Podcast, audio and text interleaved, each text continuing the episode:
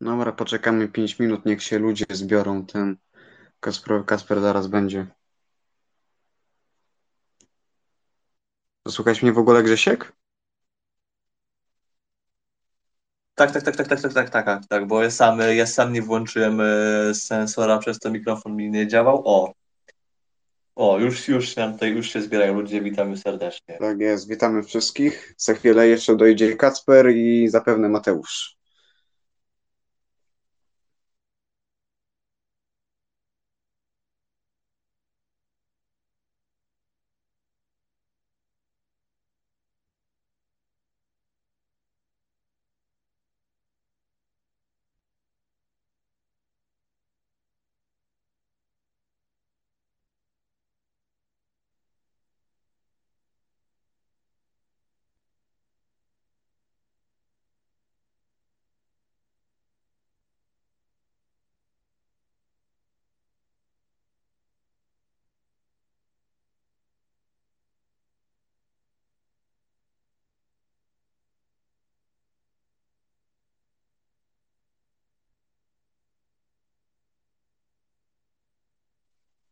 No tak, jak mówię, dajmy sobie tak 5 minut, niech się też ludzie zbiorą. Tam wiem, że Kasper się łączy, więc ten. Więc na spokojnie wszystko.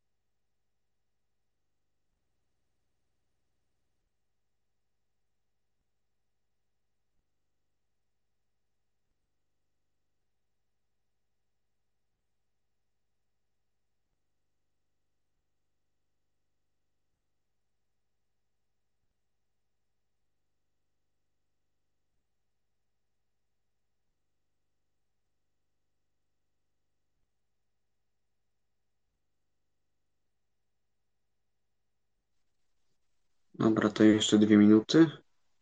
Jeżeli o 35 ma to mniej więcej wystartować.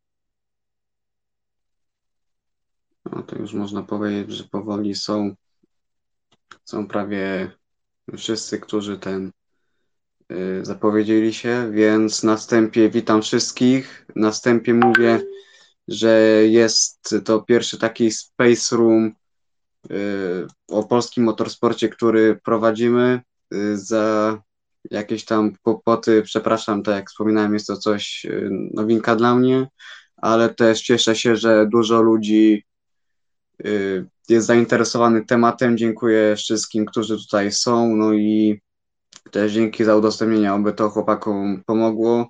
Więc jako meritum y, tego Space Roomu to sobie opowiedzmy trochę, co się dzieje u nas w polskim motorsporcie, że pomimo tego, że po raz kolejny w ostatnich latach mamy utalentowanych kierowców, takie jak właśnie Kacper, Mateusz, Tymek, Romek czy Piotrek, no to jednak, że znowu można powiedzieć, ograniczają nas demony przeszłości i tak naprawdę z tego szturmu y, na górę motosportowego świata może wyjść z wiadomych powodów bardzo mało, więc jakiś czas temu po konsultacjach też z chłopakami, czy też można powiedzieć menadżerami kierowców zdecydowaliśmy się y, zrobić jakiś taki cykl debat, zobaczyć co możemy pomóc chłopakom, jak, jakie też oni mają swoje przemyślenia co do tego oraz też wiadomo, że y, oraz też wiadomo, że y, jak to się mówi, że każdy też będzie mógł zadać jakieś pytanie, oczywiście jeżeli chłopaki będą mogli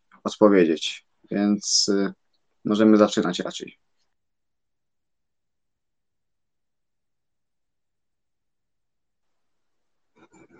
W sezonie 2022, jeżeli chodzi o takie polskie akcenty w tych seriach juniorskich, zarówno Formuły 1, jak i WEC tego European Liman Series mieliśmy kilku reprezentantów, którzy naprawdę sobie fajnie radzili. Tymek i Kasper wygrywali w Formule 4, Mateusz radził sobie bardzo fajnie w European Liman Series, to samo można powiedzieć o Romanie Bielińskim we Freka, który y, walczył o jak mu się udało o zwycięstwa w klasyfikacji debiutantów. No i Piotrek Wiśnicki to jest niestety inna y, para kaloszy, gdyż wiemy jakie tam były problemy zespołowe y, z KIC Motorsport, gdzie nie potrafili mu ani dobrze opon wyważyć, ani to samo nie było, były problemy ze skrzynią biegów.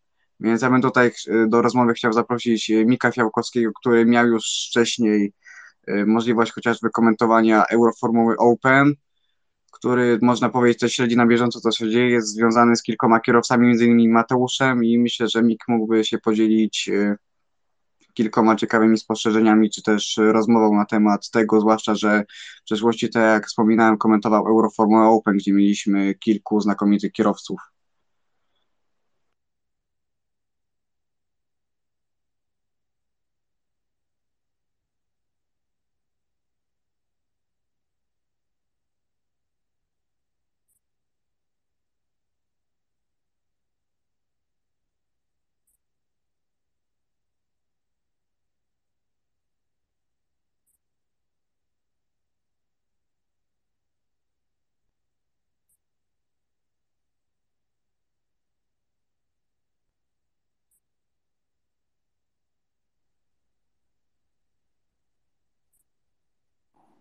Dobra, głos jest dany. Cześć, witam wszystkich.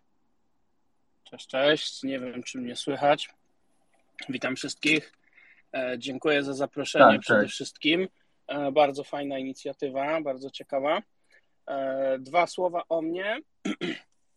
tak jak powiedziałeś, e, komentowałem i komentuję różne dyscypliny motorsportowe. E, kiedyś MotoGP, Euroformułę również, e, European Le Mans, DTM i jeszcze kilka innych, ale też e, zajmuję się i PR-em, i managementem e, różnych kierowców i motocyklowych, i samochodowych, i, w, i między innymi pracuję właśnie z Matim Kaprzykiem. No i rzeczywiście, dokąd zmierza polski motorsport, to jest temat rzeka, bo chyba wszyscy chcielibyśmy zobaczyć tego E, owianego złą sławą, bym powiedział, bo to już jest taki utarty zwrot drugiego Kubice.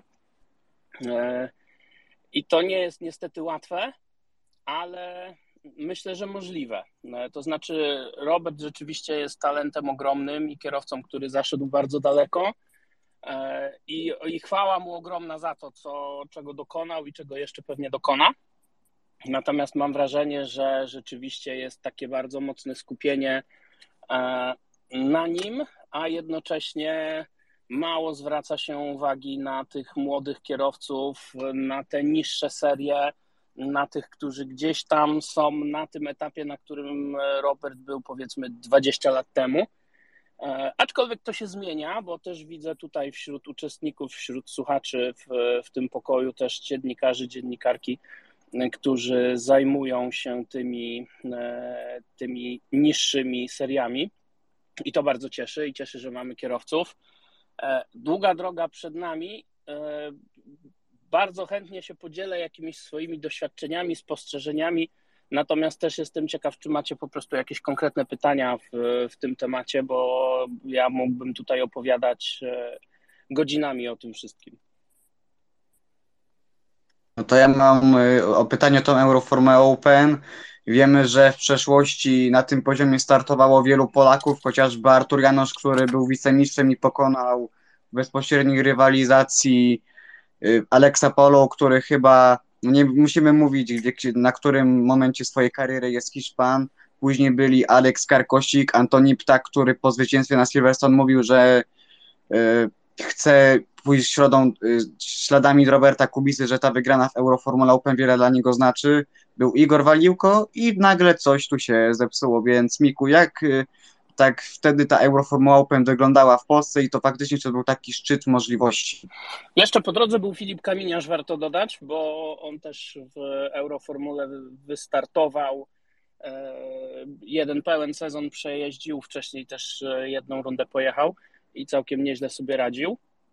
E, natomiast e, w tych czasach, kiedy najpierw Artur tam startował, później e, Igor i, i Antoni, to rzeczywiście Euroformuła była serią niesamowicie mocną. Tam naprawdę jeździły bardzo mocne nazwiska. Ten poziom był bardzo wysoki. Były w to zaangażowane bardzo dobre zespoły, chociażby Karlin brytyjski. To jest też ekipa, której nikomu przedstawiać nie trzeba. E, było mnóstwo świetnych kierowców, no chociażby e, Felipe Drugowicz, który był kolegą w zespole e, właśnie Aleksa Kartkosika w RP Motorsport, a w poprzednim sezonie wywalczył mistrzostwo w FIA F2, więc, więc naprawdę ta seria, nawet jeszcze dwa lata temu, kiedy tam Filip Kaminiarz startował i mieliśmy tam Jacka Crawforda, mieliśmy Nazima Azmana, kilku innych kierowców, którzy dzisiaj e, gdzieś tam ocierają się, czy to o Formułę 3, czy to o Formułę 2. E, niestety w poprzednim sezonie ta seria po prostu zaniemogła całkowicie. Jakby już pomijając ten, ten polski aspekt, to rzeczywiście Euroformuła wypadła gdzieś tam troszeczkę z łask FIA. Nie ma tylu punktów za superlicencję E, co w innych seriach. Nie jest to taki kierunek, w którym już kierowcy chcą iść, a przy tym zrobiła się strasznie droga, bo niestety e, te koszty startu w dobrym zespole w Euroformule to już są prawie koszty e, FIA F3, więc to się zrobiło troszeczkę absurdalne, ale niestety to, to zawsze tak było, bo nawet w tych czasach, kiedy tam jeździli Igor Zantkiem, to, to też były bardzo duże koszty, E, no i niestety o te koszty się wszystko rozbija. Wspominaliście tutaj e, przypadek Piotka Wiśnickiego, który e, jadąc gdzieś tam w, no, tak naprawdę w najsłabszym zespole w stawce kompletnie nie miał amunicji, żeby walczyć z rywalami i to jest coś, co niestety bardzo często bardzo często się zdarza. Nie zawsze kierowcy sobie mogą pozwolić na, na ten luksus startu w czołowej ekipie. My zresztą z Matim też mieliśmy taką, e, taką przygodę w Formule 4 we Włoszech, kiedy to zaczynaliśmy e, ze słoweńskim zespołem e, i pierwsze testy pokazały, że to kompletnie nie jest ekipa mm, na tym poziomie, żeby walczyć z Premą, która tam już wtedy też mocno rozdawała karty. No ale to się wszystko niestety sprowadza do kwestii budżetowych E, do szukania sponsorów. Wynik to jest jedno, ale też e, umiejętność sprzedania tego wyniku jest, e, jest bardzo ważna. Bardzo często jest tak, że gdzieś tam za tymi kierowcami, i tu nie mówię o, o naszych polskich kierowcach, mówię ogólnie o, o kierowcach w motorsporcie, szczególnie właśnie w formułach. Za tymi kierowcami stoją albo jakieś rodzinne firmy, albo jacyś znajomi przedsiębiorcy, albo jakieś potężne korporacje, no albo po prostu programy juniorskie e, tych zespołów Formuły 1. I jeżeli ktoś przychodzi z zewnątrz i po prostu nie ma takich pleców, e, to jest mu bardzo, bardzo ciężko, niezależnie od, e, od talentu. Tutaj świetnym przykładem jest Franco Colapinto, który Argentyńczyk, który jest naprawdę moim zdaniem absolutnie fenomenalnym kierowcą ale niestety no, gdzieś tam nie pochodzi z bogatej rodziny i musiał się naprawdę bardzo mocno rozpychać. Ma akurat bardzo taki e, zdolny, dobry management za sobą, który, który utorował mu drogę do tego, żeby został juniorem Williamsa w tym sezonie. E, ale to jest taka kwestia, która jest nie tylko wątkiem polskim, ale, ale wątkiem w ogóle związanym z motorsportem, szczególnie w tych bolidach jednomiejscowych, gdzie, gdzie te koszty są astronomicznie wysokie e, i widzimy to po kierowcach, którzy z FIA F3, FIA F2 przechodzą do wyścigów długodystansowych e, i tutaj Mati był takim, myślę, pionierem tej zmiany, kiedy dwa lata temu przeszedł e, do LMS-u właśnie z F4. Dzisiaj widzimy, że e, gdzieś tam Filip Ungran, który z nami wtedy walczył w włoskiej F4, też przechodzi e, do prototypów. Bent Wiskal w zeszłym roku też zmienił kierunek z FIA F2, przeszedł do, do LMP2, więc to pokazuje, że no jednak jest bardzo, bardzo ciężko e, przebić się w, tej drodze na szczyt, e, ale musimy robić wszystko, co możemy, żeby, e, żeby to się udało i liczę, że tutaj właśnie wśród tych młodych kierowców jak Mati czy Kacper, czy Tymek Kucharczyk, że tym chłopakom się uda, tym bardziej, że mają wyniki, mają wsparcie gdzieś tam, które się zaczyna pojawiać, pewnie też nie na takim poziomie, na jaki wszyscy byśmy liczyli, e, ale i zaczyna to iść w dobrym kierunku. Myślę, jest lepiej niż było e, w czasach właśnie Antka i, i Igora, kiedy to zainteresowanie naprawdę było bardzo, bardzo małe. No to prawda, coraz więcej e, kierowców. Tutaj nam się Miś Bluchatek zgłasza, to myślę, że możemy Tobie udzielić głosu, głosu Misiu. Dzięki, dzięki. Takie pytanie. E, jak wyglądają koszty Euroformuły na tle Freki? Bo Freka ewidentnie zjada Euroformuły, tak? Mają 10 weekendów, mają Kimiego, mają Fluxę, który ma budżet astronomiczny, wiadomo z jakiej rodziny pochodzi. No to taka Euroformuła jak ma rywalizować? Że, że bolid nie jest aż taki statkowaty, że lepiej się nim jeździ? No może tak, może jest szybszy, ale konkurencja jest zdecydowanie wyższa i wyższy poziom jest w Frecy. Tak, e, budżet w Euroformule Open to już są dzisiaj e, sumy rzędu 700-800 tysięcy euro za sezon, co, co jest absurdalne. E, w, we Frece można pojechać już za te przysłowiowe półbańki. Te budżety też tak gdzieś mniej więcej wyglądają. Oczywiście lepsze zespoły będą chciały troszeczkę więcej, te słabsze będą chciały troszeczkę mniej. FIA, F3 to już jest bańka w górę tak naprawdę, chociaż też jeszcze kilka lat temu e, i to wcale nie tak dawno, bo, bo też e, gdzieś tam w imieniu jednego z kierowców, jak prowadziliśmy rozmowy kilka lat temu, to mieliśmy oferty tam na e, budżety rzędu 800 tysięcy euro za sezon w FIA F3, więc to jest dzisiaj taki budżet, który trzeba mieć w, w Euroformule, która no, no nic nie daje poza tym, tak jak zauważyłeś, że Dalara jest e, kapitalnym bolidem i to mówią wszyscy kierowcy, to mówią wszyscy menadżerowie ekip, że jednak ta Dalara e, z Euroformuły to jest dużo lepszy samochód niż ten Tatus z, z Freki. On jest dużo bardziej wymagający, dużo mocniej trzeba się opierać na aerodynamice, jest dużo większym wyzwaniem ten samochód, ale też daje dużo większą frajdę.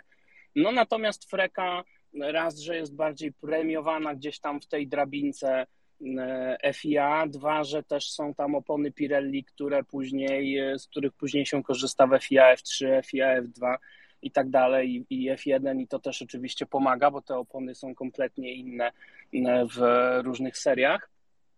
Natomiast ja mam takie wrażenie, że Freka się stała troszeczkę ofiarą własnego sukcesu, bo przy 30 samochodach w stawce E, zresztą trochę tak jak w FIA F, F3 też e, pojawia się taki element losowości. Jak, jak gdzieś tam stracisz jedną dziesiątą sekundy w kwalifikacjach, popełnisz jakiś malutki błąd, no to tracisz dwa, trzy, cztery rzędy startowe i już tak naprawdę nic nie ugrasz, a, a pewnie i tak się coś jeszcze wydarzy gdzieś tam w głębi stawki.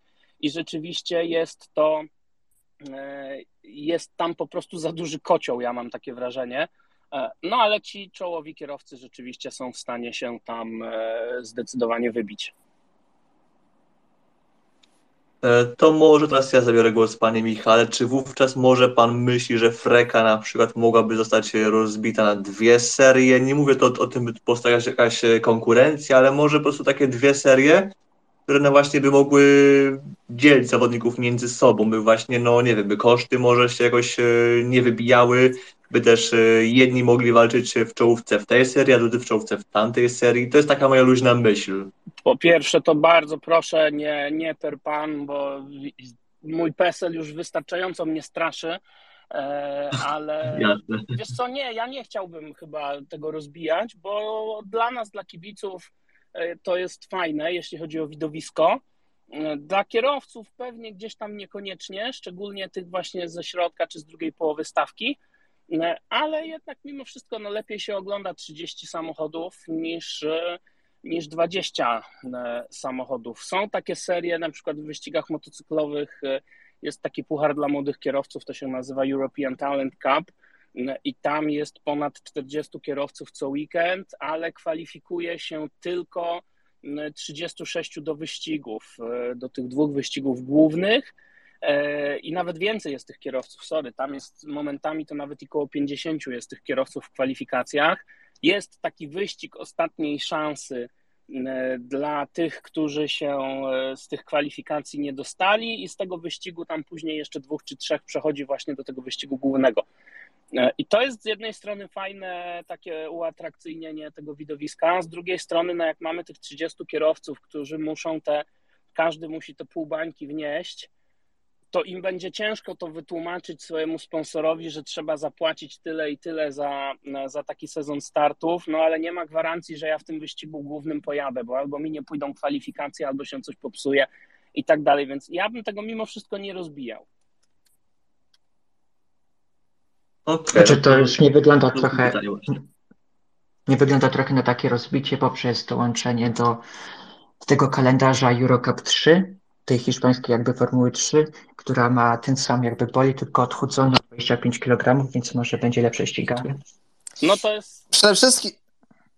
Mów Michał, To mów. jest kolejny taki trochę nowy, dziwny twór, ja mam wrażenie, i próba zrobienia na siłę jeszcze jednej konkurencyjnej serii. Czy to jest potrzebne? Ja nie wiem. Poczekam z oceną, zobaczę pierwsze wyścigi. E, zaczynają się tam pojawiać jakieś ciekawe zespoły, ciekawe nazwiska. E, ale to jest dokładnie taka sama historia jak z Euroformułą. E, ta seria jest świetna, ale po co nam dwie serie? Jak mamy na przykład Toyota Racing Series w Nowej Zelandii, która jest zimowym cyklem, kilka lat temu właśnie tam Antoni Ptak startował w tej serii. Teraz mamy też Asia Le Mans, czy też tą azjatycką Formułę 3. Takie rzeczy są świetne, bo one nie, kon nie konkurują z tym, co się dzieje w Europie w trakcie tej europejskiej części sezonu. Natomiast tutaj zaczyna się tworzyć, mm, mam wrażenie, trochę za dużo tych serii.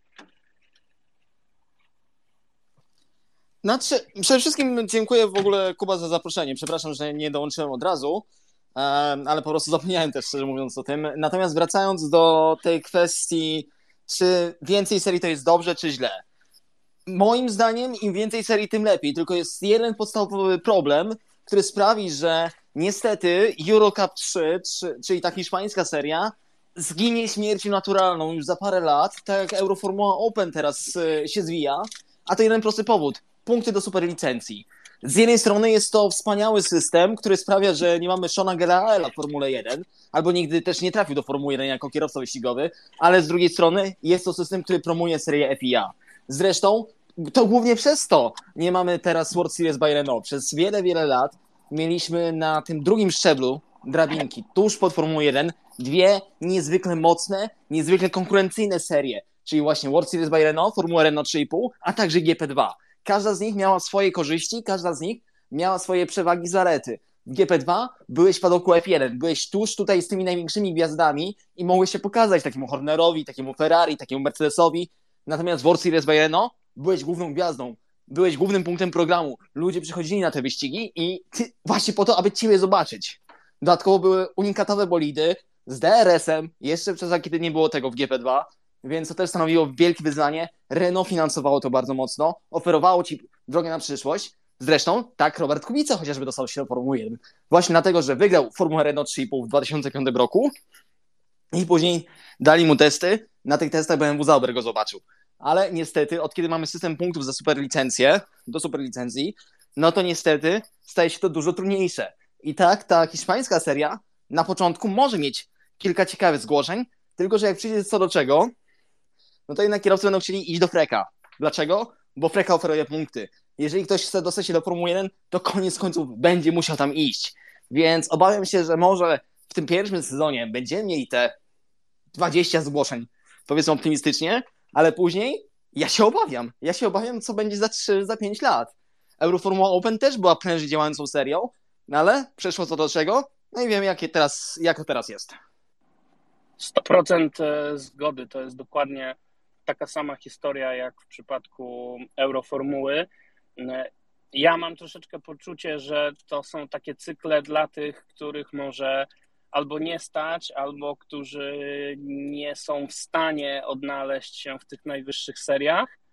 E, I dlatego też właśnie nie jestem fanem takiego rozbijania tego wszystkiego na, na tyle cykli tak długo jak Euroformuła była taką serią, która była konkurencyjna finansowo e, względem e, FIA F3, czy też wcześniej e, GP3, to to było super. Natomiast teraz w ostatnich dwóch, trzech latach zrobił się z tego cykl, który jest ekstremalnie drogi, a dla kierowcy tak naprawdę niewiele wnosi poza, no poza rzeczywiście doświadczeniem, bo jak sobie popatrzymy na nazwiska, które tam startowały w ostatnich latach, to mieliśmy Liama Lawsona, mieliśmy Jacka Duena, mieliśmy Yukiego Tsunodę, e, więc e, tam naprawdę wielu świetnych kierowców startowało, bo po prostu była to lepsza szkoła niż jakakolwiek inna seria. Były to dodatkowe kilometry, które można było robić startując też jednocześnie w FIA F3, no bo tak było przecież z Tsunodą i Lawsonem, oni jechali dwa cykle jednocześnie, nabijali te kilometry ale dzisiaj nie do końca już ma to sens i mam wrażenie, że podobnie będzie właśnie z tym nowym cyklem. E, I też w kontekście naszych kierowców, e, ja jednak trzymam kciuki, że e, no Mati akurat w tej chwili skupia się na wyścigach długodystansowych, ale może pojawi się jeszcze szansa startu w bolidzie i tak samo Kacper i Tymek, mam nadzieję, że oni będą jednak e, kierować się w stronę FIA F3, a nie tych tworów, które gdzieś tam owszem dają szansę zrobienia jakiegoś wyniku i czasami PR-owo to jest też fajne, kiedy możesz pojechać w niższej serii, zrobić wynik i pochwalić się podium czy zwycięstwem w niższym cyklu, e, niż być 10, 15 w wyższej e, serii. I to jakby liczby też to mówią, potwierdzają, ale mimo wszystko sportowo e, wszystkich ciągnie do tego, do tego padoku F1. To ja ale jak przez F3... Dobra, mów mi się, ja później to kończę swoje. Tylko, że teraz już masz pełny, wiesz, już nie masz miejsca w zasadzie, tak? Jeszcze hightech został z takich lepszych do ogłoszenia, ale tam już chyba wiadomo, kto będzie. Jeszcze jest ta organizacja non-profit niemiecka, która ciekawie wygląda, ale swoich kierowców przesuwa do tego szwajcarskiego tworu. No i jak teraz taki Kacper czy Tymek mają, jaki krok mają teraz zrobić na ten rok? Jak już wiadomo, że F3 jest zarezerwowany w sierpniu czy coś, pod koniec jesieni jeżdżą sobie testy wszyscy te wspierany przez Alonso Sołow i jeszcze ten yy, z Nowej Zelandii chyba tak, czy z Australii, co był drugi w hiszpańskiej serii. No to jak oni mają konkurować, jak już miejsca wszystkie są zajęte? Muszą chyba ten krok pośredni przez Freka czy, czy tą hiszpańską F3 zrobić. Nie no, tak. no, tutaj nie, nie ma opcji, myślę, żeby skoczyć do F3, bo po pierwsze, tak jak mówiłeś, e, nie ma miejsca, a po drugie wydaje mi się, że mimo wszystko, z całym szacunkiem dla naszych juniorów, to taki przeskok do FIA F3 dla każdego z nich byłby na tą chwilę zbyt dużym krokiem. Zresztą zobaczcie na Andrzeja Kimiego Antonelliego, koleś, który zmasakrował stawkę we włoskiej Formule 4, który przez lata był dominatorem w kartingu, ale jednak idzie na spokojnie, krok po kroku. I okej, okay, widzieliśmy przykłady. Oli Birman chociażby jest takim, który przeszedł z włoskiej F4 prosto do FIA F3, ale wydaje mi się z mojego podejścia, że łatwiej poświęcić ten jeden rok, w cudzysłowie zmarnować, ale nauczyć się więcej, okiełznać się z torami wyścigowymi, okiełznać się z jazdą bok w bok i podejść do tego bardziej doświadczonym, bardziej obytym.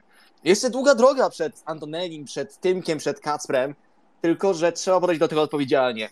Ale na tą chwilę będzie problem nawet znaleźć dobre miejsce we Freka. A pytanie jest, czy jest sens obijać się o 20 miejsce w środku stawki, gdzie jest ryzyko, że jest taki tłum, że można się rozbić bardzo łatwo i pokazać co? 25 miejsce? No wiadomo, że ten, te, tym też nie przekonamy sponsorów, no bo nie oszukujmy się. Większość sponsorów, większość firm w Polsce kompletnie nie obchodzi. Nie ma pojęcia, jaki jest poziom, powiedzmy, takim treka, a jaki będzie w Eurocup 3. I prawdopodobnie łatwiej będzie sprzedać, że o, proszę cię bardzo, sponsorze, przywiozłem ci pucharek za zwycięstwo, nieważne w jakiej serii, ale będzie mógł się pochwalić na social mediach. Oczywiście, jeżeli ta firma będzie miała odpowiedzialne media społecznościowe, nie to co nasz narodowy koncern, który ma na, y, kierowców, których sponsorują głęboko gdzieś, za przeproszeniem. Tak więc, no to jest dylemat. Takie sprawy załatwia się, jak Michał pewno potwierdzi, nie wiem, w grudniu. Jeżeli chcecie mieć dobry zespół, to już w grudniu większość tych dobrych foteli jest zajęta, a mamy luty. Tak, zdecydowanie. I tutaj jest jeszcze jedna kwestia, o której często ludzie nie mają pojęcia, e, mianowicie testy, bo w FIA F3 tych testów po prostu nie ma. Tym bolidem nie możesz pojechać sobie na testy, e, tak jak to możesz zrobić F4 bolidem e, Freki czy prototypem. E, bo te testy są po prostu bardzo mocno ograniczone, a w trakcie weekendu wyścigowego mamy tylko 30-minutowy trening, sesję kwalifikacyjną i dwa wyścigi. Więc przesiadka z F4 do, e, do F3 to jest troszeczkę takie sportowe samobójstwo. E, to, co bardzo często robią kierowcy, a czym się nie chwalą, nie mówią o tym w ogóle, E, to jest testowanie już rok wcześniej starym bolidem GP3, bo wiele zespołów sobie takie bolidy po prostu albo pokupowało, albo pozostawiało e, z poprzednich e, sezonów i gdzieś tam cichaczem sobie te samochody testują. I to jest jedyna droga, jaką można zrobić. Więc jeżeli mówimy o, o Kacprze czy też o Tymku, jak najbardziej Freka dzisiaj to jest dobry kierunek E, bo, bo w FIA F3 to nawet już chyba już nie ma w ogóle miejsc e, wolnych, bo rzeczywiście jest, no, jesteśmy kilka tygodni dosłownie od startu sezonu. E, Freka zdecydowanie i też mnóstwo, mnóstwo testów. To jest dokładnie to, co pamiętam Kacper robił przed swoim debiutem w F4 i tak samo zresztą Mateusz też robił to samo, czyli właśnie testować przed pierwszym wyścigiem, bo później jak już to ściganie się zacznie, to po prostu o testowaniu e, nie ma mowy. I też powiedziałeś, Krzyszek, o tych, e, o tych pucharkach. Rzeczywiście to jest ważne, tak jak mówiłem też wcześniej. E, czasami lepiej zrobić wynik w niższej serii niż nie zrobić wyniku w wyższej, pod warunkiem, że też jeszcze parę liczb się zgadza, jeśli chodzi o relacje telewizyjne, oglądalność, o ekwiwalent reklamowy E, i tak dalej, bo mm, na przykład starty Matiego w ELMS-ie e, to jest ekwiwalent reklamowy rzędu kilku milionów złotych z samych relacji telewizyjnych w samej tylko Polsce. E, no a do tego jest tutaj realna szansa na duży wynik, bo przecież kilka razy Mati o to podium się ocierał.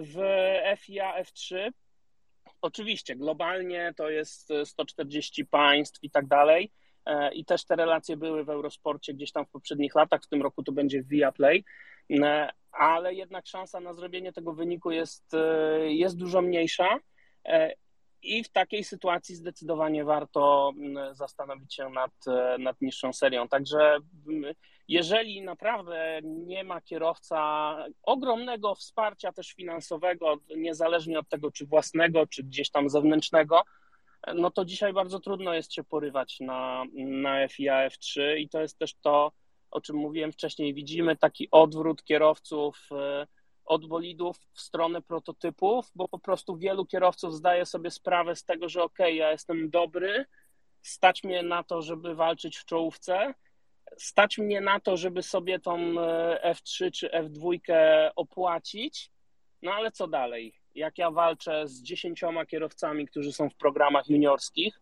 oni mają wszystko na tacy, no bo jak e, Mati jeździł na testy w FIA, F, e, FIA w F4 i na przykład e, używał dwa komplety opon dziennie, no to przyjeżdżał właśnie taki Antonelli Pizzi czy, czy kilku innych gości, którzy faktycznie już gdzieś tam w tym, w tym cyklu FIA, F3 jeżdżą, którzy mają jakieś duże wsparcie.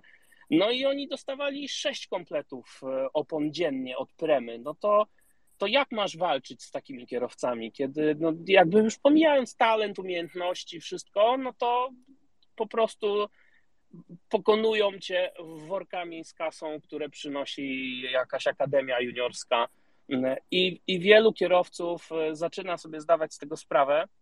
Ja nawet rozmawiałem jakiś czas temu e, z, z jednym z właścicieli zespołów z Freki, E, nie będę mówił może o nazwiska, ale to jak śledzicie, to pewnie każdy wie, o, o, kogo chodzi. E, zespół, w którym startuje e, syn właściciela, i ten właściciel stwierdził: No ale po co mi to, na co mi to wszystko? Przecież oni mnie tutaj i tak zajadą finansowo, więc chyba pójdziemy w stronę prototypów.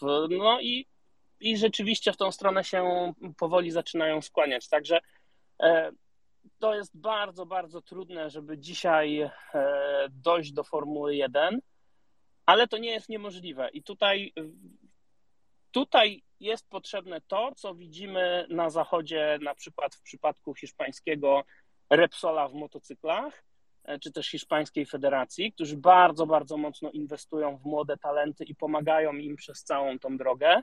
E, to, co widzimy gdzieś tam w programie Red Bulla, czy jeszcze kilku innych, e, innych instytucji.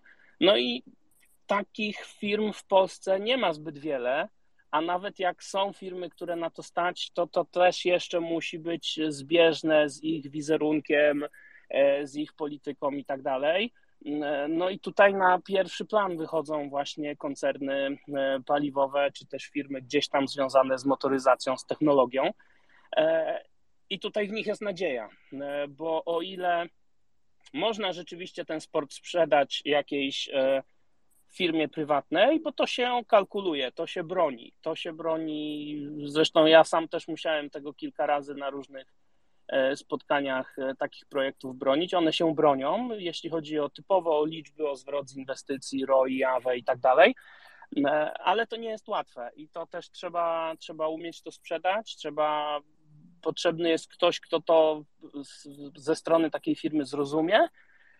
Mm, dlatego tutaj jednak mimo wszystko te spółki Skarbu Państwa wychodzą na pierwszy plan i w nich e, upatrujemy tej szansy. Jeżeli ja mam takie poczucie, że jeżeli e, no może nawet nie inwestycja tej skali, co z, taką, z takim samym gdzieś tam e, oddaniem i pasją zostaną wsparci ci młodzi kierowcy, z jakim jest wspierany Robert. Nie mówię tutaj o jakby o, o takich samych budżetach, ale, ale o taką, takiej samej trosce, opiece i takim zrozumieniu tego, ile ci młodzi kierowcy mogą dać e, takiemu partnerowi, no to oni mają szansę na to, żeby, żeby do tej przynajmniej FIA, F3, F2 się dostać i zrobić tam bardzo dobry wynik. Sorry, rozgadałem się, ale to leży mi to na sercu od dawna. E, e, jeśli mogę jeszcze cześć w ogóle wszystkim witam. E, czy jeszcze, jeszcze bym chciał dodać właśnie, że faktycznie z tymi testami to jako kierowca mogę powiedzieć, że mm, faktycznie tak jak Michał mówił, mega ważne są te testy. No i tak naprawdę nie da się wejść do żadnej serii wyścigowej nie jeżdżąc tym autem. No, trzeba zrobić co najmniej. Mówi się, że w Formule 4 powinno się zrobić 20 dni testowych, zanim się wystartuje w pierwszym wyścigu. No i nie mówię o FIA F3, w której e, tak naprawdę nie da się jeździć, tak jak też Michał mówił, e, nie da się jeździć e, tym autem, którym później będzie się jeździć w sezonie, więc trzeba to robić autem GP3, które jest dosyć zbliżone. No i zostałem tylko oficjalne testy, ale jak wiadomo, no to wszystko kosztuje nie dość, że za sam sezon trzeba bardzo dużo pieniędzy zapłacić, to e, jeszcze do tego dochodzą e, testy, które trzeba zrobić e, gdzieś już tam w połowie, najlepiej już w połowie sezonu poprzedniego. Także trzeba mieć ten budżet i trzeba mieć go ustalonego dużo, z dużym wyprzedzeniem przed sezonem, żeby się do niego dobrze przygotować, no i żeby też nie, nie zmarnować tego roku na jechanie czy to z gorszym zespołem, czy bez testów, no bo w FF3 jest tylko jedna sesja treningowa, więc tak naprawdę jest bardzo mało jeżdżenia. I bez testów po prostu nie da się, nie da się zrobić według mnie dobrego wyniku. E, nie, nie, nie słyszałem, że był taki kierowca, który mało by jeździł i, e, i osiągał dobre wyniki. E, no więc trzeba mieć już wszystko, tak jak mówię, dużo wcześniej załatwione. No ale do tego jest potrzebne wsparcie firm. Nie mówię tu tylko o Polsce, ale o, o wszystkich, że o wszystkich krajach, że inni, inni też, też potrzebują tego budżetu. I to nie jest tak, że tylko w Polsce mamy ten problem, bo są też kierowcy, którzy, którzy w, w innych krajach zmagają się z tymi problemami. No ale tak jak mówię, potrzeba, potrzeba tych testów, no i jeżeli się nie znalazł taki kierowca, który bez testów byłby w stanie dobrze pojechać sezon, no a wiadomo, mówimy o ogromnych kwotach. Tutaj Michale też Pamiętam, przywołał się przykład y, motocykli, Repsola w Hiszpanii, czy Red Bulla ogólnie w Europie, ale też y, pamiętasz doskonale, co, co się działo we Włoszech dekadę temu, gdzie mieliśmy też, y, no, Kaman, był Rossi, ale w niższych klasach no, był tylko Janon, a tak naprawdę nie było nikogo innego, kto mógłby w przyszłości Rossiego zastąpić. Był projekt Włoskiej Federacji, by właśnie mieć taki ich własny zespół w Moto3. No ten projekt, tak dla niewtajemniczonych, no no nie, nie wypali za bardzo i dopiero właśnie Rosji, Valentino Rossi właśnie z Alessio Salucci właśnie y, zrobili swój projekt, który no teraz y, procentuje i tu myślę, czy na pewno musimy polegać tylko i wyłącznie na ten, na, na państwowym koncerny, czy może tak właśnie warto byłoby spróbować czegoś właśnie z inną firmą. Oczywiście wiadomo, że pierwszy problem jest taki, kto wyłoży to pieniądze. Tak, to prawda. We Włoszech był taki kryzys, bo rzeczywiście przez lata tam były włoskie marki, była Aprilia, była Cagiva, e, cała grupa Piaggio, e, ale nie było, nie było systemu. E, I zirytowało to Valentino Rossiego na tyle, że on stworzył właśnie swoją akademię. No i dzisiaj ci wszyscy zawodnicy, wybaczcie, bo ja trochę zaziębiony jestem, ci wszyscy zawodnicy, którzy w ostatnich lat trafili do Mistrzostw Świata gdzieś tam z Włoch, no to wszyscy właśnie przechodzili przez e, Akademię e, VR46. Włoska Federacja coś tam próbowała faktycznie z tym swoim e, zespołem, tam Romano Fenati kiedyś u nich jeździł, ale to była kropla w morzu tego, co było rzeczywiście potrzebne.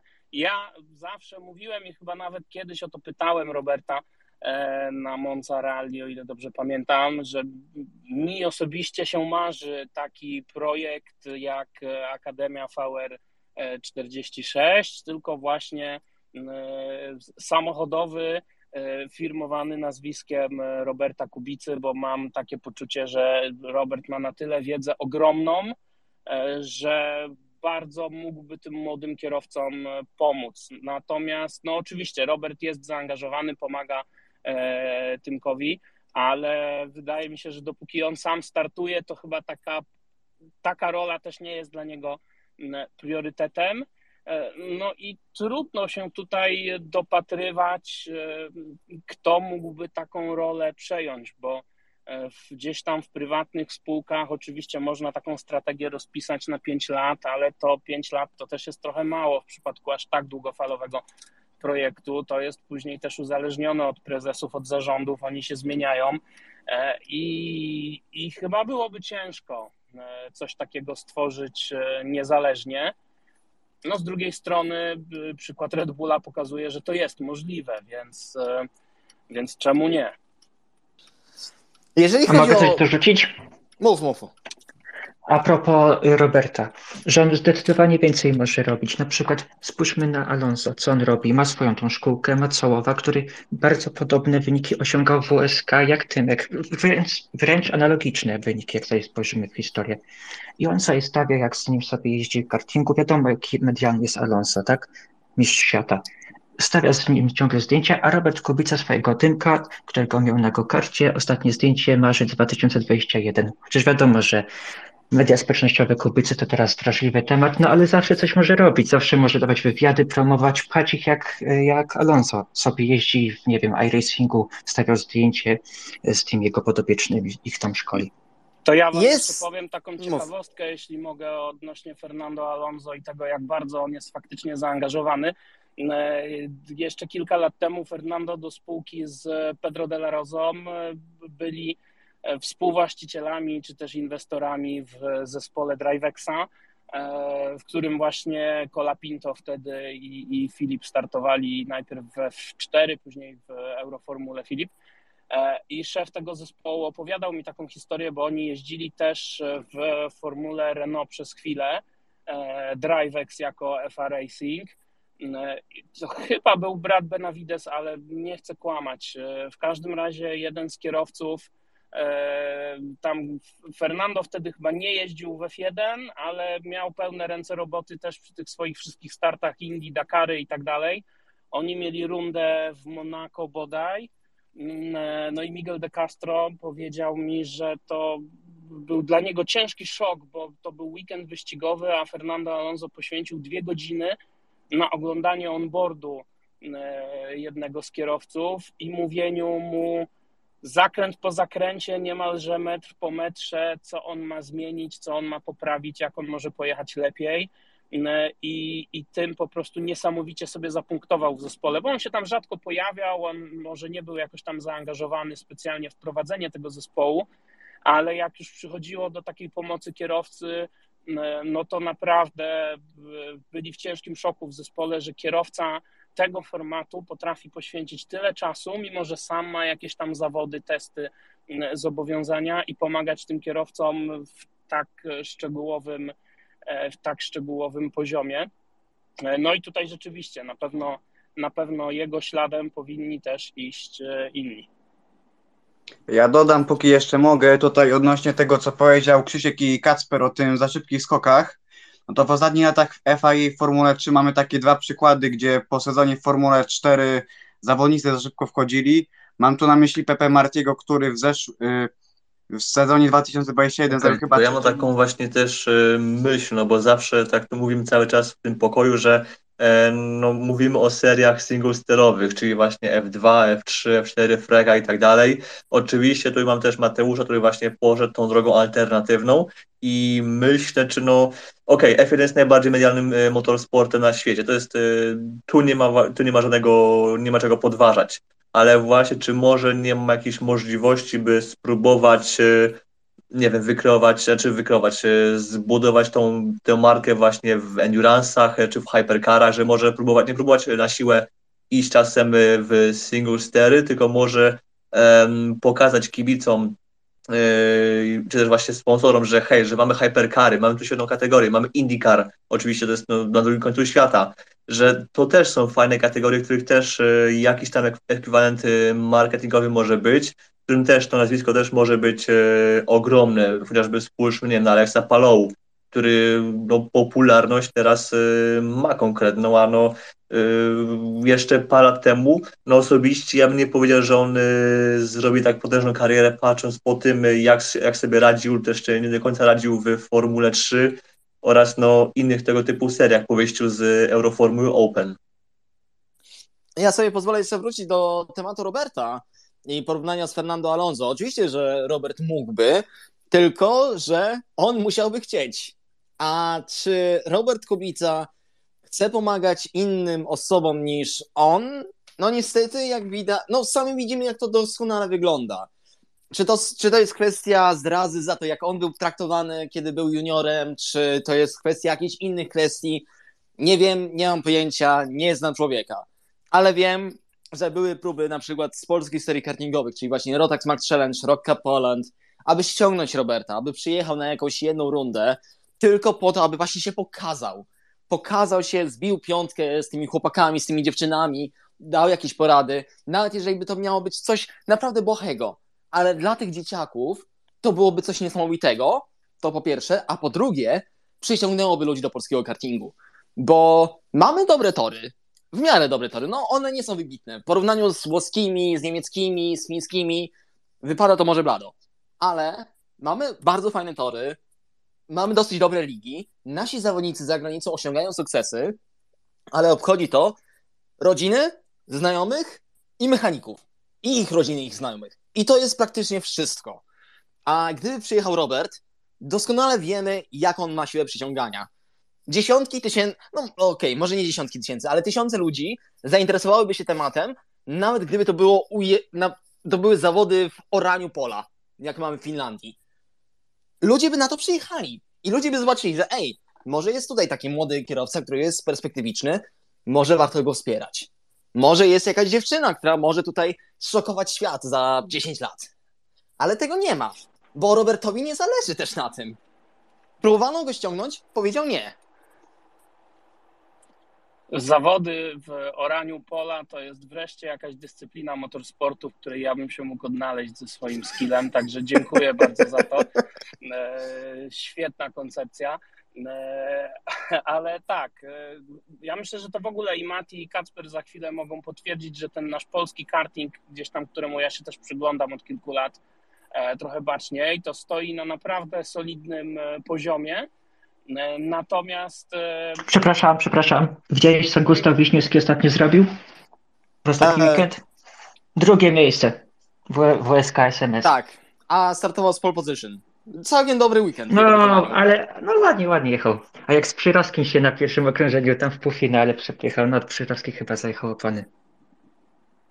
No ale jeszcze wracając, słuchajcie, do tego, o czym mówiliście w, w kontekście wejścia w wyścigi długodystansowe, E, z takim większym rozmachem, no to absolutnie uważam, że to jest genialny pomysł. Zresztą nie trzeba daleko szukać takich e, przykładów, no bo przecież może to politycznie teraz nie jest dobry przykład, ale e, rosyjski G-Drive przecież przyszedł na gotowe, oklejając sobie samochody Algarve Pro i, i wsadzając tam Romana Rusinowa. E, no i nagle mieli swój narodowy zespół e, Rosjanie, prawda? I, I oni oszaleli na punkcie tych wyścigów długodystansowych. Oni tam zresztą na podium stawali. Nick de Vries zresztą tam również e, startował w tym zespole z powodzeniem. I takich przykładów jest więcej, jak sobie popatrzymy na WEC, na ILMS. Zresztą no też Orlen robi poniekąd coś w ten deseń z Robertem Spremą w zeszłym roku, wcześniej z WRT i, i, w nadchodzącym sezonie w WRT. No i mieliśmy też już taki przykład przecież w Porsche Super Cup, kiedy to zresztą swojego czasu to właśnie Motopark niemiecki odpowiadał za wystawianie tych, e, tych samochodów e, Orlen Teamu w Porsche Super Cupie.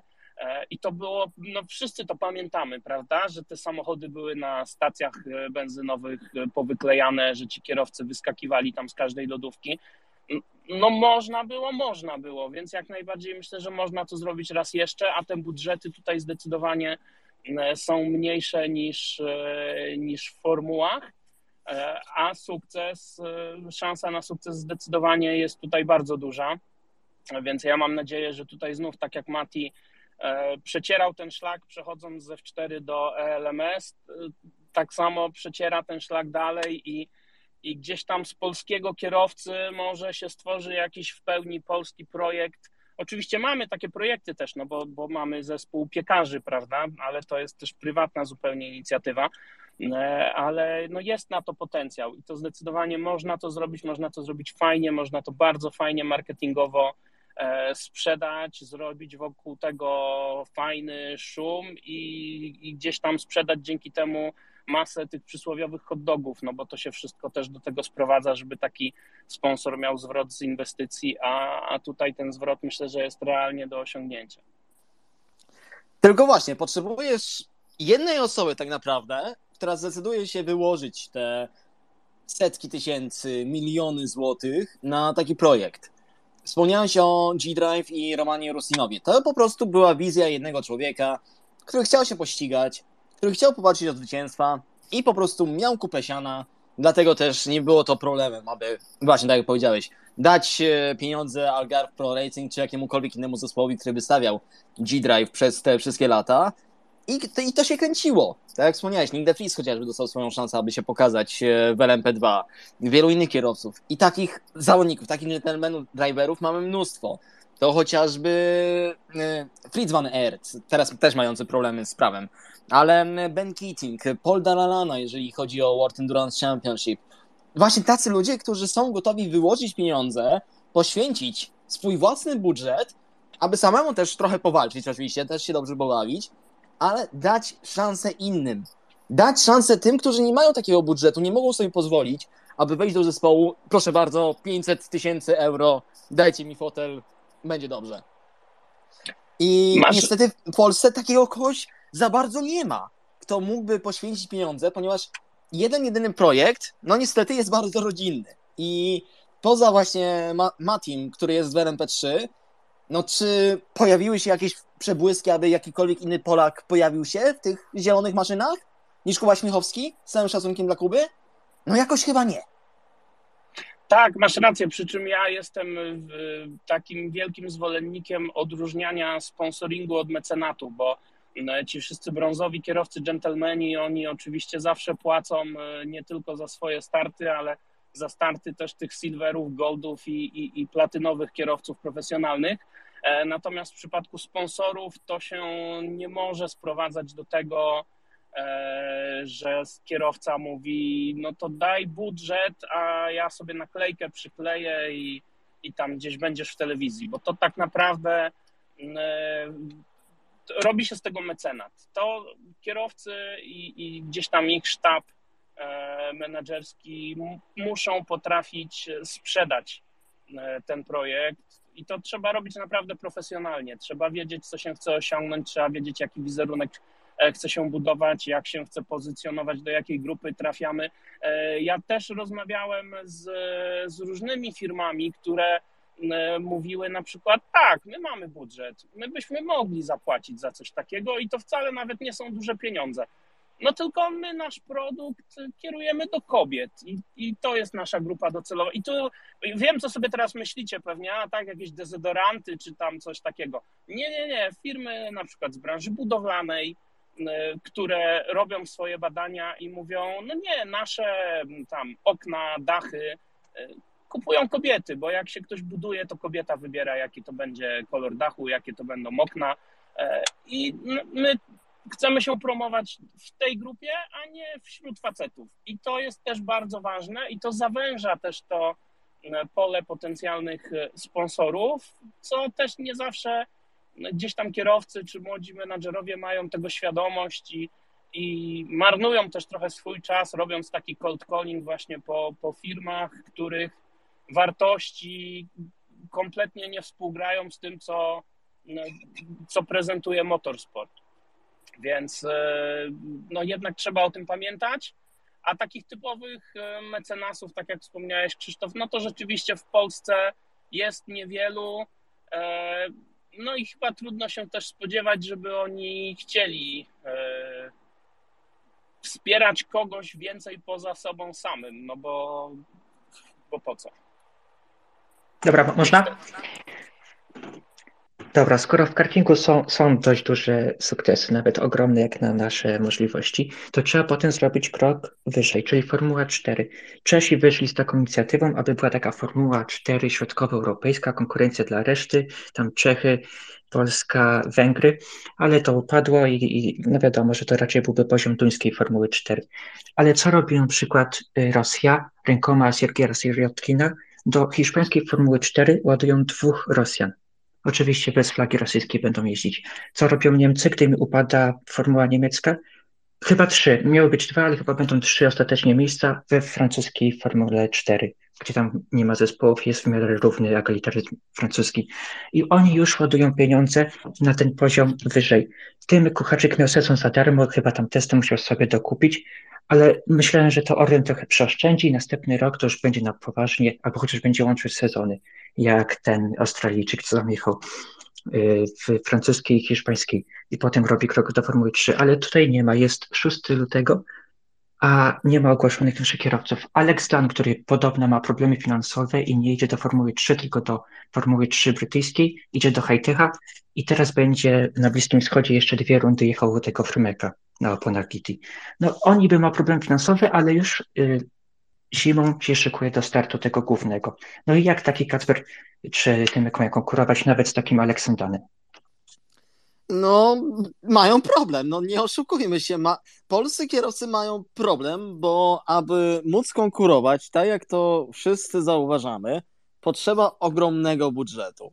I jak mam być szczery, to patrząc na absolutnie wszystkich kierowców startujących za granicą, niezależnie od kategorii. No, oczywiście z wyjątkiem Roberta Kubicy, no ale to jest odosobniony przypadek.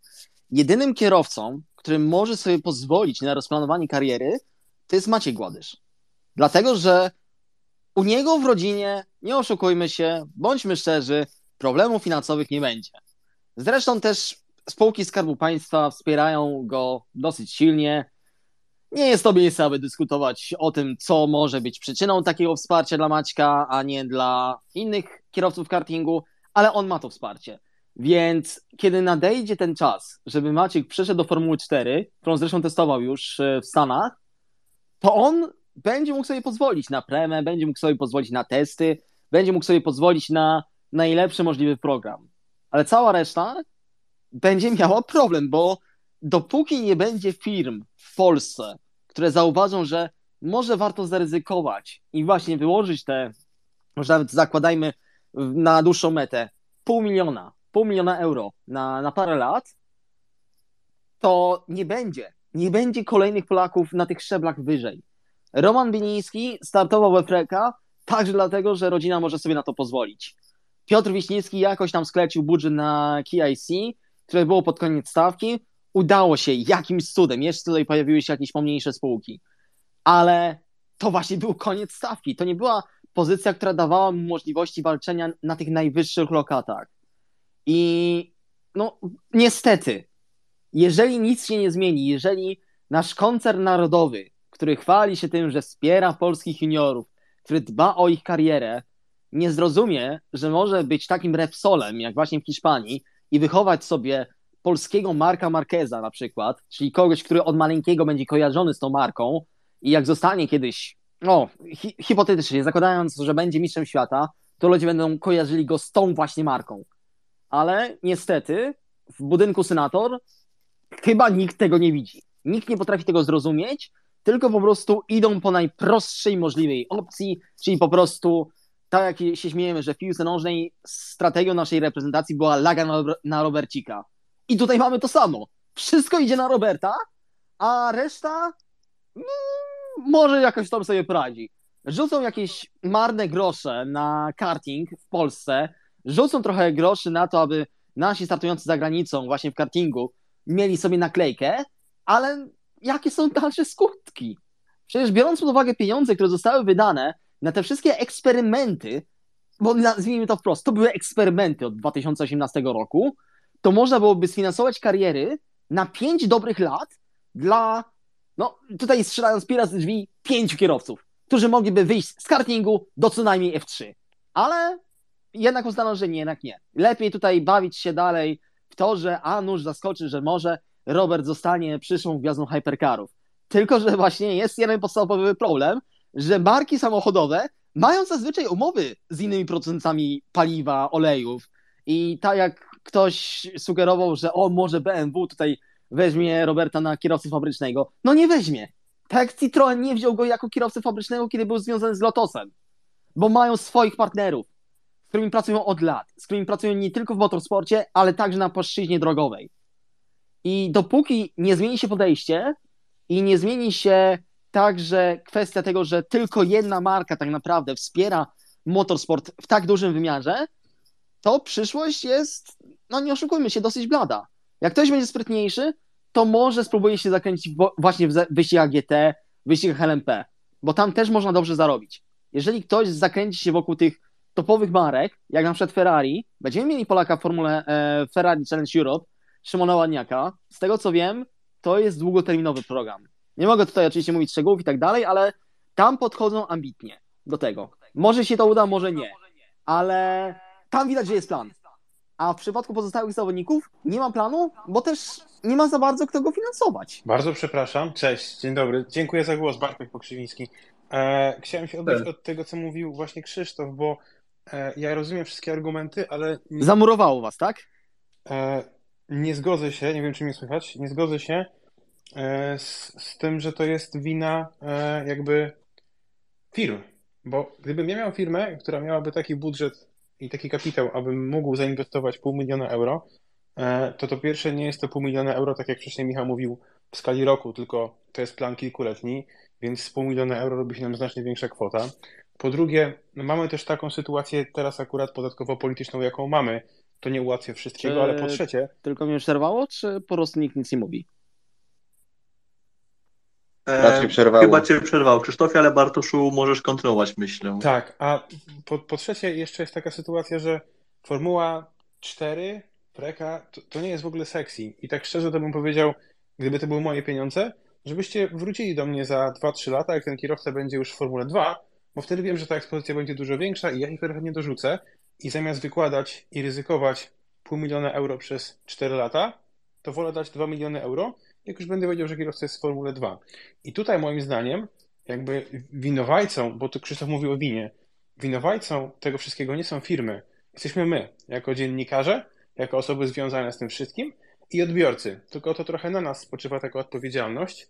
Tak mi się wydaje, oczywiście to jest jakaś taka teoria, żeby zainteresować chociażby tą freką czy Formułą 4, nawet Formułą 3 e, odbiorców, którzy w tym roku i w latach poprzednich i w kolejnych interesują się na przykład Formułą 1 i żeby im pokazać, że tam też warto wspierać nie tylko młode talenty, ale żeby generalnie tym się interesować. I moim zdaniem tutaj jest ten problem, bo gdyby rynek w Polsce odbiorców był troszkę inny i gdyby ludzie interesowali się tymi sportami dużo bardziej świadomie, oczywiście nie mówię o was, bo jakby słyszę, że jesteście ekspertami, w ogóle super, rewelacja, natomiast taka przeciętna osoba, nawet taka, która ogląda Formułę 1, to nie wie skąd Franco Colapinto ma finansowanie e, i jak to wygląda u niego w domu, e, to może jeszcze długi dystans i tak dalej, i tak dalej. Moim zdaniem po prostu to nie ciągnie ze sobą ludzi, a jeżeli to na tak wczesnym etapie nie ciągnie ze sobą ludzi, to nikt nie chce w to inwestować i tak szczerze, ja bym też to nie zainwestował dzisiaj. Bo to by był tak naprawdę darowizna dla kierowcy, bo wspieram polski motorsport, ale ja nie chcę wspierać polskiego motorsportu. Ja chcę mieć z tego realną korzyść. I wolałbym tą kasę wpompować w coś, co ją przyniesie szybciej, łatwiej i w coś, co będzie bardzo, bardziej, wiem, że Michał się tym zna, na tej wymierności tego sponsoringu, ale moim zdaniem dlatego jest problem ze wspieraniem juniorów w Polsce, bo my nie nauczyliśmy ludzi, że wspieranie juniorów czy oglądanie tych serii, w których występują jest sexy. Dziękuję. Um, 100% racji. Jeżeli mogę dodać coś od siebie, to zdecydowanie raz, że to jest faktycznie nasza w tym rola jako dziennikarzy, żeby tych młodych kierowców promować, ale też to jest bardzo ważne. To jest też rola tych młodych kierowców, y, żeby oni promowali sami siebie, żeby inwestowali w swój PR, E, żeby pokazywali, jak to wszystko wygląda. E, a nie wszyscy, ja tu nikogo nie wytykam jakby palcem, ale nie wszyscy to robią, nie wszyscy sobie zdają sprawę, jak to jest ważne. E, nie wszyscy chcą w to inwestować. Czasami nawet mając super wyniki. Zresztą, no jakby nie trzeba szukać daleko. Tak, mamy Roberta, który się w ogóle nie interesuje gdzieś tam swoimi social mediami.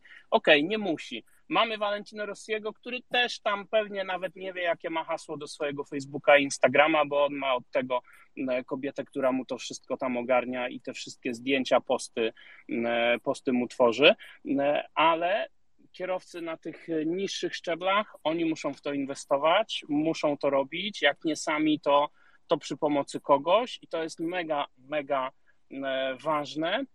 E, bo są tacy kierowcy, na przykład jak Piotrek Dysiekielski w wyścigach motocyklowych, który jeszcze do tego motocyklowego, do tej motocyklowej Formuły 1, czyli MotoGP, jeszcze kawałek e, drogi ma, jeszcze może jakichś spektakularnych sukcesów nie osiągnął e, w Moto 2, ale już porwał kibiców naprawdę bardzo szeroko i ma dzisiaj 60 tysięcy fanów na Facebooku i to są naprawdę ludzie mocno zaangażowani, mocno się interesujący tym, jak on sobie radzi w Mistrzostwach Europy. I taki ktoś generuje tym, e, tym swoim działaniem naprawdę takie liczby, e, jeśli chodzi o ekwiwalent reklamowy, które później pozwalają się w takiej firmie e, wybronić, że to nie jest mecenat, że to nie jest dawanie pieniędzy w próżnię w imię jakiejś wizji, tylko to jest coś, co się zwraca, bo to faktycznie do ludzi trafia, ci ludzie są, oni się tym e, interesują. Ale tutaj e, jeszcze nawiązując do tego, Bartku, co powiedziałeś odnośnie e, tego, że gdybyś miał firmę, to, to dzisiaj byś powiedział takiemu kierowcy, żeby przyszedł za parę lat. E, ja słyszałem taką historię o pewnym kierowcy Formuły 1, ale nie potwierdziłem jej u niego, więc nie będę mówił nazwiska, no ale wielu ich nie ma, e, że był kiedyś taki, była kiedyś taka rozmowa podobno z, z bardzo majętną osobą, która powiedziała, no dobra, dobra, to, to jak będziesz tam w tej Formule 1, to, to przyjdź, to, to dostaniesz tam te miliony, nie? I jak to już się stało, to ta rozmowa faktycznie miała miejsce i i wtedy ten przedsiębiorca usłyszał, że już te miliony jego nie są potrzebne, no bo faktycznie już nie były. E, także to tyle w temacie takiego wejścia na, na gotowe, o czym mówił też Krzysztof wcześniej, bo to rzeczywiście jest najłatwiejsze, wejść na gotowe e, i to jest zrozumiałe, e, ale mm, jest tutaj rola wszystkich i nas jako dziennikarzy, i też zawodników samych, żeby to wszystko promować, bo Niestety te wyścigi bardzo często nie są pokazywane w telewizji. E, Freki, nie, przepraszam, Frekę mamy chyba Krzysztofia na Motowizji. Tak jest, tak? była woz... E, Freka była transmitowana na antenie Motowizji od samego początku, czyli od 2018 roku, nawet w tych ubogich latach, ale w zeszłym roku też były transmisje ze startów Romana i Piotrka. No tak, więc e, Freka Euroformuła też była i w Motowizji, i wcześniej w Polsacie, no ale już na przykład czy to włoska, czy to hiszpańska Formuła 4, tych wyścigów nigdzie w telewizji oglądać nie możemy. Można to oglądać gdzieś tam w internecie, e, czy na YouTubie, czy na Facebooku, ale widać wtedy, że to ogląda naprawdę ludzi niewiele i wtedy te liczby rzeczywiście się no, nie zgadzają do końca, jeśli chodzi o ekwiwalent reklamowy, i wtedy tym większa jeszcze jest rola kierowcy w tym, żeby promować samego siebie, żeby budować swój PR, budować swój wizerunek, e, bo to też nie jest tak, jak tutaj operujemy tą kwotą, jakieś tam pół bańki euro rocznie.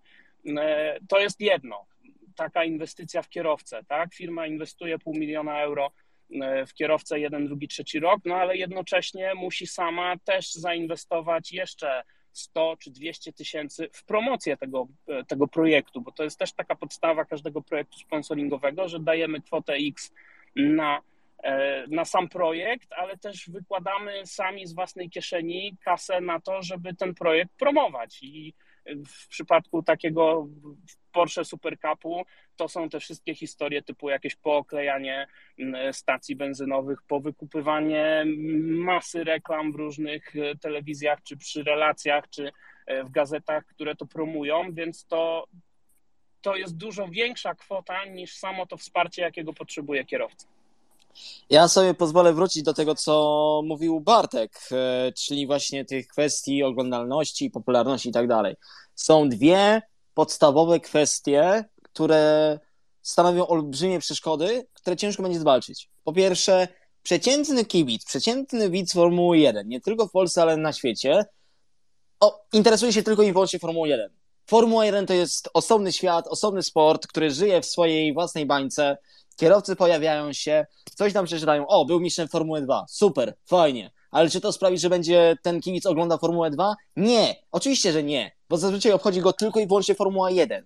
Zresztą wystarczy spojrzeć na nawet zasięgi, nawet na liczbę obserwujących, właśnie profile F1 i F2. Porównać sobie, ile osób obserwuje przeciętnego kierowcę F1, a przeciętnego kierowcę F2. I to jest coś, co jest wyraźnym problemem także dla sponsorów, no bo jednak, tak jak e, Michał mówi, łatwo jest powiedzieć, że z perspektywy dużej firmy, że ok, jak pójdziesz do Formuły 1, no to wtedy dam ci miliony, bo wtedy to się zacznie opłacać. Formule 2, Formule 3, w jakiejkolwiek innej serii juniorskiej, każde takie, taki sponsoring, też jak Bartek zauważył, to jest jednak ryzyko, że to może się opłacić i że właśnie ten kierowca, w którego zainwestujesz, nagle zostanie mistrzem świata, dostanie się do tej Formuły 1 i nagle ludzie zaczną widzieć moje logo na, na wszystkich, nie wiem, gazetkach, na Twitterze, na Facebooku, na YouTubie i tak dalej, ale może się okazać, że ten koleś przypadnie i te pieniądze też przypadną. A druga kwestia jest taka, że w Polsce nie mamy kultury wyścigów. Nie mamy kultury wyścigowej. W latach 90. coś tam było, że ludzie interesowali się tym motorsportem na torze, na torze Poznań. Mieliśmy Miedzianą Górę, mieliśmy także tory mm, tymczasowe. Podajże w Opolu chyba był w ramach wyścigowych samochodowych Mistrzostw Polski. Kiedy na praktycznie raz całej reszcie Europy mamy po kilka torów wyścigowych, na których dzieją się różne rzeczy, albo mamy serie regionalne typu e, Central Europe Zone i coś tam się dzieje. Są te tradycje, to tam też łatwiej przekonać kogoś, że no słuchaj, no może warto zainwestować w te, w te wyścigi, bo ktoś to zobaczy, bo ludzie się tym interesują. A jak mamy sytuację, że mamy Tor Poznań, gdzie WSMP to są cztery rundy na cztery weekendy wyścigowe na torze Poznań i raz jeden sobie pojadą na Slovakia Ring i jest to wielki cud, że w ogóle komukolwiek chciało się pojechać gdziekolwiek indziej, no to niestety tej sytuacji nie zmienimy. Tej sytuacji nie zmienimy, że ludzie nie interesują się motorsportem, skoro sam motorsport w Polsce wyścigowy też próbuje jakoś się promować, ale w bardzo marny sposób. Ale to, przepraszam, że wejdę Ci słowo, ale właśnie to jest ta esencja tego problemu, Krzysztof, bo to właśnie na nas częściowo też jest ta rola tej promocji tego motorsportu. Ja zgadzam się w 100% z tym, co powiedziałeś na temat tego, że u nas nie ma kultury motorsportu. A jak mamy zmienić to, żeby ta kultura się pojawiła? Co to ma sprawić? I mówiłeś o tym przykładzie, mówicie ten przykład e, wspierania młodych kierowców na etapie serii juniorskich i potem wejścia do Formuły 1. I ja nie wiem, pewnie Michał będzie wiedział dużo więcej, także mogę tylko przypuszczać, jak są spisywane umowy, tego typu umowy, ale tak szczerze, to jak ja miałbym wyłożyć 2 miliony euro w skali 3-4 lat na wsparcie kierowcy, który potem będąc w Formule 2 przyjdzie do mnie i powie, że teraz to, to pół miliona na nie wystarczy, potrzebne jest więcej, a ja powiem sorry stary, ale nie mam, żeby rok później wszedł do Formuły 1, to nikt nie zobaczy mojego logo, bo też nie będzie mnie stać na sponsoring tego kierowcy w Formule 1 potem. A taki kierowca chyba nie ma żadnego interesu w tym, żeby teraz marnować czas, wysiłek i miejsce reklamowe, żeby wspierać swoich byłych sponsorów. Więc tu jest taka pierwsza rzecz, która wydaje mi się też dość trudna. I ja rozumiem przedsiębiorców, do tego zmierzam. A po drugie, to właśnie na nas polega ta rola tych, którzy mogliby pomóc w budowaniu tej kultury motorsportu w Polsce, bo wydaje mi się, że motorsport i tak samo jak jest trochę z Orlenem, to nie jest coś, co rząd, jakieś takie magiczne słowo, albo pieniądze rządowe, czy Skarbu Państwa są w stanie zbudować. To ludzie raczej budują tą kulturę i to ludzie raczej stanowią o tym, czy się ścigają i czy oglądają, jak inni się ścigają, czy nie. Kiedyś tak było z żużlem w Polsce. Mieliśmy gigantyczne, piękne lata. Ja to pamiętam trochę inaczej z uwagi na to, że no Bydgoszcz, myślę, że Michał też pamięta tamten okres e, świetnie, że tutaj ten żużel był czymś naprawdę istotnym. Później był taki boom rajdowy, albo on ciągle trwa. Jeżeli, jeżeli, jeżeli tak jest, to, to przepraszam, ale tak szczerze, to faktycznie może po prostu, jeżeli my nie potrafimy tego zmienić, to może nikt nie potrafi tego zmienić. Na pewno nie pieniądze i na pewno nie rząd. Bardziej wydaje mi się, że to muszą być inwestycje prywatne i nasz czas i nasze inwestycje jako, jako wysiłek i projekty, które my moglibyśmy zrobić jako, nie wiem jak to nazwać, Krzysztof, czy dziennikarze, czy bardziej, wiesz, moderatorzy społeczności albo osoby, które trafiają do, do jakiejś grupy to, odbiorców. Znacz...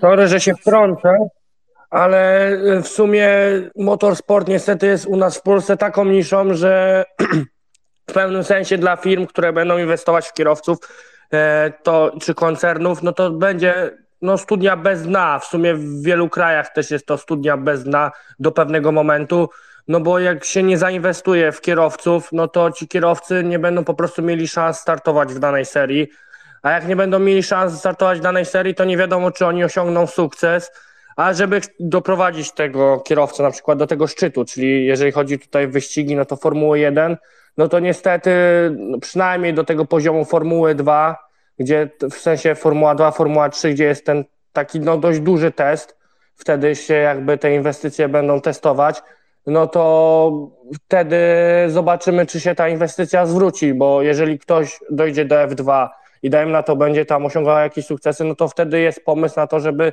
faktycznie ta inwestycja się zwracała. Do tego momentu, no to wiadomo, że to będzie studia be, studnia bez dna, gdyż no, motorsport, nie wiem czy tylko w Polsce, ale na świecie na pewno jest niszą, tak?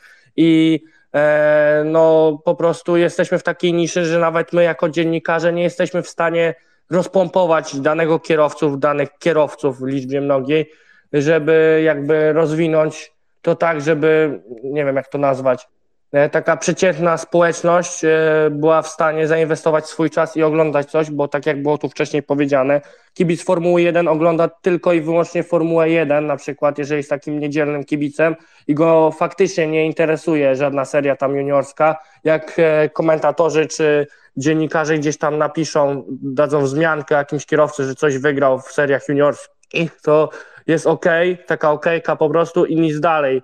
E, nie będą jakoś inwestować swojego czasu, żeby, nie wiem, włączyć e, wyścigi Formuły 2 czy Formuły 3, może gdzieś tam, nie wiem, na YouTubie na przykład zobaczą sobie highlighty, a oprócz tego to tak właśnie mają to kompletnie w nosie.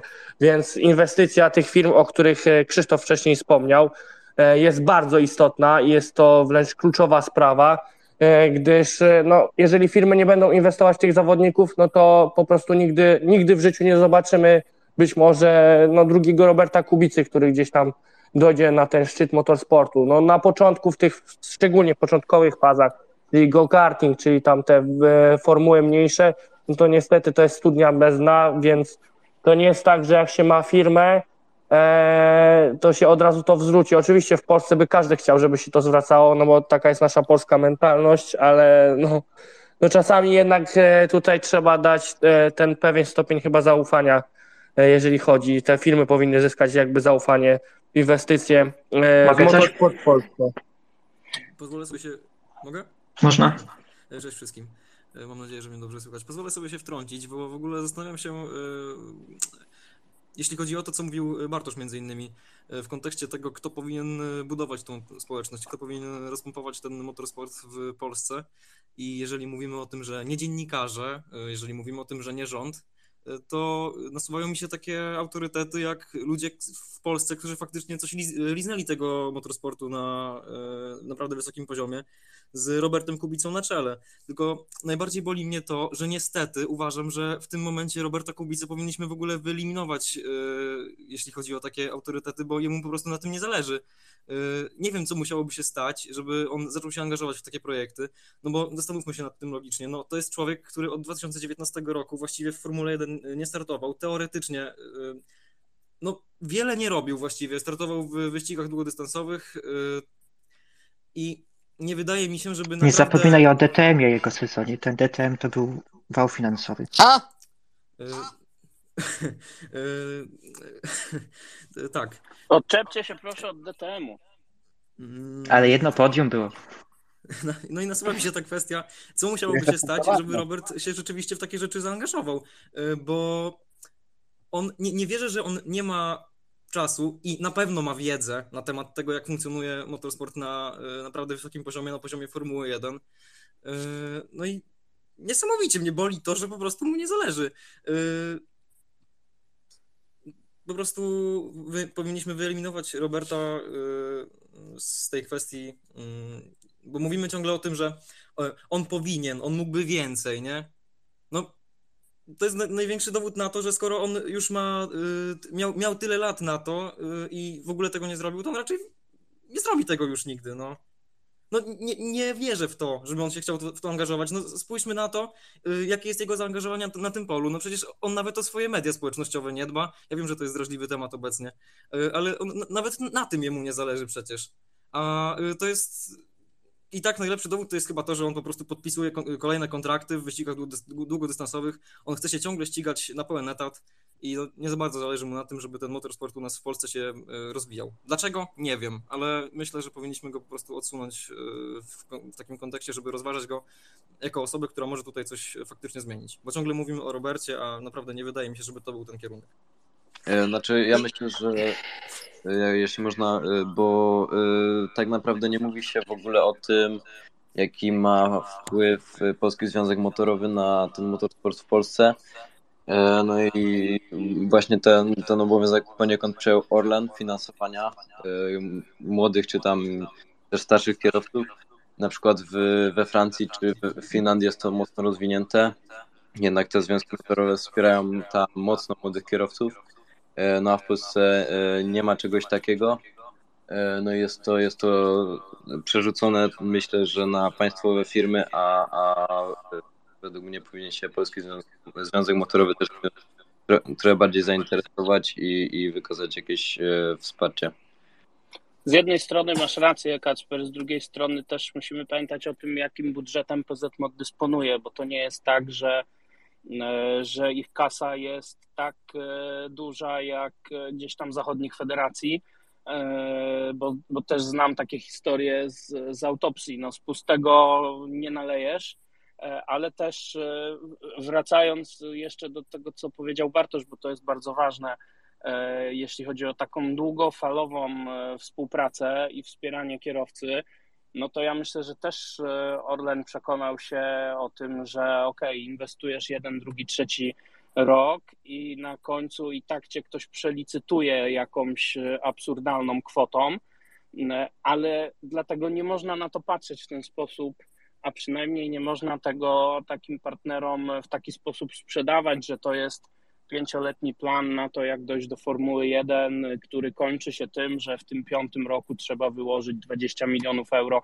i wtedy się spija tą śmietankę. Tylko to jest taki plan, który na przykład przez 2-3 lata zakłada wywalczenie mistrzostwa FIA F3 i tutaj ten zwrot też jest y, proporcjonalny i adekwatny do inwestycji, jaką się ponosi, bo to jest y, tam milion euro z hakiem rocznie na przykład. I wokół tego przez rok można sobie budować całą komunikację, budować jakieś kampanie, robić fajne rzeczy.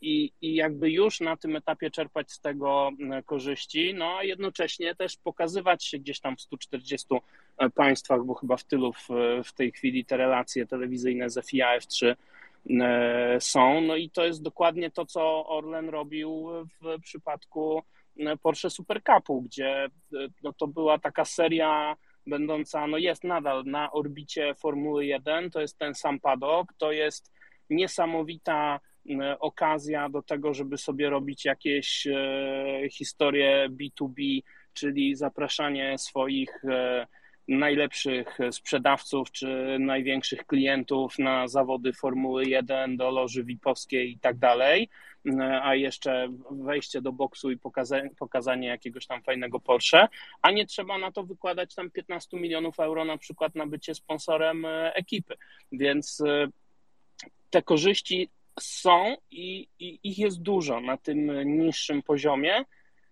tylko trzeba na to troszeczkę inaczej spojrzeć i trzeba to umiejętnie sprzedać, bo rzeczywiście, jeżeli powiemy potencjalnemu sponsorowi, tak, ja będę za 5 lat w Formule 1 i wtedy będzie trzeba wyłożyć te 20 baniek, no a jeszcze wcześniej e, po bańce dwie w roku, no to rzeczywiście to, to, to się nikomu nie składa, to się nie spina, to się nie kalkuluje w żaden sposób.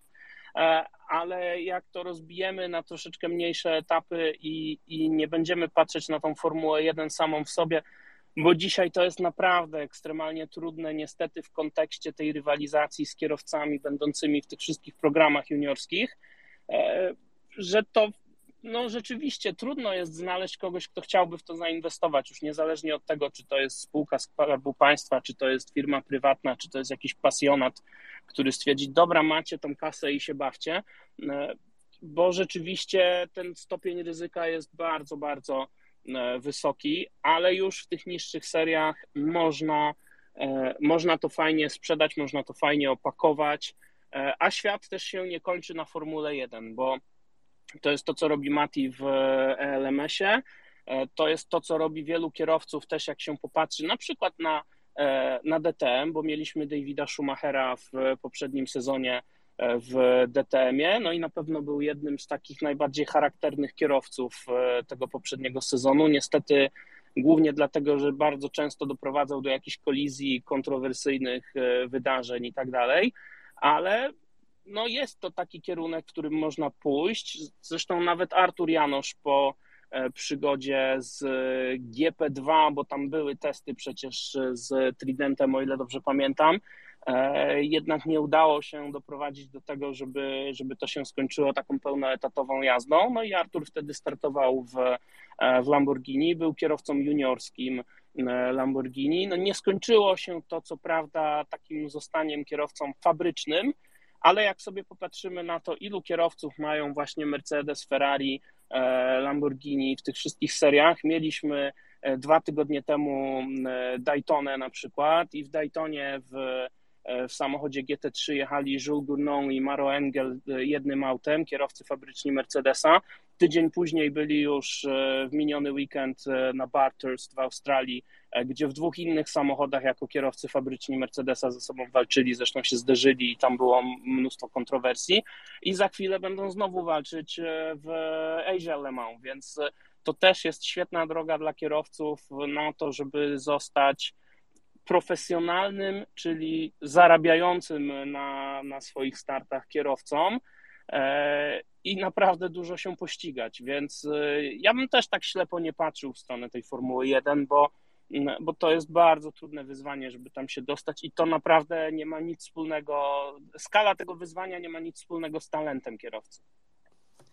Ja sobie pozwolę wrócić do tematów, które poruszałem wcześniej, ale tutaj mi Bart, Bartosz przerwał. Mi nie chodziło o to, że w ogóle jest tak strasznie i nie ma siły odwrotu, nie ma opcji.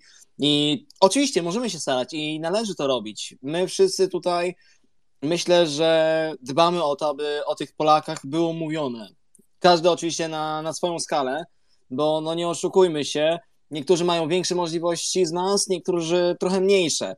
Niektórzy będą pracowali przy Formule 1 na przykład i domyślam się, że będą starali się niezwykle mocno, aby wspomnieć o startach naszych Polaków gdzieś tam podczas transmisji, czy to F1, czy to jakiejś serii juniorskiej, czy to w studio, czy to gdzieś indziej.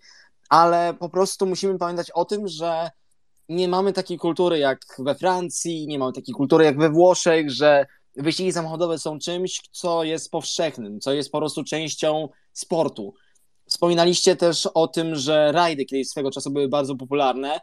Trochę mieliśmy lepszy okres w ostatnich latach, ale też skończyło się tym, że większość kierowców jeździło albo za swoje, albo było naprawdę niewielu, którzy mogli liczyć na wsparcie jakichś firm. Ale większość zawodników to są albo weterani, albo ci, którzy po prostu jadą za swoje pieniądze rodzinne, ewentualnie no, trochę na barburce pojawiło się nowych firm, szczerze mówiąc. Zobaczymy, czy to przełoży się na sezon na RSMP, czy, czy te wszystkie firmy, które pojawiły się w Warszawie, będą także, nie wiem, na rajdzie rzeszowskim. No ale to jest e, kwestia przyszłości. Jeżeli chodzi o żużel, to tam sprawa jest dużo prostsza. Po prostu żużel okazał się być dyscypliną, w której Polacy mają sukcesy. A stety, niestety, my jesteśmy takim narodem, który lubi tylko i wyłącznie sukcesy. Dopóki nie będzie kogoś, który będzie walczył na tym topowym szczycie, na tych pierwszych pozycjach w Formule 1, czy też po prostu trafi do Formuły 1, to motorsport nie trafi za bardzo do mainstreamu. Zresztą zobaczcie, jak to wyglądało przed Kubicą. Nic, nic, nic. 2006 rok.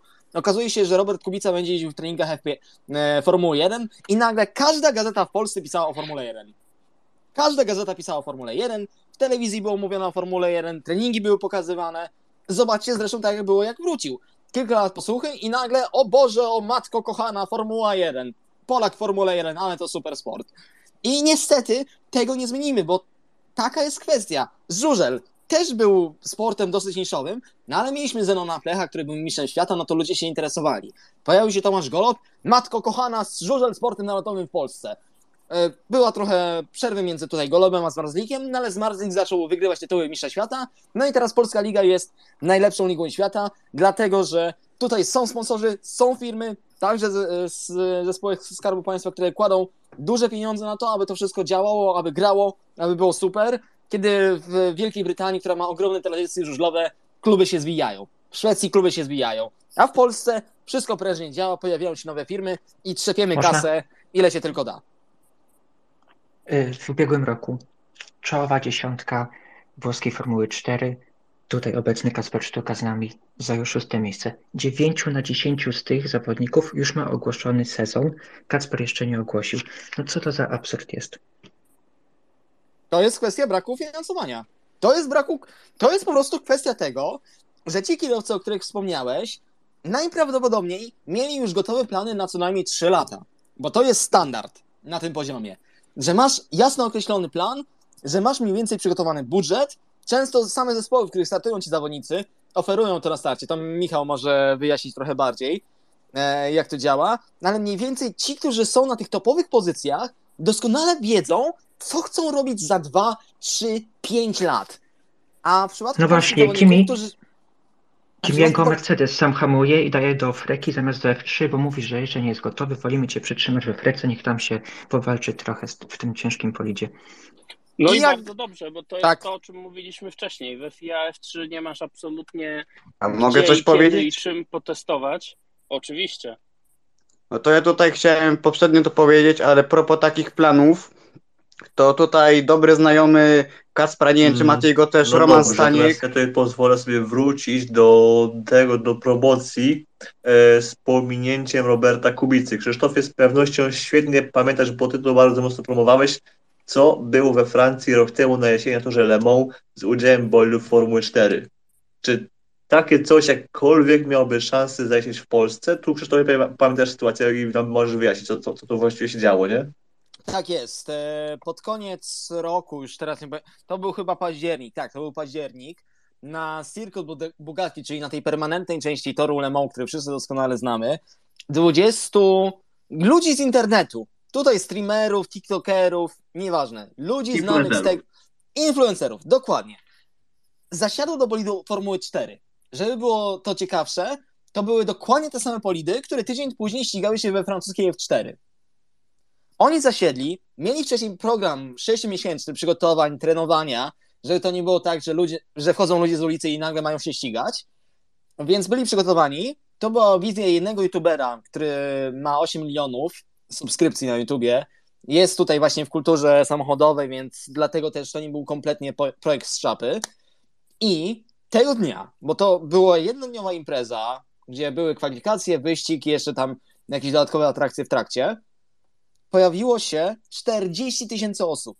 40 tysięcy osób kupiło bilety, kupiło bilety na to, aby zobaczyć coś, co dla nas jest po prostu zgromadzeniem randomów z internetu na torze. Na dodatek, transmisję na Twitchu oglądało w kluczowym momencie, w kluczowym momencie wyścigu milion osób. Milion osób oglądało, jak 20 ludzi z internetu ścigało się w bolidzie Formuły 4. Formuły 4! Wchodzimy Kiedy prawdopodobnie nawet Formuła 2, na, Formuła 2 na całym świecie nie ma takiej oglądalności. A tu milion osób oglądało, jak ludzie bez większego doświadczenia nagle się ścigają. I to był nawet fajny wyścig, szczerze mówiąc, o, pierwsze, o pierwszą pozycję. To było wielkie wydarzenie i pokazało, że można zakazić ludzi motorsportem w taki sposób. O, ta, Grzegorz, pytałeś się, czy w Polsce to jest możliwe. Byłoby to bardzo trudne. Po pierwsze, dlatego, że właśnie nie mamy tej kultury wyścigowej, jak wspominałem wcześniej, czyli że nie ma takiej świadomości, że o, wyścigi samochodowe to jest coś, co jest w sumie fajnie. Fajnie, byłoby to zobaczyć. Eee, a po drugie, była próba czegoś takiego.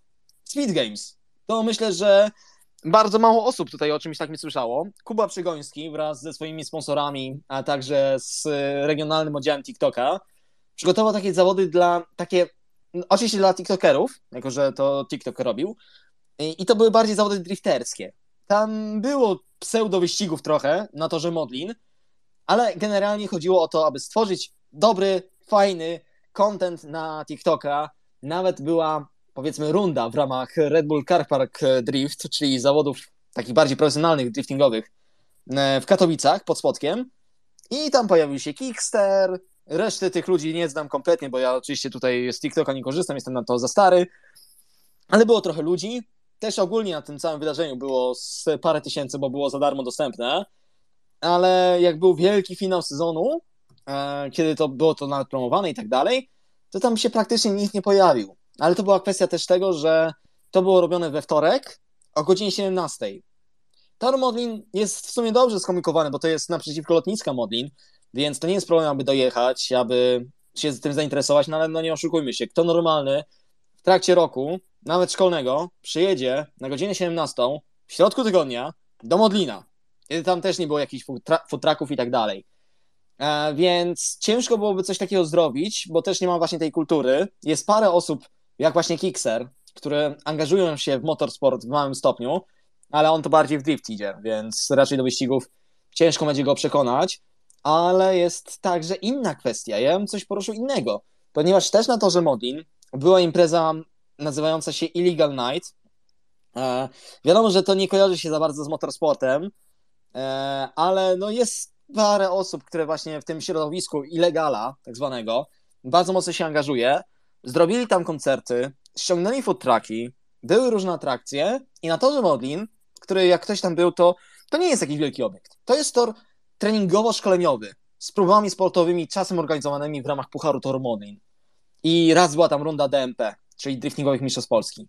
I tam pojawiło się kilka tysięcy osób, aby zobaczyć właśnie tych ludzi znanych z internetu, aby zobaczyć jakieś koncerty. I gdyby było takie podejście w Polsce, aby robić z zawodów imprezę, czy nawet zlot samochodowy, cokolwiek, to można byłoby budować zainteresowanie. Wspominamy o tym, że na karting przyjeżdżają rodziny, przyjaciele i znajomi mechaników. Jaki byłby problem, gdyby oczywiście, oczywiście to wymaga kasy, to jest podstawowy problem, no ale gdyby udało się zrobić taki jeden weekend, powiedzmy wyścigowych samochodowych mistrzostw Polski, kiedy ściągnięto by jakieś atrakcje dodatkowe, e, mamy kilka polskich zespołów, jak właśnie Inter Europol Competition, przekonać ich, słuchajcie, macie prototyp LMP3 w, tutaj w garażu pod Warszawą, przywieźcie go, niech pokaże się ludziom. Niech Mateusz, e, polski kierowca, pokaże tutaj ludziom, przejedzie się, niech zrobi tutaj wrum wrum, może ludzi trochę to przyciągnie. Pamiętam nawet, e, tak rzuciłem w dyskusji na Twitterze z Mikołajem Sokołem, e, żeby przyjechał na jakieś zawody kartingowe, bo akurat był taki jeden weekend, kiedy Mikołaj był na torze Poznań w ramach weekendu WSNP i rozdawał autografy. I ludzie przyjechali na tor Poznań tylko po to, aby uścisnąć dłoń Mikołaja Sokoła. Więc można coś takiego robić, tylko że właśnie trzeba wpaść na taki dobry pomysł i no też chcie, trzeba chcieć zainwestować. A to jest największy problem. Niestety, jeżeli chodzi o polski motorsport. Zobaczcie sobie na jakąkolwiek imprezę poza żużlem. No bo żużel jest w swojej własnej bańce, tam pieniądze leją się po prostu strumieniami, ale WSMP, rajdy, rallycross, karting, wyścigi motocyklowe, no, no, no jest słabo. No. no. Nie ma tam firm, nie ma tam ludzi, które byłyby gotowe zaryzykować. Bo to jest podobnie jak z kierowcami. To jest dyskusja w teorii o polskim motorsporcie, nie tylko o polskich kierowcach. A polski motorsport w tym momencie niestety stoi. Mamy prężnie działające ligi kartingowe, które działają na tym, że jest wiele rodziców, którzy chcą tutaj, aby ich pociechy spróbowały się. Tylko też jest problem taki, że w momencie, kiedy ktoś tutaj przejrzy na oczy, zobaczy, że ej, moje dziecko, mój syn, moja córka ma potencjał, to taki logicznie myślący ojciec, logicznie myśląca matka, w 5 sekund udaje się do Włoch. Bo nie ma co siedzieć w Polsce, nie ma co siedzieć i walczyć o 50. tytuł mistrza Polski, jeżeli na nic się to nie przyda. Jeżeli można walczyć w Lonato, można walczyć w Wackersdorf, można walczyć w Finlandii, można walczyć gdziekolwiek. Można coś? Można... Jak szczęście miał Kacper i Tymek, że żyli na południu Polski, że te kursy ciągłe do Włoch były relatywnie małe w porównaniu do jakiegoś byłego stoku na przykład. No tak, no, no wiadomo, że kartodrom Bydgoszcz jest bardzo fajnym obiektem. Autodrom Smomczyn w wersji kartingowej ma dużo więcej miejsc do wyprzedzania niż przeciętny tor kartingowy gdzieś w reszcie Europy. Ale co z tego, jeżeli, tak jak w przypadku Formuły 4 włoskiej, jeżeli reszta świata ściga się na tych kilku wybranych torach? Co z tego, że w Polsce mamy fajne obiekty, mamy ciekawy poziom, jeżeli, jeżeli chcesz coś osiągnąć, to musisz mierzyć się z tymi najlepszymi.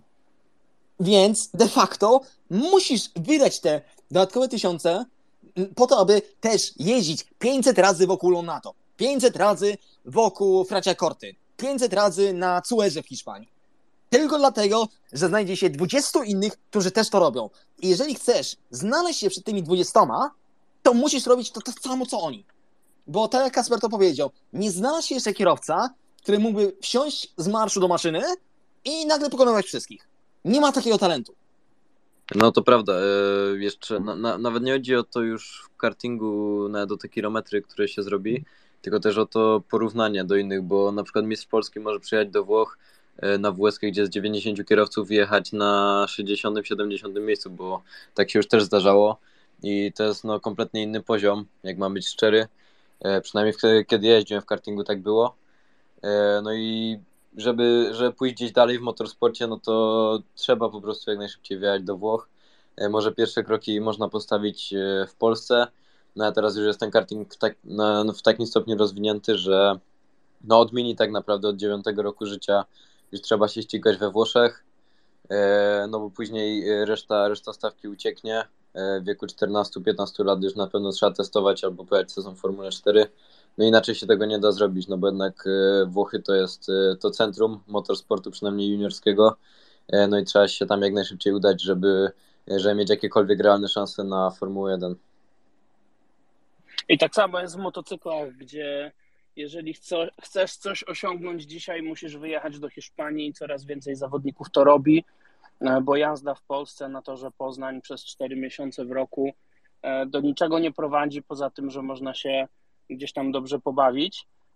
Ale ja bym chciał jeszcze wrócić do tej kwestii braku tradycji motorsportowych, bo nie do końca się Krzysztofie zgodzę z Tobą, że, że jest jak jest, bo nie ma tych tradycji bo te tradycje sami tworzymy. E, mamy sukcesy Kacpra, mamy sukcesy Tymka. Ja mam wrażenie, że one trochę nie były, i nie mam tu pretensji do samych zawodników, ale mam wrażenie, że one nie do końca były tak sprzedane, jak mogłyby być sprzedane, chociaż też wiem, że to jest trudne, bo ja się też zajmuję takim sprzedawaniem takich wyników i bardzo często słyszę w redakcjach, nie no fajnie tam, że ktoś coś osiągnął, ale to się nie klika, więc my tego nie opublikujemy. Nie? I to jest niestety też e, codzienność. E, ale druga strona medalu jest taka, że na przykład Turcy też nie mieli nigdy tradycji w wyścigach motocyklowych, aż nagle pojawił się Kenan Sofoglu, który cztery razy wygrał Mistrzostwa Świata w kategorii Super Sport, która nie jest wcale też najwyższą kategorią, bo jakbym miał ją porównywać do czegoś e, samochodowego, to, to, to by była taka freka pewnie. I Turcy oszaleli i, i był totalne szaleństwo na punkcie E, supersportów, superbajków. Sofoglu e, po zakończeniu kariery wyszkolił sobie kolejnego zawodnika Topraka Razgatpioglu, który jest dzisiaj mistrzem superbajków i on z tych superbajków, które są takim no nie wiem do czego to porównać, to nie jest WTCR, ale, ale może, może WEC, no, może taki WEC albo IndyCar, tak jest i, I on się zupełnie nie pali do tego, żeby przechodzić do MotoGP, czyli do tej Formuły 1 motocyklowej, e, bo jemu to do niczego nie jest potrzebne. On zarabia grube miliony, bo sponsoruje go Red Bull i ten turecki oddział tam pompuje w niego ogromne pieniądze. I on mógłby przejść do Yamaha w zespole MotoGP, ale tam sponsorem jest Monster, no i tutaj już się robi konflikt interesów.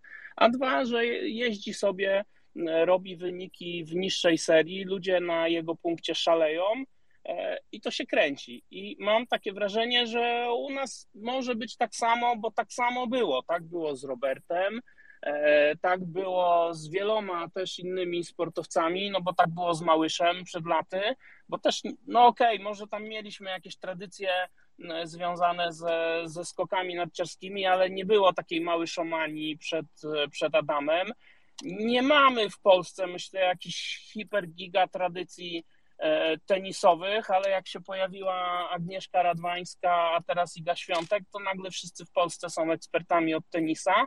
No i mam takie wrażenie, że jak e, Mati w LMS-ie, Kacper i Tymek w, w F3 zaczną wygrywać e, i robić to regularnie i, i media, i sponsorzy, i, i, zawodnicy będą w stanie to odpowiednio sprzedać, to ludzie też będą mogli na tym punkcie oszaleć, bo E, no bo wynik przyciąga po prostu uwagę i tutaj też tym świetnym przykładem jest Bartek Zmarzlik, E, żużel w Polsce zawsze popularny był bardzo, ale też nawet ci ludzie, którzy zupełnie się na żużlu nie znają, nie interesują, to jak się spytacie, czy znają jakichś żużlowców, no to kiedyś tak jak my właśnie z Bartoszem, e, to Tomasz Golob i Polonia Bydgoszcz te klimaty. E, tak dzisiaj każdy wie, kim jest Bartek Zmaźlik, prawda? Więc tutaj chłopaki jak zrobią robotę na torze, to moim zdaniem E, za tą robotą pójdzie też zainteresowanie, a za tym zainteresowaniem pójdą sponsorzy, no i to jest taka samo napędzająca się machina. Jasne, jak najbardziej. Zgadzam się z Tobą, że to, nie, to, że nie mamy tradycji, nie jest przeszkodą na dłuższą metę. Tylko, że też zauważyłeś coś niezwykle ważnego, czyli kwestię tych właśnie sukcesów, które będą początkiem tej lawiny. Że ludzie nie interesowali się tenisem, ale pojawiła się Agnieszka Radmańska i o, nagle tenis okazał się być czymś perspektywicznym. Zresztą widzimy to na przykład teraz w golfie. Adrian Merong znalazł się w pierwszej 50 rankingu. Trochę wartownie, trochę nie, nieważne. Był w pierwszej dziesiątce rankingu przeglądu sportowego na najlepszego sportowca roku i ludzie zaczęli pisać o golfie. Ludzie zaczęli czytać o golfie. Ludzie zaczęli oglądać trochę bardziej golf. Mimo, że to też nie jest sport, który w Polsce jest jakkolwiek popularny. Nie, golf nie jest sportem popularnym generalnie na świecie, nie oszukujmy się. Ale co jest najważniejsze? ten jeden sukces. To jest coś, czego niezwykle bardzo mocno potrzebujemy. Mamy sukcesy w kartingu, tylko że sukcesy w kartingu traktowane są jak Mistrzostwa Świata, jak sukcesy, nie wiem, na, uniwersja na uniwersjadzie. Ktoś napisze coś super, Polak tutaj mistrzem świata wśród juniorów. Tylko co z tego, jeżeli, tak jak też wspomniałeś, jeżeli duże redakcje nie uznają tego że za coś klikalnego. I być może zwycięstwo, tytuł w LMP3 w European Le Mans Series będzie czymś bardziej interesującym. Tylko, no, bądźmy szczerzy, ludzie pisali o LMS, kiedy ścigał się tam Kubica w topowej klasie i tam wygrywał. I ludzie wtedy o tym pisali. Po pierwsze dlatego, że to był Kubica, a po drugie dlatego, że to był łyz zwycięstwa w klasyfikacji generalnej. Niestety, przez to, że jaka jest natura wyścigów endurance, to często zapomina się o tych kategoriach niżej. I też trudniej jest chyba sprzedać, myślę, że tu się zgodzisz, e, sprzedać zwycięstwo właśnie w klasie, która jest na drugim poziomie, niż gdyby to było zwycięstwo klasyfikacji generalnej. Z dosyć oczywistych powodów. Z jednej strony dla sponsora to może być takie bardzo łatwa za, za, e, zarzutka, że o, tutaj wygrał pierwsze miejsce. W klasie nieważne, nik, nikogo to nie obchodzi. Ale pierwsze miejsce, super, jest sukces. Tylko jak ktoś będzie bardziej rozgarnięty, to sobie pomyśli, ej, no przecież ten koleś przyjechał 20. To co to za zwycięstwa? Za, za. I tego się właśnie obawiam, że możemy mieć takie pomniejsze sukcesy, tylko że to wciąż będzie za niski poziom. I jeżeli chodzi o przyszłość właśnie popularyzacji motorsportu w Polsce i sukcesów polskich kierowców, to obawiam się, że dopiero właśnie to FIA F3, Formuła 2 to jest ten poziom, na którym ludzie zaczną się interesować, że wszystko poniżej to będzie tak, a kogo to obchodzi, to jest nisza i tak dalej. Nawet i, może jakby ktoś wygrał Le Mans, okej, okay, to może wtedy by zaskoczyło. DTM ludzie trochę kojarzą przez Kubicę i przez ogólnie historię, ale takie LMS, taka Formuła 4, taka Freka, tego się właśnie obawiam, że dla przeciętnego Kowalskiego to będzie to będzie nic. To będzie nic. Dopiero jak będzie, jak zobaczy mistrza świata, jak zobaczy kogoś, kto ma naprawdę ogromny potencjał, to wtedy ludzie zaczną lgnąć. A na to, nie oszukujmy się, perspektywy w przeciągu trzech lat, poza kartingiem na tytuł mistrza świata, czy na tytuł w dużej serii wyścigowej, no są marne, niestety. Y, ja chciałbym tylko powiedzieć, znaczy trochę żałuję tego, że tak mało jest powiedziano o Polskim Związku Motorowym. Y, niestety, ale to jest organizacja, która powinna zostać w Polsce zlikwidowana albo chociaż przejść gruntowne reformy. Przecież to, co się dzieje w polskich rajdach, to, co robi Polski Związek Motorowy, to jest skandal. Y, nie wiem, czy słyszeliście o historii Huberta Laskowskiego, to jest 16-letni, 17-letni w sumie kierowca rajdowy. On nie może w Polsce normalnie startować ze względu na y, swój wiek, ze względu na to, że w Polsce nie ma takich przepisów, które umożliwiałyby mu startowanie w Polsce. Musi startować w krajach bałtyckich. I to jest naprawdę y, wielki skandal. Do tego Polski Związek Motorowy. Y, Sekunda, mogę? Ej, chwila, chwila. Stop. Tak. Właśnie został Kacper ogłoszony, że pojedzie w tej Formule 4 US Racing Winter Series. Brawo, Kacper. Może coś powiedzieć o tym? Naprawdę to nie wiedziałem nawet. Dzięki. Brawo, no, Kacper. Widzę, że tam post był ustawiony. Ale to nieźle, Kacper. Jest powiadomienie ustawione. Nie, nie, no by, był ustawiony post. Dzięki, dzięki. No e, właśnie czekałem na jakieś pytanie, bo, bo miałem, miałem coś powiedzieć, ale no to tak, tak, będę jechał już, już w tym tygodniu, także mniej więcej się już pakuję na, na wyjazd i, i e, jedziemy rozgrzewkowo Heres e, i e, no, taka rozgrzewka przed sezonem. A główny sezon, coś więcej? E, nie mogę jeszcze nic powiedzieć. E, wiemy mniej więcej co, ale nie jest to jeszcze sfinalizowane, no i nie chcę powiedzieć po prostu za wcześnie wypalić, ale e, mniej więcej jest już plan. Gitara.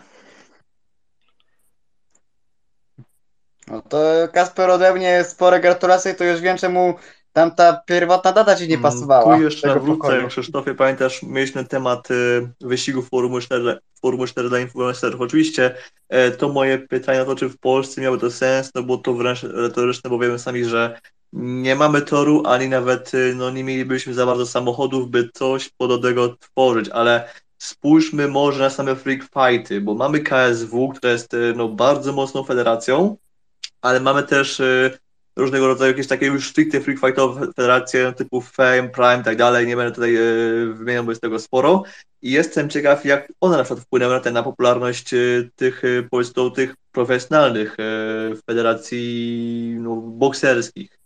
Wiem, że no to, wiem, że to są inne budżety, ale no właśnie jestem ciekaw, czy popularność freak fightów miała to może jakieś przełożenia ten na to właśnie, jak się sprawuje nam w, jak, wpis, jak, jest wpisek KSW, czy tego typu właśnie federacje i czy może to jednak byłby jakiś trop, by może, nie wiem, pójść budżetowo, nie wiem, zacząć od wyścigów kartingowych dla influencerów, potem może pójść właśnie dalej w ten drift i jakoś to może budować. Może tu jest jakaś taka dłuższa droga, która by, która by może miała sens.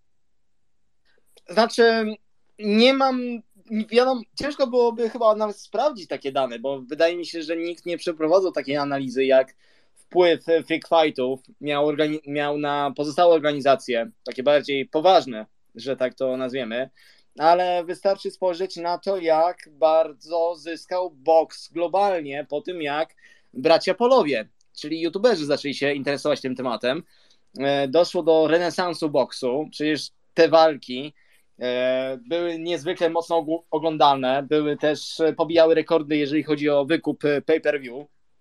Tak więc zdecydowanie jest przełożenie, bo trzeba dotrzeć jakoś do nowych ludzi. A to jest dobra metoda, bo właśnie taki Jake Paul czy Logan Paul mają miliony obserwujących, mają miliony ludzi, którzy patrzą na nich codziennie i są dla nich inspiracją. Czy to jest zdrowe, czy nie, to jest kwestia oczywiście dyskusyjna, no ale są ludzie, którzy chcą być jak oni.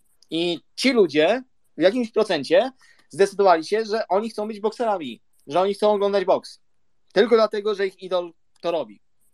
Więc jak najbardziej wydaje mi się, że gdyby stworzyć coś takiego naprawdę porządnego, to byłby potencjał. Tak jak powiedziałeś, zawody kartingowe myślę, że byłyby dobrą podstawą.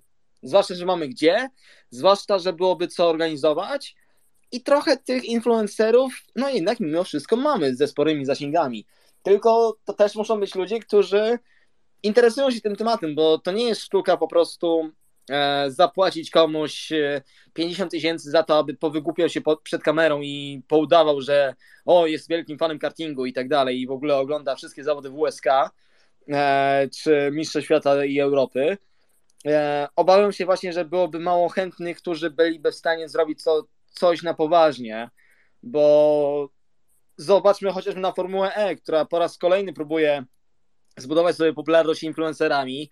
Nie wychodziło z takim KSI-em, czyli jednym z największych youtuberów Wielkiej Brytanii, więc teraz ściągnęli dużo mniejszych, no ale to są ludzie głównie od piłki nożnej, którzy też nie za bardzo chwalili się tym, że są na Formule E, że interesują się tym tematem, i to przełożyło się naprawdę na bardzo marne wyniki, więc wydaje mi się, że jeżeli coś robić to porządnie i wracając do tematu Speed Games, bo zostałem wtedy przerwany, ale w tym roku zapowiada się to już naprawdę bardzo porządnie, bo driftingowe mistrzostwa Polski zostały przejęte przez Kubę Przygońskiego oraz e, jego ludzi. Ograniczono kalendarz do czterech rund, ale te cztery rundy, cztery rundy mają być właśnie robione jako festiwale jako zloty, mają być food trucki, mają być jakieś pokazy, mają być też speed games, żeby właśnie przyciągnąć tych ludzi, którzy nie do końca interesują się motorsportem, nie do końca interesują się driftem, ale jak usłyszą, że ej, jest jakieś fajne wydarzenie w okolicy, dawaj, rodzinko, jedziemy tam, zobaczymy jakieś fajne autka, może coś tam zjemy przyjemnego, a jeszcze tutaj synek się ucieszy, bo ten kolej z tego Toktika, czy jak to się zwie, jest tam, więc się ucieszy, bo tam będzie mógł sobie zrobić selfiaka. Jest to proste, jest to momentami wręcz no, bolesne, bo chciałoby się, żeby to było jak najbardziej profesjonalne, MO i tak dalej, ale trzeba docierać do tych nowych ludzi. I jeżeli tradycyjne metody nie wypaliły, to trzeba ryzykować trzeba właśnie korzystać z tych metod. Jeżeli pojawia się ktoś taki jak e, Kickster, który przejawia chociaż ten ułamek zainteresowania, to trzeba z niego korzystać. I tak są sportowcy, tak są w drifcie chociażby, ludzie, którzy łączą też e, obecność w mediach ze sportem, to trzeba na ich pracę budować. I trzeba liczyć, trzeba też no niestety liczyć na to, że im się będzie chciało ale trzeba też im dawać pole do popisu. Jeżeli nie zadbamy o to, aby otoczka całego wydarzenia była atrakcyjna, to możemy mieć nawet największego youtubera, największego influencera w Polsce, który się pojawi, ale nic to nie da, bo po co by ma ktoś przyjechać, nie wiem, na Autodrom Słomczyn, gdzie jedyną atrakcją poza zawodami kartingowymi jest bar za trybuną, gdzie nie jest to samo menu, co zawody, które niektórzy lubią, niektórzy nie. Jest zjadliwe i to jest tyle. Przejedziesz, zobaczysz i to jest tyle. A dla przeciętnego Kowalskiego, no trzeba jakiś mieć haczyk. Trzeba mieć ten sposób, aby ten ktoś przyjechał. W rajdach mamy rajd Małopolski, który stara się coś tutaj zdziałać, aby właśnie przyciągnąć tych nowych kibiców, aby to też było wydarzenie, aby to nie był po prostu weekend, że o, patrzymy sobie na rajdówki, tylko żeby to była impreza dla całej rodziny, gdzie są koncerty, gdzie są właśnie, gdzie jest żarcie, gdzie są dodatkowe atrakcje i tak można przyciągać ludzi. Jeżeli po prostu będziemy liczyć na to nadal, że znajdą się tacy fanatycy, którzy będą chcieli spędzić weekend patrząc, jak sobie ludzie jeżdżą w kółko, no to, to będziemy dalej stali w tym miejscu, w którym stoimy. Okej, okay, zaraz Piotrze dam Ci głos, ale Krzysztofie myślisz, że na przykład gdybyśmy znaleźli tego podobnego właśnie influencera właśnie jak Kickster, czy może właśnie jak e, Polowie właśnie w boksie, gdybyśmy go uczyli, z niego uczyli brąza i byśmy go może wsadzili do WSMP na jakieś tam pojedyncze rundy jako zmiennika e, w załodze, to myśli, że przy odpowiedniej promocji by to miało jakiś tam sens, jakąś tam szansę gdzieś się to wybić? Oczywiście, że tak. Patrząc na to, jaka jest kultura influencerska na świecie, to na pewno byłoby to, na pewno by to nie zaszkodziło. Bo tak jak mówię, jeżeli ktoś ma milion obserwujących, to załóżmy nawet pesymistyczny scenariusz, 10% się tym zainteresuje. 10% miliona to już jest 100 tysięcy osób. Jeżeli 10% z tego będzie tak bardzo zainteresowane, że zdecyduje się obejrzeć jakieś zawody, czy będzie 1%, który pojedzie na te zawody, to już mamy tysiąc kibiców. Tysiąc kibiców, który przyjedzie ci na WSMP, aby zobaczyć, jak ten jeden typ sobie radzi. I jeżeli będzie więcej takich typów, no to wiadomo, że będzie większe zainteresowanie. Ale jest co najważniejsze. Z tego tysiąca osób, które pojadą na WSMP, będzie procent, który uzna, że to jest fajne i będzie chciał przyjeżdżać, niezależnie czy będzie ta osoba, czy nie. I te osoby zaczną przyciągać swoich znajomych, swoje rodziny. Oni będą przyciągali swoje osoby.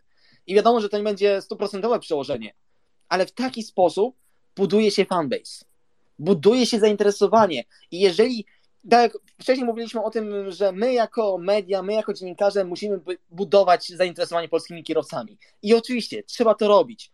Tylko też nie oszukujmy się, że 100% naszych obserwujących czy osób, które nas słucha, które nas czyta, które nas ogląda, nagle zainteresuje się tym tematem. To będzie jakiś ułamek. I musimy celować, że ten ułamek będzie jak największy. I im więcej będzie takich, takich procentów, takich małych haczyków, punktów zaczepienia, tym większe szanse na to, że ktoś pojawi się, który uzna, że to jest fajne. Powiedziałem, że nie ma kultury motorsportowej, ale mamy ogromną kulturę samochodową. Dzisiaj czytałem artykuł o tym, jak policja zrobiła, zrobiła obłowę na Warsaw Night Racing. Ogromna organizacja, która naprawdę wiele osobom przysposzyła z siwych włosów, bo ludzie po prostu ścigali się na ulicach Warszawy. Dlatego, że po prostu lubią to. Są ludzie, którzy mają tą pasję do adrenaliny, którzy mają pasję do samochodów i chcą to oglądać. Tylko musimy ich przekonać, żeby robili to na torach, aby interesowali się polskimi kierowcami, którzy robią to profesjonalnie, a nie po prostu driftują sobie na kołpakach e, starym BMW pod Oszonem, czy pod innym Leroy Merlin i innym supermarketem. Mamy w Polsce tory treningowe, musimy zadbać o to, aby je promować. Musimy zadbać o to, aby budować świadomość tego, że ej, są wyścigi samochodowe, są rajdy, są miejsca, gdzie możesz poczuć tą dawkę adrenaliny bezpiecznie, a przy okazji zobaczyć naprawdę dobrych typów, naprawdę dobre osoby.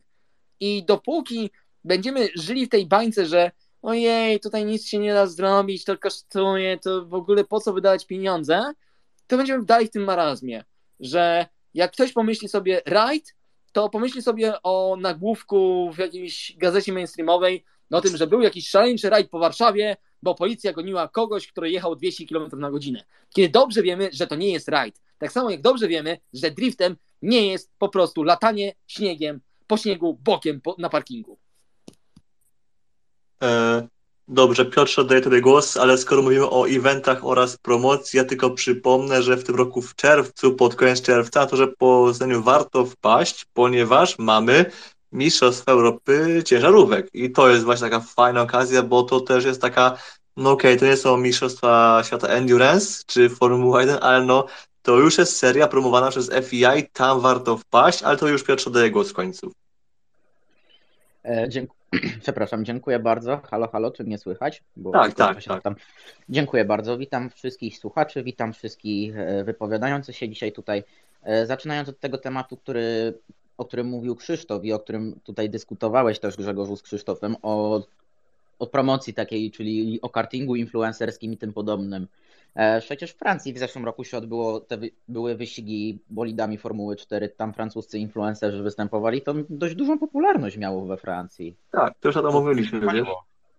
A, nie, bo ja jestem już od momentu dopiero, bo dzisiaj niestety nie mogłem od początku, ale tak, tak kontynuując, to bo tutaj kontynuując to, co zaczął pan z rally.pl mówić o Polskim Związku Motorowym. I ja się tutaj zgodzę. Polski Związek Motorowy nie robi moim zdaniem prywatnie, jest mała ta promocja motorsportu. Ja nie widzę materiałów reklamowych ani nic. No, strona jest taka troszkę, ten profil jest taki, te social media są zarządzane źle.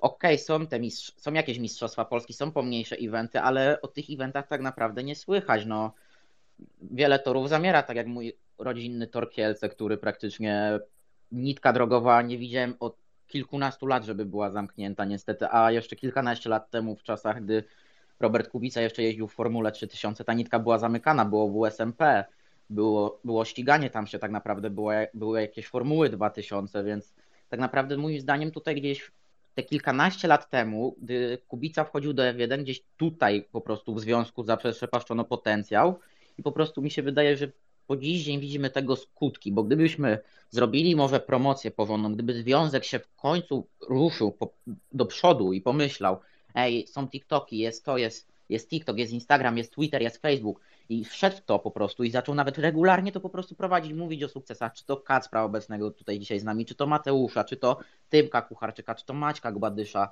czy jeszcze innych polskich kartingowców i kierowców jeżdżących w single seaterach czy endurance, no bo nawet o sukcesach Intereuropolu jest cicho, a Intereuropol jednak ma te sukcesy, no nie oszukujmy się, zwycięstwa w LMP3 było to podium, w LMP2 w Elm się w tym sezonie więc mi się wydaje, że tu tak naprawdę by trzeba wziąć i tak jak pan powiedział z rally.pl, zaorać polski związek i postawić go od nowa i z ludźmi, którzy wiedzą jak tym zarządzać, a nie po prostu być, żeby być. Tak, y, tu właśnie, nie wiem czy tutaj właśnie Rally.pl mi potwierdzi, ale ja pamiętam taką historię z około 2019 roku, gdy w Bułgarii chyba właśnie, no dosłownie zaorano właśnie lokalny związek motorowy i postawiono nowy. Ówczesny związek chyba pozbawiono jurysdykcji nad motorsportem w kraju i postawiono zupełnie nową strukturę. Czy jaki jest tego skutek do końca, nie wiem, czy to jest w ogóle prawda, też nie jestem w stanie zweryfikować, ale taka historia tu się objęła o uszy i no w sumie skoro jesteśmy w takiej, a nie innej sytuacji, której no PZM, ok, nie ma może wszystkich pieniędzy świata, ale jakakolwiek basicowa promocja, y, no nawet poprzez social media raczej no nie kosztuje zbyt, zbyt wiele pieniędzy, no to coś tam no fajnie byłoby zrobić, a czemu by nie spróbować może właśnie od nowa, e, znaczy od nowa, no jakoś, nie wiem, jakoś e, zrobić jakiś mini przewrót e, pałacowy w tym, e, w, na naszym lokalnym podwórku.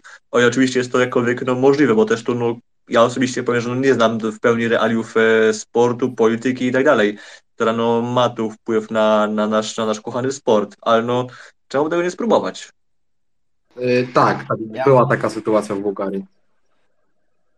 Okej. Okay. Ja uważam, że w ogóle powinniśmy tutaj, by Michał mógł się wypowiedzieć Fiałkowski, ale uważam, że powinniśmy rozdzielić w ogóle Polski Związek Motorowy, podzielić tak naprawdę nawet na trzy mi się wydaje, bo Polski Związek Motorowy dzisiaj zajmuje się, nie dość, że się zajmuje sprawami e, samochodowymi, to się zajmuje też sprawami motocyklowymi i jeszcze żużlowymi. Trzeba by stworzyć po prostu organizację osobną do samochodów, do motocykli i do żużla uważam, gdyż no tak, gdyż jak wszystko łapanie wielu srok za ogon po prostu nie ma sensu i to nie wypali, a tak naprawdę też jest Orlen, który dzisiaj próbuje się kreować na takiego patrona sportu ogólnie, nie tylko z motorsportu i uważam, że współpraca na linii, przepraszam, Orlen PZM by tutaj wiele dała i można by tutaj w takie kierunki bić, tylko że to trzeba po prostu inicjatywy i po prostu trzeba promocji i naprawdę, żeby wrócić na te tory, bo mamy Silesia mamy Poznań, gdyby Kielce, od, Kielce by trzeba odnowić, bo Kielce mają moim zdaniem też przepiękną nitkę i tak naprawdę by trzeba promocji i takiej chęci, tej chęci, a tej chęci niestety brakuje po prostu. E, jeżeli chodzi o tory wyścigowe, to po pierwsze, tor Kielce prawdopodobnie nigdy nie będzie już e, w pełnej nitce, no bo jednak pełna nitka wybiegała na drogę krajową, która jest używana. Mm, Więc... Do, nie, do, nie, do niedługa, bo tak naprawdę jak już wybudujemy ekspresówkę, no to mm, będzie już to lokalna. Okej, okay. to szczerze mówiąc nie miałem o tym pojęcia, tak więc e, dzięki wielkie za info. Też przy okazji przepraszam pana Janusza, że niestety się wypowiadam, bo tutaj widziałem, że bardzo prosił o, o, to, aby mnie wyciszyć. Niestety na to się chyba nie zapowiada, więc tutaj wyrazy współczucia. No ale wracając do Silesia Ringu. E, parę lat temu dostali licencję warunkową na organizację zawodów WSMP. Tylko, że problem jest taki, że tam nigdy nie będzie zawodów wyścigowych. Dopóki nie będzie zmian, jeżeli chodzi o zabezpieczenia, bo tor fajny, do testowania, do jakiejś jazdy sim racingowej, ale no nie oszukujmy się, na wyścigi troszeczkę wypadałoby zainwestować. Zresztą Tor Poznań także nie jest jakimś genialnym obiektem pod względem zabezpieczeń, co zresztą pokazało parę wypadków w zeszłym roku. Grzegorz wspominał o tym, że będą wyścigi samochodów ciężarowych w tym roku. Trzymam kciuki, że będzie bezpiecznie, że nikt tutaj nie będzie miał jakiegoś wypadku, bo może się to skończyć bardzo źle ale też wracając do tego, trzymam kciuki, że będzie jakaś promocja tego. Automobil Klub Wielkopolski pod koniec zeszłego roku zaczął inwestować trochę w tą promocję. Trochę więcej mówiło się na terenie Poznania, bo generalnie przez lata był też taki problem, że nawet w samym Poznaniu nie było wiadomo o tym, co się dzieje na torze Poznań, który, na który można dojechać komunikacją miejską. Dosłownie można kom dojechać komunikacją miejską, bo też sam to raz y, sprawdziłem. E, w 2019 roku. Więc potrzeba promocji, potrzeba zainteresowania. Czy Polski Związek Motorowy należy zaorać, zrównać, zrównać z ziemią? No wiem, że różni, różni ludzie będą mieli różne opinie. Na pewno bym go nie rozdzielał, bo zobaczcie, że w innych krajach jakoś mamy spokojnie federacje, które zajmują się tym sportem na każdym poziomie, nie tylko motocyklowym, ale także tym samochodowym. Do tego jeszcze PZM jest y, klubem tak naprawdę samochodowym. E, jest mnóstwo stacji kontroli pojazdów, które właśnie utrzymują de facto PZMOD y, w takiej formie, a nie innej. Na pewno potrzeba zmian, jeżeli chodzi o mentalność. Jeżeli chodzi o mentalność organizatorów, jeżeli chodzi o mentalność promotorów. E, wiem, że parę osób tam w komentarzach trochę to wyśmiewało, moje przywiązanie do tej kwestii, no ale nie oszukujmy się, potrzebujemy więcej ludzi. Potrzebujemy więcej ludzi, którzy się tym zainteresują. My tutaj wszyscy praktycznie jesteśmy osobami, które nie potrzebują wiele, aby zobaczyć jakiś wyścig, aby o nim przeczytać, aby zobaczyć zdjęcia. Ale dla takiego szarego, zwykłego obywatela, no potrzeba tego haczyka. Potrzeba tej jednej kwestii, która sprawi, że pojedzie te kilkanaście kilometrów, czy też kilka kilometrów w przypadku Poznania poza miasto i zdecyduje się spędzić ten weekend gdzieś w nieznanym miejscu, oglądając coś dla siebie nieznanego. I być może influencerzy są tą opcją, być może nie. Ciężko powiedzieć, bo tak naprawdę jesteśmy w sytuacji, kiedy stoimy w miejscu. Stoimy w miejscu, bo rajdy samochodowe miały promotora, który praktycznie nic nie zrobił. O tym e, Mikołaj z Rally.pl może, myślę, doskonale opowiedzieć. Był promotor w Rallycrossie, który głównie korzystał na promocji siebie samego, bo to był po prostu zawodnik, który też ściągnął duże pieniądze, aby to było. Też Michał to potwierdzi, bo był trochę w to zaangażowany. W USMP jest promotor, który coś tam próbuje robić, ale na małą skalę.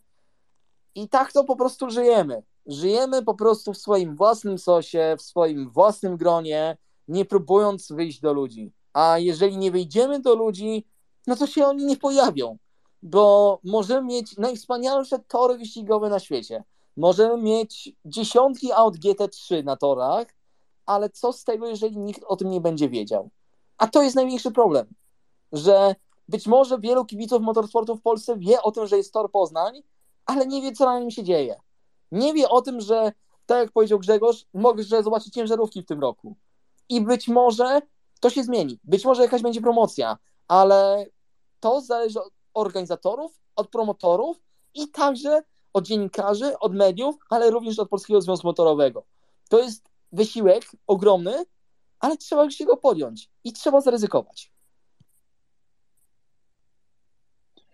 E, I także tak jeszcze tylko szybko powiem, trzeba po prostu jakiegoś takiego mecenasa, który by to objął patronem, bo uważam, że polskim motorsporcie brakuje pieniędzy i to widać i uważam, że taki Orlen wchodząc obecnie do Alfy Tauri to troszkę nie ma sensu. Okej, okay, obecnie z punkt, biznesowego punktu widzenia to się spłaci niesamowicie, ale Orlen patrząc na to, że mógłby wejść w ten polski motorsport, mógłby wejść od podstaw, od F4 finansując od, od kartingu jeszcze szerzej i od F4 tutaj wchodząc albo na polskie podwórko WSMP i tym podobne, mógłby zarobić, e, mógłby zacząć sobie zarabiać jeszcze więcej na tym, żeby na przykład miał pod patronem jakiś talent, który by wszedł później do F3, F2, a może i na końcu do F1, więc tak, u nas brakuje czegoś takiego, żeby pójść od podstaw. U nas chcemy wejść po prostu, to jest ta mentalność, że na gotowe, aniżeli wejść od podstaw.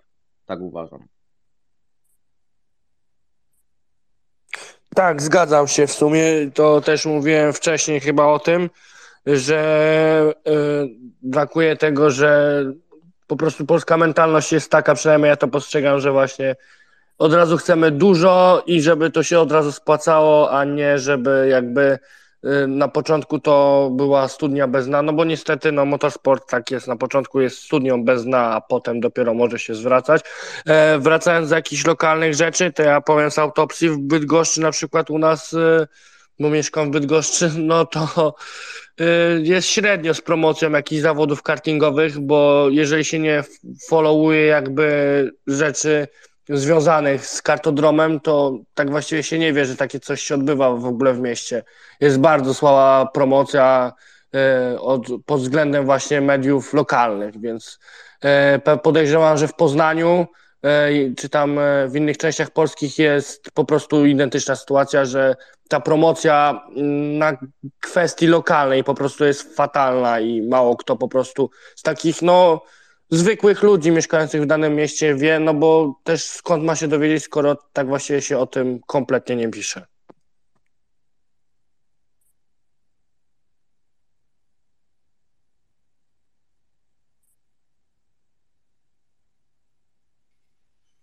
Wiecie co, ja już bym dał spokój tym wszystkim promotorom, bo w sumie nic odkrywczego chyba nie, nie odkryliśmy przez ostatnie pół godziny. No, to jest temat ciężki. Polskie wyścigi to taki trochę bardziej folklor, mam wrażenie, niż, e, niż faktycznie jakaś droga do profesjonalnej kariery. E, że to jest ciężki kawałek chleba, to rzeczywiście też miałem okazję z bliska obserwować. Mieliśmy e, takiego promotora europejskich zawodów Alpe Adria E, no i nagle się okazuje, że jak to nie jest jakiś związek, e, który też ma dofinansowanie, tylko prywatna firma, to ona musi podnieść wpisowe, bo jej się to po prostu nie spina, bo ona musi najpierw wyjść na zero, a potem coś zarobić, a właściwie najpierw coś zarobić. E, więc też nie zrzucałbym tutaj całej winy na, na promotorów, bo to tak naprawdę jakby nie ma znaczenia żadnego dla polskiego motorsportu w tym kontekście E, międzynarodowym i, i, nie ma to żadnego znaczenia w, w kontekście tych naszych młodych kierowców, o których tutaj cały czas e, mówimy, no bo oni już po prostu w tym kraju nie jeżdżą, tylko startują za granicą. No i wszyscy wiemy, że każdy, kto chce coś, to też już poruszaliśmy ten temat, każdy, kto, kto chce cokolwiek osiągnąć, musi E, jak najszybciej z tego kraju e, uciekać. No i pokazał to Robert przed laty, pokazują to kolejni kierowcy, którzy gdzieś tam muszą startować e, za granicą. Jedna kwestia, myślę, o której też warto powiedzieć, to jest to, że kierowcy muszą mieć charakter i muszą nie tylko wygrywać, ale też robić show. I wszyscy widzimy, jak to wygląda w motocyklach, gdzie przez lata mieliśmy Valentino Rossiego i to był kierowca wyróżniający się kompletnie na tle całej stawki. e, nie tylko w wyścigach motocyklowych, ale w sporcie w ogóle, bo nawet ktoś, kto nie kojarzy wyścigów czy motocykli wie, kto to jest Valentino Rossi, bo Rossi robił show, później show robił Mark Marquez, no a reszta tych zawodników jest taka trochę nijaka i to jest też coś, o czym trzeba pamiętać. Oczywiście podstawowym zadaniem kierowcy wyścigowego jest się ścigać, ale, ale mimo wszystko, jak nie jesteś jeszcze na tym poziomie, że jesteś gwiazdą Formuły 1, no to musisz też robić show. No i to oczywiście nie musi być od razu e, chowanie się w tojtoju na poboczu torów Jerez, tak jak to zrobił kiedyś Valentino Rossi, czy przebieranie się tam za e, Królewnę Śnieżkę i siedmiu krasnoludków, ale e, trzeba wokół siebie robić hałas i to jest myślę zdecydowanie ważniejsze niż te kwestie związane z, z promotorami, związkami i tak dalej, bo, bo co by te związki nie zrobiły, no to umówmy się, one też nie dysponują takim budżetem, żeby jednemu czy drugiemu kierowcy zasponsorować sezon startów e, gdziekolwiek, no bo po prostu nie mają takiej kasy. No. PZ Mod ma pod sobą, tak jak już tutaj ktoś zwrócił uwagę, samochody, motocykle, żużel, karting, motocross i, jeszcze 15 innych dyscyplin. Ministerstwo Sportu to jest Ministerstwo Sportu i Turystyki, więc tam jeszcze dochodzi karawaning i jakieś inne wynalazki, e, więc trudno tutaj oczekiwać jakichś, e, jakichś wielkich nakładów. E, I wiem, że niektórzy mają takie przekonanie, że to jest beton i tak dalej, bo to jeszcze po tym starym ustroju, ale to tak nie do końca wygląda, bo e, pojawiają się tam młodzi też ludzie z pomysłami, z wizją, z doświadczeniem z zachodu, bo przecież prezesem PZMOT-u jest od kilku lat już chyba Michał Sikora, który jest myślę takim właśnie przedstawicielem młodego pokolenia. E, no ale mm, nawet tam na szczycie niektórzy mają ręce związane, więc ja bym e, tym rękom dał spokój, ale tu z kolei też widziałem, że jakieś ręce w, górę, w górze były, jeśli chodzi o słuchaczy, więc nie wiem, może są jakieś pytania, e, które, które nam pozwolą troszeczkę zmienić perspektywę tej, tej dyskusji, skądinąd mega ciekawej i mega fajnej. E, wiem, że chyba tu Roxana Ćwik właśnie ze świata wyścigów chciała chyba zabrać głos w końcu. Tak, więc oddajmy teraz tobie głos, Roxanu.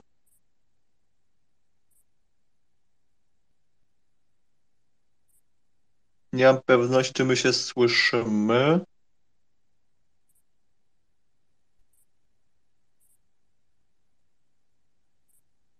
Tak, chyba jest możliwe u Roxany jest jakiś problem techniczny, ale też właśnie nie wspomnieliśmy o takiej fajnej inicjatywie, bardziej wynikającej chyba od y, marki Mazda, no właśnie przecież mamy puchar właśnie Mazdowy i to też jest taki fajny, fajny jakiś punkt zaczepienia. Wspominaliśmy właśnie wielokrotnie o, właśnie o tych influencerach w, go-kartach, czy w, drift, czy w driftach, gdzie indziej. No to właśnie, no chociażby w Pucharze Mazdy, który chyba teraz awansował do rangi bardziej już chyba regionalnej niż krajowej. To też jest taki fajny punkt zaczepienia. Oczywiście, no wiadomo, że no, e, z Pucharu Mazdy trudno dojść do, nie, do F4, czy do, nie, czy do Endurance'ów, ale no doceńmy taki właśnie punkt, e, doceńmy taką właśnie rzecz, którą myślę, że gdzieś tam warto promować. Tak, e, jak najbardziej. Jeżeli chodzi o wyścigowe samochodowe Mistrzostwa Polski, to w ostatnich latach tych e, pucharów pojawiło się kilka. Oczywiście nie mamy takiej serii samej w sobie, jak e, to była Kia Picanto, ale tak jak Grzegorz wspomniał, mamy Mazda MX-5, która teraz dogadała się także z innymi państwami. Wyjazd na Słowakia Ring był niezwykle owocny, jeżeli chodzi o, tą, o ten cykl i dlatego też to będzie bardziej seria Europy Centralnej też będą dopuszczone auta wyprodukowane w innych, e, nie tyle wyprodukowane, co przygotowane w innych państwach pod trochę inne regulaminy, ale dzięki temu powinniśmy spodziewać się większej stawki i generalnie ten sezon pokazał, że można danym kosztem, jak na, w każdym państwie na świecie praktycznie. Stany Zjednoczone, Holandia mają swoje puchary Mazda MX-5, e, niezwykle popularne. W Polsce też jest potencjał, bo to jest relatywnie małym kosztem, jest to jakiś sposób na to, aby właśnie spróbować swoich sił w motorsporcie. E, Nikodem Wierzbicki został zwycięzcą tego cyklu w e, zeszłym roku. Kierowca, który miał doświadczenie już właśnie w pikantach, który trochę próbował swoich sił, ale nie miał tej wielkiej szansy. I co prawda, no ciężko teraz mu będzie przeskoczyć do jakichś aut GT, no ale to jest zawsze coś, co co, co jest na pewno miłe, co na pewno nie jest klasą D, 2, 3, C7, jak są kategorie wyścigowych samochodowych mistrzostw Polski, na czym też można budować popularność. W zeszłym roku mieliśmy także trofeo di serie, czyli jeszcze tańszy puchar z udziałem Fiatów 500. W tym roku pojawi się puchar Toyota GR, e, jaki jako swoisty następca pucharu Toyota Corolla. E, starych Corolli, które ścigały się w ramach WSMP. To akurat tak e, dobrze nie wypaliło jak pozostałe cykle, ale jest potencjał. Jest potencjał i pojawiają się ludzie, którzy chcą coś tworzyć. Tylko ja wiem, że marudzę, i, ale po prostu jako osoba, która no mimo wszystko z całym szacunkiem dla niektórych, no ale jednak trochę w tym polskim motorsporcie widziała i trochę też wie, jak to wszystko wygląda, lepiej niż po prostu z perspektywy Twittera, to widzę, jak to wszystko działa, widzę, jakie jest zainteresowanie, jak jest, jak to po prostu naprawdę wygląda i na, na serio, to, że chcę, aby organizatorzy zaangażowali się w przyciąganie niedzielnych kibiców, to nie jest kwestia tego, że ja się wymądrzam, czy po prostu mam jakieś pomysły z szapy, tylko po prostu, jeżeli chcemy popularyzować ten sport wśród ludzi, to skądś ich musimy wziąć. I takie serie, ta, dobry przykład to jest Volkswagen Castrol Cup, który był w Polsce, właśnie rodziny Gładyszów. E, oni to za to odpowiadali. To było nie tylko w Polsce, to było generalnie w Europie. Były wyjazdy na tory niemieckie, czeskie, słowackie. Była obecność w telewizji, byli sponsorzy, byli też znani, jak chociażby Jerzy Dudek, który najpierw pojechał jako gość, później stał się stałym bywalcem, nawet pojechał w 24 godziny Dubaj, czyli ten wyścigu, e, który niedawno pojechał niejaki Valentino Rossi. Tak więc można coś zrobić, tylko potrzeba ludzi, potrzeba chęci i potrzeba kogoś, kto zdecyduje się przełamać te utarte schematy i tak jak e, Grzegorz powiedział, na przykład założy swój własny puchar, jak Mazda MX-5, założy puchar Toyoty jak polski oddział Toyoty, który to wspiera, który będzie miał pomysł jak Strofeoli Serie, który jest bardziej prywatną inicjatywą, no ale udało się coś stworzyć tanim kosztem, tak jak e, kiedyś udało się stworzyć Kia Picanto Cup, więc potrzeba po prostu chęci, potrzeba ludzi, a może to jakoś się opłaci. Przede wszystkim największym, myślę, dla mnie problemem, jeżeli chodzi o wyścigi, to jest brak takiej perspektywy, że ścigać się w Polsce, powiedzmy, zostaniesz mistrzem Polski tej maździe MX5.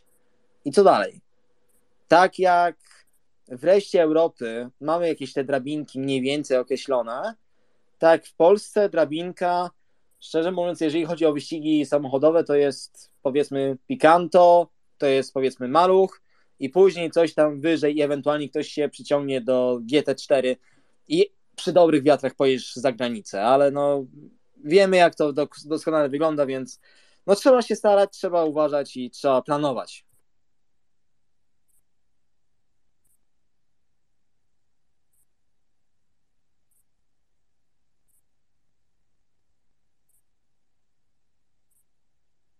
E, to ja jeszcze tylko tak zabiorę, przepraszam, głos, bo tutaj Krzysztof mówił bardzo fajnie właśnie o, o pucharze Kia Picanto, pucharze Mazda MX-5 i uważam, że gdzieś w Polsce nam po prostu brakuje też TCR-ek, bo gdzieś w Polsce TC, TCR-ki troszkę zaniknęły i ja nie słyszałem w, trochę o tych TCR-kach, a to jest właśnie po takiej maździe fajny przeskok, bo z TCR-ek można przeskoczyć czy to do jakichś e, pucharów pokroju Ferrari Challenge, Porsche Carrera Cup czy Lamborghini Super Trofeo, albo do GT4 lub GT3, no przykład Szymona Ładniaka, który z niemieckiego TCR-u przeskoczył teraz właśnie do Ferrari Challenge, więc gdzieś ten polski TCR, żeby by było fajnie, gdyby się odbudował i gdybyśmy w tym kierunku poszli po właśnie pucharze Mazdy.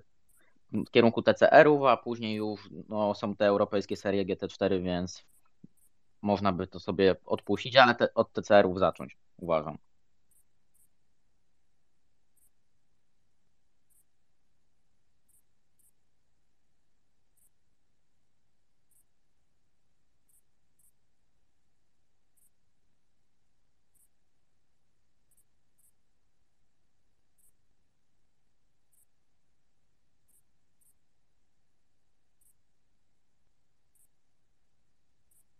No to może ja powiem, że na przykład w cyklu Tarmac Masters, który się odbywa na Dolnym Śląsku, są na przykład puchary C2 Cup, yy, i też tego, tego innego, tego typu podobne klasy, na przykład w naszych lokalnych rajdach na Dolnym Śląsku.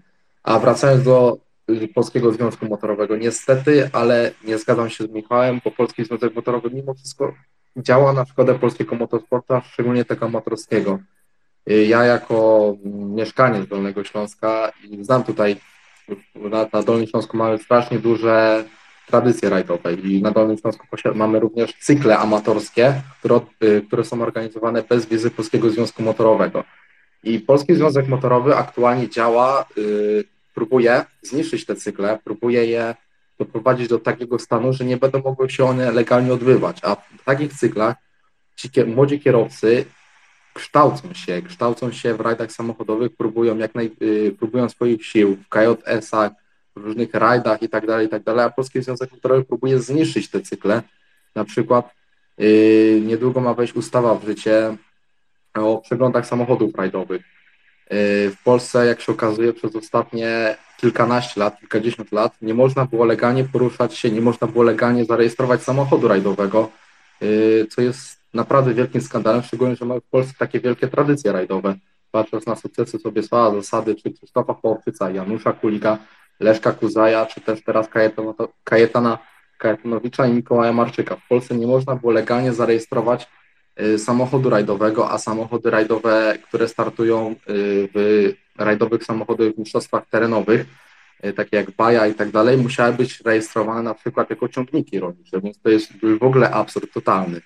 I Polski Związek Motorowy chce doprowadzić, chce wprowadzić takie przepisy w życie, że nie będzie można mm, nie będzie można legalnie startować czy prowadzić samochodu rajdowego w imprezach, które nie są y, pod wizą Polskiego Związku Motorowego. Na Dolnym Śląsku, czy w ogóle w Polsce dużo jest takich imprez, bo na przykład mamy y, MSP Rally Trophy, to są na przykład Walińska Zimówka, Walińskie Lato i tak i tak, Ride Wikinga i tak dalej, i tak dalej, a te imprezy naprawdę zgromadzają, mają bardzo dużą frekwencję i niestety Polski Związek Motorowy działa na szkodę y, sportu samochodowego, jeżeli chodzi o rajdy samochodowe i myślę, że też nie tylko. Dobry wieczór wszystkim. Czy mnie teraz słychać? Tak, tak słychać tak, Roxano. Super, miło mi wszystkim, y, wszystkich Was tutaj widzieć. Chciałam poruszyć kilka tematów, ale wiem, że nie zdążę, bo jest dość późna godzina. Jeżeli rozmawiamy o polskim motorsporcie, to powinniśmy też porozmawiać na temat pewnego projektu, który miał miejsce w 2014 lub 2015 roku, czyli słynne centrum, które miało powstać niedaleko Gdańska. Nie wiem, czy panowie pamiętają, na pewno Mik Fiałkowski pamięta, bo był ze mną na tej konferencji. E, miało powstać Narodowe Centrum Sportów Motorowych i Rekreacji, którego projektantem był sam Herman Tilke, który przecież był w Gdańsku. Projekt e, został opłacony, są różne kwoty podawane, ile ten projekt kosztował. E, co ciekawe, ten tor miał powstać na, na 200-hektarowej działce. Były plany, potem się okazało, że są jakieś problemy z plagiatowaniem przez jedna z firm gdańskich oskarżyła Hermana Tilke o to, że splagiatowała je, ich tor.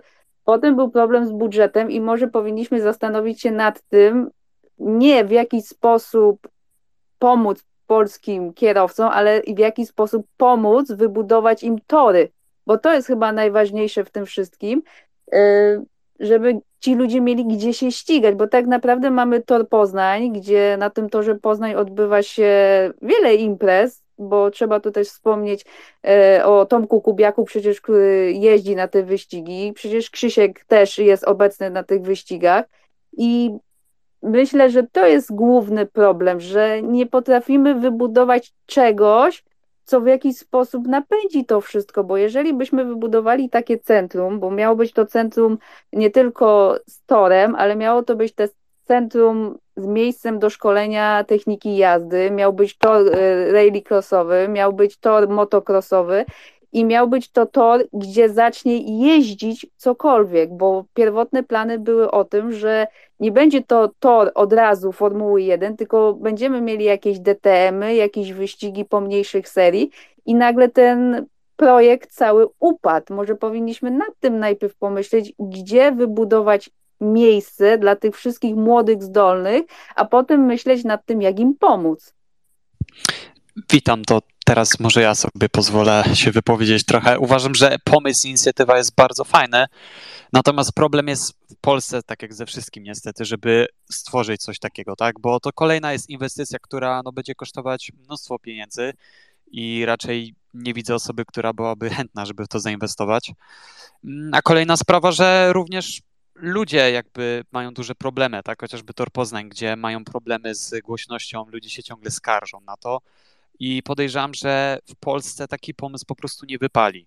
I, tu jest główny problem takiej inwestycji, w ogóle rozwoju również kierowców w Polsce, tak? Jeśli chodzi o, o w ogóle jakąś infrastrukturę e, sportową, żeby w ogóle gdziekolwiek móc się ścigać. Znaczy, wszystko rozbija się o jedną kwestię, to jest za co. Bo miejsce, aby zbudować tor wyścigowy, no, znalazłoby się. Chociażby ten przykład w Gdańsku, o którym e, wspominałaś, e, Roxana. Tam było miejsce, tylko wszystko rozbiło się o podstawową kwestię, czyli pieniędzy. Przed pandemią Automobil Klub Częstochowski miał pomysł, aby zrewitalizować e, ichniejszy obiekt, na którym dawniej były właśnie zawody kartingowe i zbudować tor z prawdziwego zdarzenia, w cudzysłowie. Autodrom Słomczyn od lat planuje rozbudowę nitki kartingowej, tak zwanej, aby na terenie giełdy przedłuż- zbudować coś więcej, aby to była nitka, która ma te przynajmniej 3 km długości, aby cokolwiek więcej dało się organizować. Tylko, że wszystko obija się o jedną podstawową kwestię, czyli brak pieniędzy. I dyskutowaliśmy o tym, że nie ma pieniędzy na kierowców, a nie ma, a co dopiero mówić o tym, aby zbudować porządny tor wyścigowy. No niestety, to jest kwestia lat zaniedbań, że kiedy na całym zachodzie budowano różne obiekty permanentne, a nie takie jak Tor Kielce, które były częściowo permanentne i wyjeżdżały na drogę krajową, co zawsze było ryzykowną opcją, że kiedyś to się zmienie i być może to wróci za parę lat, jak powstanie wspomniana wcześniej ekspresówka, to jesteśmy z jednym torem, kiedy nawet w Czechach mamy autodrom Brno, mamy autodrom Most, kiedy na Słowacji mamy Slowakia Ring z kilkoma konfiguracjami i to są tory, to są kraje, które są dużo mniejsze niż Polska, a my mamy tylko jeden tor Poznań, jeżeli chodzi o tory wyścigowe i no też ciężko jest budować nawet Mistrzostwa Polski, opierając się tylko o jeden tor. Można oczywiście, e, to też wspomniał ktoś w odpowiedziach pisemnych, że kiedyś było więcej wyjazdów za granicę, tylko jest podstawowy problem. Każdy taki wyjazd to są dodatkowe koszta. A biorąc pod uwagę fakt, że WSMP utrzymuje się głównie z zawodników, którzy startują za własne, za własne pieniądze, to ciężko będzie ich przekonać, aby dokładali kilometry tylko po to, aby pojechać sobie na jeden weekend na Litwę, do Niemiec, do Słowacji. Zresztą porównajcie sobie, jaka jest frekwencja na krajowych rundach, czy to WSMP, czy to Mistrzostw Polski Rallycross, czy to jakichkolwiek innych zawodów rangi Mistrzostw Polskich, które odbywają się w kraju, a jaka jest frekwencja za granicą. Po prostu to jest kwestia kosztów. No wiadomo, że jak ktoś mieszka w Gdańsku czy w Zakopanem, to nie jest, to, to nie jest problem, bo z takiego Zakopanego będzie i tak bliżej do, do Brna na przykład. No ale większość kierowców, większość zespołów woli startować w Polsce. Więc jak nie będzie infrastruktury, to też nie będzie zawodów, ale aby była infrastruktura, to musi być ktoś, kto wyłoży pieniądze. E, była dyskusja o tym, czy rząd, czy państwo będzie coś wykładać. Oczywiście, że nie.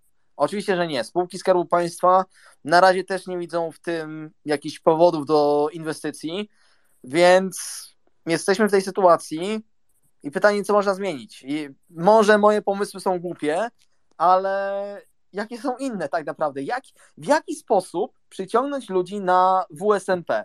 W jaki sposób przyciągnąć ludzi na wyścigi motocyklowe w Poznaniu? W jaki sposób przyciągnąć ludzi na karting? Jeżeli mogę odnieść się do tego, co mówiłeś, Krzysztofie, to ja dość długo interesowałam się wątkiem tego Narodowego Centrum, które miało powstać. I jeżeli chodzi o pieniądze, zgadza się, bo budowa tego samej nitki toru wyścigowego na tamte czasy to było 100 milionów złotych. Całość miała kosztować około 400 milionów złotych. I okazywało się, że jeżeli połączono by budżety trójmiasta przeznaczone na sport, to, to była kropla w morzu potrzeb. W pewnym momencie, tam chyba po roku czy półtora roku później, pojawił się jakiś tajemniczy inwestor, który powiedział: OK, wyłożę kasę, ale niech PZ PZN nam pomoże. No, przedstawiciele powiedzieli, OK, pomożemy, nie będzie z tym problemu, jeżeli pan wyłoży pieniądze. Osoba, która się zgłosiła do finansowania tego całego centrum, nagle zniknęła. Hermanowi tylko zapłacono za projekt, który po prostu został tylko projektem. Chyba były trzy jeszcze jakieś tam poboczne konferencje, ale ta główna, najgłówniejsza ściągnęła masę ludzi. Y, byli eksperci ze szkoły jazdy, z bezpiecznej szkoły jazdy, w jaki sposób szkolić tych kierowców. Był cały plan zagospodarowania i tam to nie tylko miało się odnosić do tego, że to będzie tor wyścigowy, ale tam miał być kompleks hoteli, miałby, miały być galerie, miały być jakieś y, miejsca rozrywki.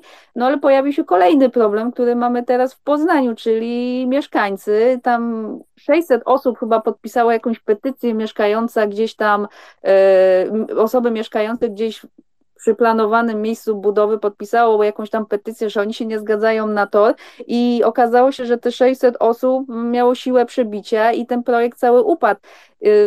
Wydaje mi się, że powinniśmy nad tym trochę się też pochylić i podrążyć trochę ten temat. Dlaczego tak się stało, że no przecież Herman Tilke, no znane imię i nazwisko, pracownia Hermana jest znana na całym świecie, ktoś taki się pofatygował do Polski, zaprojektował za grube pieniądze tor, przedstawił ten tor, Michał, na pewno pamiętasz te, te, te nitki toru, co, co Herman opisywał, i to był bardzo fajny tor, który mógł przynieść bardzo duże korzyści, bo to nie miał być, tak jak wspominałam, sam tor, tylko wiele rzeczy w jednym i szkoda, że w jakiś sposób tego nie pociągnięto y, do realizacji, albo chociaż się zastanowi- nie zastanawiano się nad tym, w jaki sposób można zrealizować ten projekt, chociaż po części. No bo nawet gdyby wybudowano sam tor kartingowy czy miejsce szkolenia dla kierowców, to też by był jakiś pożytek z tego, bo wtedy w tym miejscu można by było coś jeszcze dobudować, a tak ten plan po prostu powstał, wydano pieniądze na Hermana, Herman się pojawił, trochę o tym pomówiono i nagle temat ucichł. To prawda, ten tor był e, imponujący na papierze. Wizja była piękna, aż zbyt piękna, żeby była prawdziwa. I wszystko rozbiło się o to, że nie było inwestora, bo miało to być budowane w e, partnerstwie publiczno-prywatnym. Tego inwestora szukano, nie znaleziono. E, te wszystkie kwestie jeszcze środowiskowe i tak dalej, mieszkańców, no to już swoją drogą. E, ale tak czy inaczej myślę, że to jakby nie, nie ma i nie miałoby większego wpływu na to, jak się rozwijają kariery naszych młodych kierowców, e, bo czy to jest tor w Poznaniu, czy byłby tor w Gdańsku, to i tak wszystko się sprowadza do tego, o czym już mówiliśmy, że trzeba uciekać do Włoch już w czasach kartingu, że później te zawody wyższych serii i tak odbywają się gdzieś tam E, poza granicami kraju, e, a koszt jest e, gigantyczny i nagle z 500 tysięcy euro, które potrzeba na sezon we Frece, przeszliśmy na 100 tysięcy złotych potrzebnych na budowę toru, który w sumie nie przybliży nas do tej Formuły 1 w żaden sposób, bo zresztą tam ten tor nie miał wymaganej wymaganego certyfikatu na e, zawody Formuły 1 czy MotoGP, tych najwyższych serii, e, więc kończyłoby to się rzeczywiście na jakimś DTM-ie e, czy innych tego typu zawodach. No ale szkoda, szkoda. Ja gdzieś tam do dzisiaj mam medal z zawodów kartingowych, które się wtedy odbywały. Myślę, że Michael Massey byłby dumny z mojego ataku w, w deszczu, ostatniej szykanie. W deszczu, powiedz, że w deszczu tak, tak. wygrałeś. Tak. Drugi byłem, czy trzeci, ale tak nie, bardzo niesportowo e, tam na finiszu. No, było wesoło. E, taki Pastor Maldonado klasyczny. E, w każdym razie, e, bo ja sam jestem ciekaw, jak zapatrują się e, Mateusz i Kacper na perspektywę trzech, pięciu kolejnych sezonów, e, jak to u nich wygląda z takim długofalowym planem. O ile odnośnie Matiego, no to, to mniej więcej wiem, jak to wygląda, bo, bo znamy się, kumplujemy i współpracujemy. E, Kacpra też oczywiście śledzę, ale jestem ciekaw, jak to wygląda, e, panowie, jeśli mogę zadać pytanie i wywołać was trochę do, e, do tablicy. Gdzie wy siebie widzicie za pięć lat, jeśli chodzi o motorsport? E, to nie wiem, może ja zacznę w takim razie. E, No tak, na pewno jakby cały czas pójście do przodu i, i finalnie chciałbym, kurczę, gdzieś tam wylądować w Mistrzostwach Świata, tak? Czyli mówimy tutaj o łeku. Czy się uda? No to tak jak już rozmawialiśmy tutaj, nie wiadomo, e, bo nie wiadomo jak to wsparcie będzie wyglądać e, w następnych latach. Natomiast na pewno no, taki, taki gdzieś mam cel i, i też się staram cały czas do tego brnąć. E, I mam nadzieję, że cel uda się zdobyć. Na razie skupiam się na tym sezonie, żeby wywalczyć mistrza Europy w końcu i mam nadzieję, że w tym roku uda się go wywalczyć. E, no jeżeli o mnie chodzi, to e, moim głównym celem jest Formuła 1. Może tutaj e, wiele osób sobie pomyśli, że to jest taka nierealna kompletnie wizja i że wie, każdy młody kierowca tak mówi, ale według mnie z dobrym wsparciem i, i z jasno określonym celem jest to możliwe.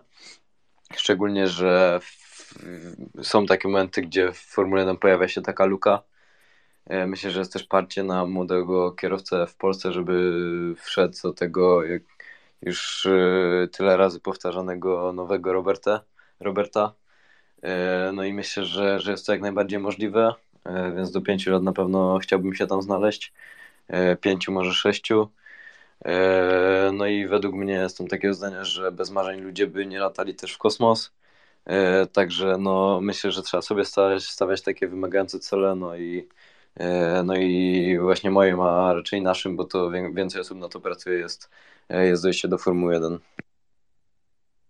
No, najwyżej Kacper, jak się nie uda, to pójdziemy we freak fighty, które tutaj były wymieniane już wcześniej.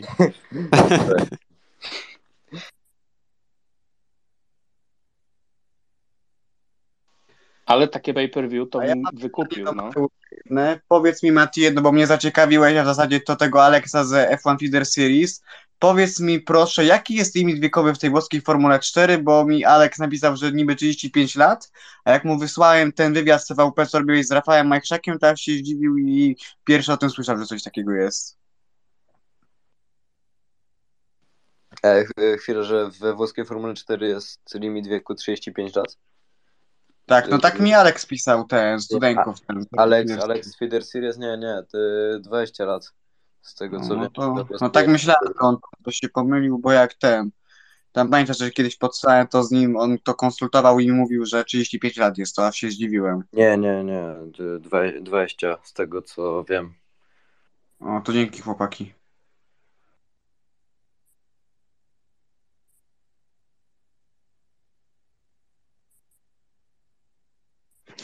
A też tutaj też wiemy, że jest tu kilka osób, które zna się na amerykańskim motorsporcie i moje takie pytanie brzmi, co gdyby FIA spróbowała zrobić ten amerykański system, to jest, że który do, nie, do niedawna był stosowany przez IndyCar, to jest wysokie stypendia za czołowe miejsca, na przykład w Indy Lightsach y, US F2000, czy to jest, ma rację bytu, czy niezbyt?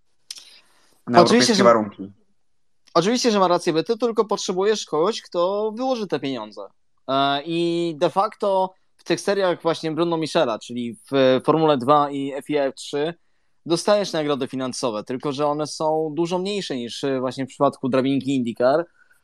I te pieniądze głównie pojawiały się dlatego, że właśnie była Mazda, która finansowała to, był Cooper Tires, był Anderson Promotions, który był promotorem właśnie większości tych serii. Indy Lights teraz jest pod opieką Penske Entertainment, czyli właściciela IndyCar i dlatego to też jest Indy Next. Taka, takie coś na pewno byłoby bardzo opłacalne, tylko że z jednej strony to byłoby korzystne, oczywiście, z dosyć oczywistych powodów, ale za bardzo by to nie pomogło, bo też zobacz, że większość kierowców, którzy zdobywają te tytuły w europejskich seriach, to oni nie muszą martwić się o budżet. Jeżeli chodzi o przeskok z Formuły 2 do Formuły 1, to wtedy faktycznie tu jest problem, jeżeli chodzi o finansowanie, bo widzieliśmy też w ostatnich latach mistrzów F2, którzy do tej Formuły 1 nie trafiali, albo nie trafiali tam od razu.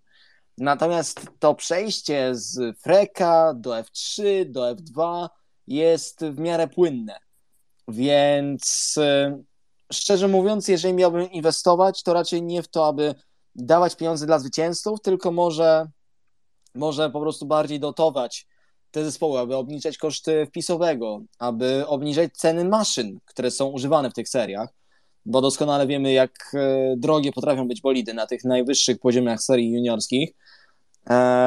A jeżeli chodzi o kwestię też przejścia z F2 do F1, to, to ciężko porównywać ten, tą nagrodę finansową z Indy Next do, do IndyCar, ponieważ w tym przypadku to jest po prostu opłacenie kilku startów, w tym w Indianapolis 500 w przypadku europejskim to musiałoby być opłacenie kilku startów Formuły 1, ale żaden zespół no nie zdecyduje się na coś takiego. Nie jesteśmy w takiej sytuacji, że mamy otwarte zgłoszenia, że każdy, kto ma bolid spełniający wymagania, może wystartować. To nie są lata 90. Więc y, oczywiście program finansowania, taki jak w Stanach Zjednoczonych, byłby ciekawy, tylko że no, na dłuższą metę nie miałby za bardzo sensu, bo byśmy dawali pieniądze tym, którzy te pieniądze mają. Tak naprawdę.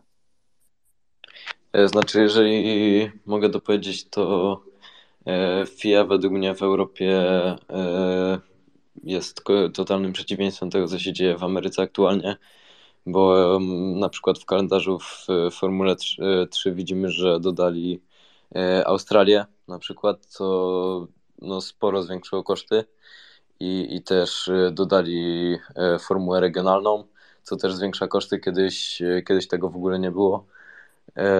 Także jest coraz więcej jakby tych serii, przez które trzeba przejść. Są to punkty do zdobycia licencji, ma to swoje plusy i minusy. No ale te koszty są jednak zwiększane. No i też to, o czym mówiliśmy, jeden, jedna sesja treningowa, co jest według mnie absurdalne. W Formule 3 za takie pieniądze 8, teraz 9 czy 10 weekendów wyścigowych E, za naprawdę duże pieniądze. E, opony są przez Pirelli stworzone tak, że w FIF trzyma się tak naprawdę jedno, dwa kółka, na których można e, pojechać dobry czas i później trzeba włożyć kompletny następny set opon. I no, myślę, że FIA robi bardziej wszystko, żeby utrudnić tym, tym kierowcom z mniejszym budżetem dojście do Formuły 1 E, no a w Ameryce jest, e, jest, jest, wykazują chociaż organizatorzy wsparcie e, dla tych kierowców. No i myślę, że tam jest dużo łatwiej o, o załatwienie jakiegokolwiek budżetu.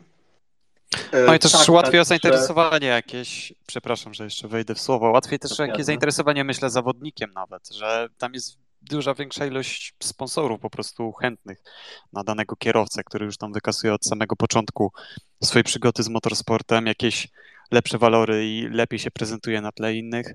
No niestety tutaj w Europie wydaje mi się, że jest to jeszcze trochę takie bardzo wąskie grono i mało kto chce właśnie inwestować w kogoś od najmłodszych lat. To także jest e, trochę inna kwestia. Przepraszam Grzegorz, że tak e, zacząłem, ale akurat e, jeżeli chodzi o drabinkę amerykańską, to ona jest zintegrowana przede wszystkim od tego najniższego poziomu, czyli od USF 2000, czyli od samego początku praktycznie, po wyjściu z kartingu, ścigasz się w padoku IndyCar, czyli możesz pokazać się tym największym zespołom, pokazać swoją wartość. A jeżeli chodzi o sponsorów, to akurat jest bardziej kwestia innej kultury wydawania pieniędzy na, na sport motorowy w Stanach Zjednoczonych, ponieważ nie tyle finansujesz zespoły, co często danych kierowców, czyli po prostu jedno auto. I w takiej sytuacji też łatwiej jest przekonać kogoś, że ej, słuchajcie, skoro jesteście w IndyCar, skoro finansujecie to jedno konkretne auto, tego jednego konkretnego kierowcę, to być może znajdziecie też ułamek tego budżetu na mnie, bo jestem perspektywiczny, jestem obiecujący, tak, chociażby jest w przypadku e, Indy Next i Jamie Chadwick, która ściga się w barwach Andretti Autosport w tym roku i będzie miała te same barwy co Romeo Grosjean, czyli będzie miała barwy DHL-a. Oczywiście tutaj pomaga też kwestia tego, że Chadwick jest znany na całym świecie, więc zdecydowanie jest bardziej medialna, ale takie partnerstwa mają większe przełożenie, kiedy te same, tak właśnie także dlatego, że często te same zespoły startują i tu i tam.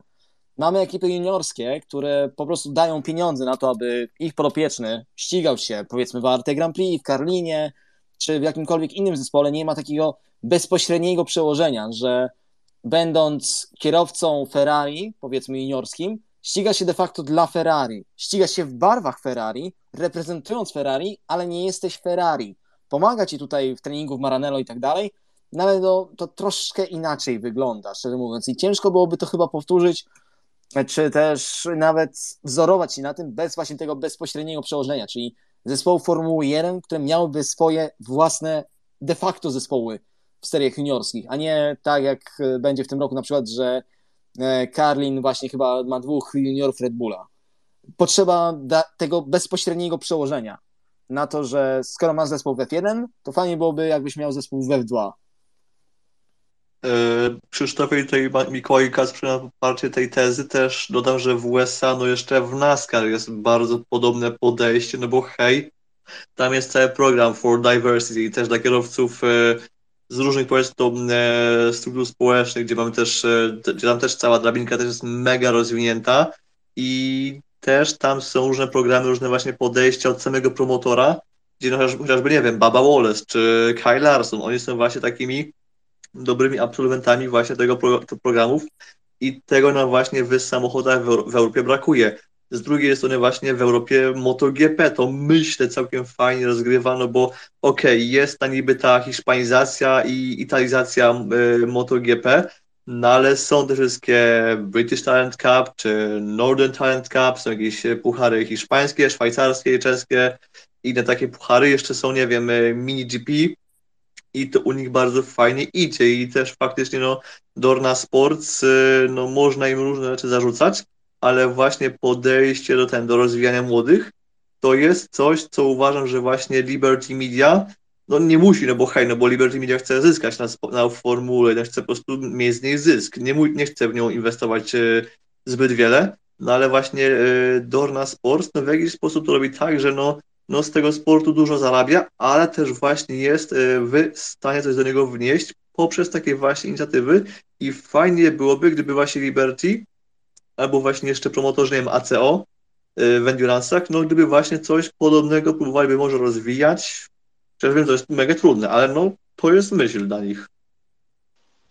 MotoGP zdecydowanie robi kapitalną robotę, jeśli chodzi o promocję młodych talentów i to się wszystko zaczęło od Pucharu Red Bull Rookies, do którego zgłosić się może każdy, kto ma już jakieś sukcesy gdzieś w jakichś zawodach. Później najlepsi są zapraszani na takie testy i wychodzi tam 25 zawodników z tych testów, którzy jadą sezon. Za ten sezon nie muszą płacić ani grosza, wszystko dostają, muszą sobie tylko na tor przylecieć.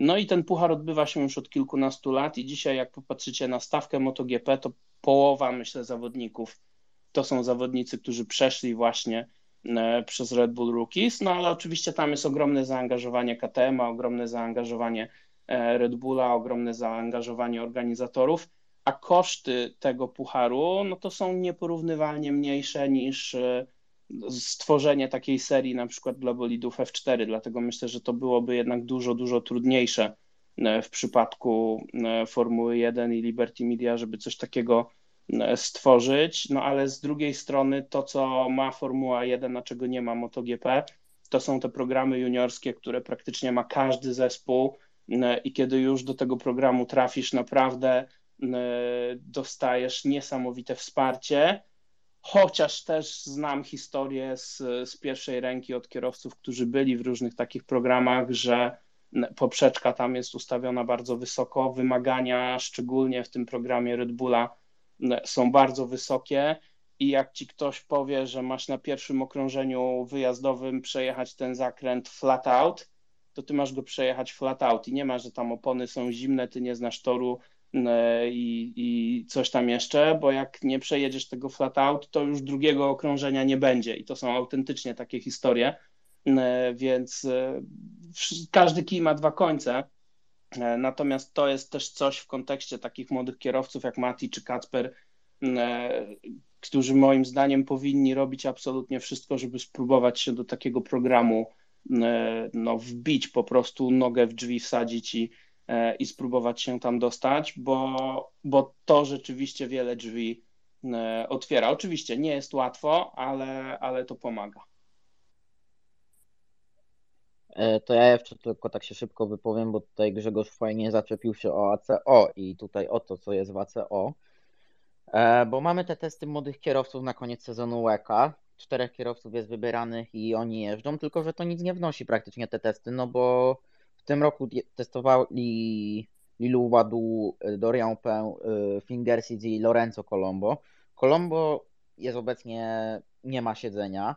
Dorian Pell i tak była wiadomo, że ona ma tak naprawdę plecy Ion Links, Ion Dames, yy, Fel Prem, więc ona była po prostu do tego programu LMP2 Prem, mi się wydaje, już nawet wcześniej desygnowana. Lilu Ładu to pojechała chyba w tym Hypercarze po prostu, żeby pojechać, bo i tak w tego samego dnia były testy z AF Corse zrobione i Richardem Mije. A Finger Seeds najprawdopodobniej też go nie widziałem na listach, więc tutaj bym poszedł te testy młodych kierowców, żeby te testy troszkę tą formę zmienić i nie wybierać tylko czterech kierowców, ale wybierać tych kierowców troszkę więcej, na przykład może 15, 20 i żeby tutaj właśnie też Richarda Mije zaangażować wcześniej wspomnianego, no bo on jak wykładał pieniądze, to on wykładał pieniądze dość dobrze i na przykład no e, w tym roku będzie ten program z AF Corse realizowany w klasie GTE A i myślę, że gdyby takie auto opłacić, dogadać się właśnie z takim AF Corse, wystawić takie auto w klasie GTE AM, opłacane przez Richarda i wrzucić tam takie trzy talenty, to by to fajnie mogło zagrać, albo nawet w takim LMP2, też żeby z LMP2 sfinansować. Akurat jeżeli chodzi o Richarda Mille, to jego bardziej angażować nie trzeba, bo on jest szefem komisji Endurance, jeżeli chodzi o FIA. Więc on jest ogólnie niezwykle ważną postacią, jeżeli chodzi o właśnie WEC i inne tego typu serie. Wiesz, mi chodzi o e, finansowo, Krzysztofie, po prostu finansowo, żeby też tak jakby... No tak, tylko no to jest właśnie kwestia tego, że musiałby z własnej kieszeni zdecydować się na coś takiego, a wiemy, że angażuje się dosyć mocno, bo sponsoruje naprawdę wielu kierowców wyścigowych i nie tylko, bo także rajdowych. Nie wiem, jak to w wyścigach motocyklowych, chyba nikt nie nosi jego zegarków które są dosyć drogie, a no jednak inwestuje trochę w to wszystko, więc dobrze, że ktoś taki jest, że w ogóle jest taka jedna osoba, która decyduje się nawet przekazać ten ułamek swojego majątku na to, aby dawać szansę młodym talentom. Tak jak to było z Tymkiem Kucharczykiem, który dzięki właśnie jego programowi, dzięki jego shootoutowi mógł pojechać pełny sezon w hiszpańskiej Formule 4 i mógł się pokazać. Tylko, że to też trzeba na tyle sprytnie robić, że albo dajemy długą możliwość, że taki program jest powiedzmy trzyletni, czyli powiedzmy zapisując się do takiej Akademii Richarda Milla, czy do jakiegokolwiek innego podobnego projektu, masz pewność, że możesz, możesz się uczyć, możesz się rozwijać, jeżeli, oczywiście im mniej, tym lepiej, ale masz, masz tą poduszkę bezpieczeństwa, że cokolwiek by się nie działo, to jesteś bezpieczny, możesz robić swoje, uczyć się w swoim tempie i pokazywać to tempo z biegiem czasu. Na przykład moim ogromnym problemem z W Series było zawsze to, że to jest po prostu wydanie pieniędzy tylko po to, aby te zawodniczki mogły się pokazać. Ale to nie jest program szkolenia, to nie jest program, który daje jakiekolwiek możliwości rozwoju, bo jest kilka weekendów w roku, spędzasz, spędzasz na torze półtorej godziny, co jest żenujące w porównaniu do innych serii na tym poziomie. Półtorej godziny to spędzasz na jednej sesji testowej we Freka, na przed startem weekendu, nie mówiąc już o wszystkich wyścigach, kwalifikacjach i tak dalej, nie mówiąc już o poziomie, a kiedy można byłoby te wszystkie pieniądze zainwestować właśnie w takie programy trzyletnie dla najbardziej utalentowanych zawodniczek, najbardziej perspektywicznych, aby mogły wyjść z kartingu i nie musiały się przejmować, tak jak to Michał opowiadał, z sytuacjami, że albo pojadą fenomenalnie z marszu, albo ich kariera jest w gruzach, mogą się pakować i całe życie będą kupowały te ustawki i może ktoś ich tutaj zauważy i przygarnie. Więc y, potrzeba programów, jak najbardziej, zgadzam się tutaj, ale muszą to być programy długoterminowe, bo po rocznych programach mamy takich tymków. Niestety, no powiedzmy sobie prost. Dostał swoją szansę, wykorzystał ją, ale no co dalej? to nie jest, to nie jest wina Richarda Mille, oczywiście, ale no, bo takie warunki postawił z góry, ale no co dalej? Dał szansę, pojechał sobie rok ten koleś i może cofnąć się krok w, dół, krok w tył, do kartingu z powrotem, albo może zakończyć karierę w ogóle. Więc pytanie jest, jaki jest sens także takiej jednorazowej inwestycji?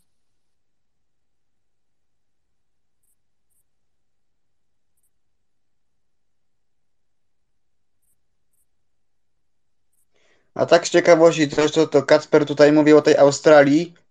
Czy ktoś się orientuje, czy F, FIA jakkolwiek to zrekompensowała zespołom Tutaj też trzeba F3? pamiętać o tym, że to jest jednak biznes i szczególnie w tych wyścigach długodystansowych, wyścigach GT, gdzie mamy wiele prywatnych, niezależnych zespołów i praktycznie wszyscy kierowcy, no, czy 90% kierowców musi wnosić tam budżet E, i nie ma taryfy ulgowej, więc e, jest to bardzo ciężka historia. Zresztą tak samo jest e, w formułach też FIA F3, F2, F4.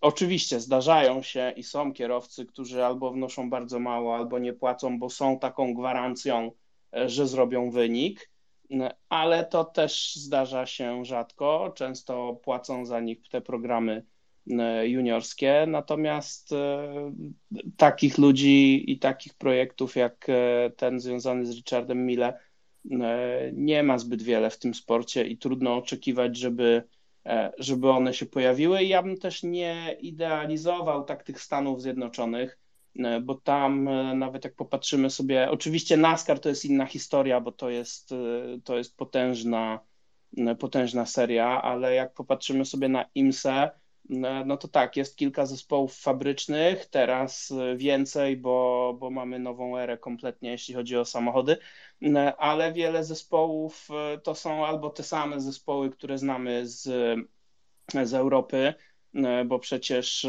w LMP2 walczyło AF Corse i Algarve Pro, więc europejskie tak naprawdę ekipy. I też nie jest tak łatwo znaleźć finansowanie, jeżeli nie jesteś e, gwiazdą najwyższego e, formatu.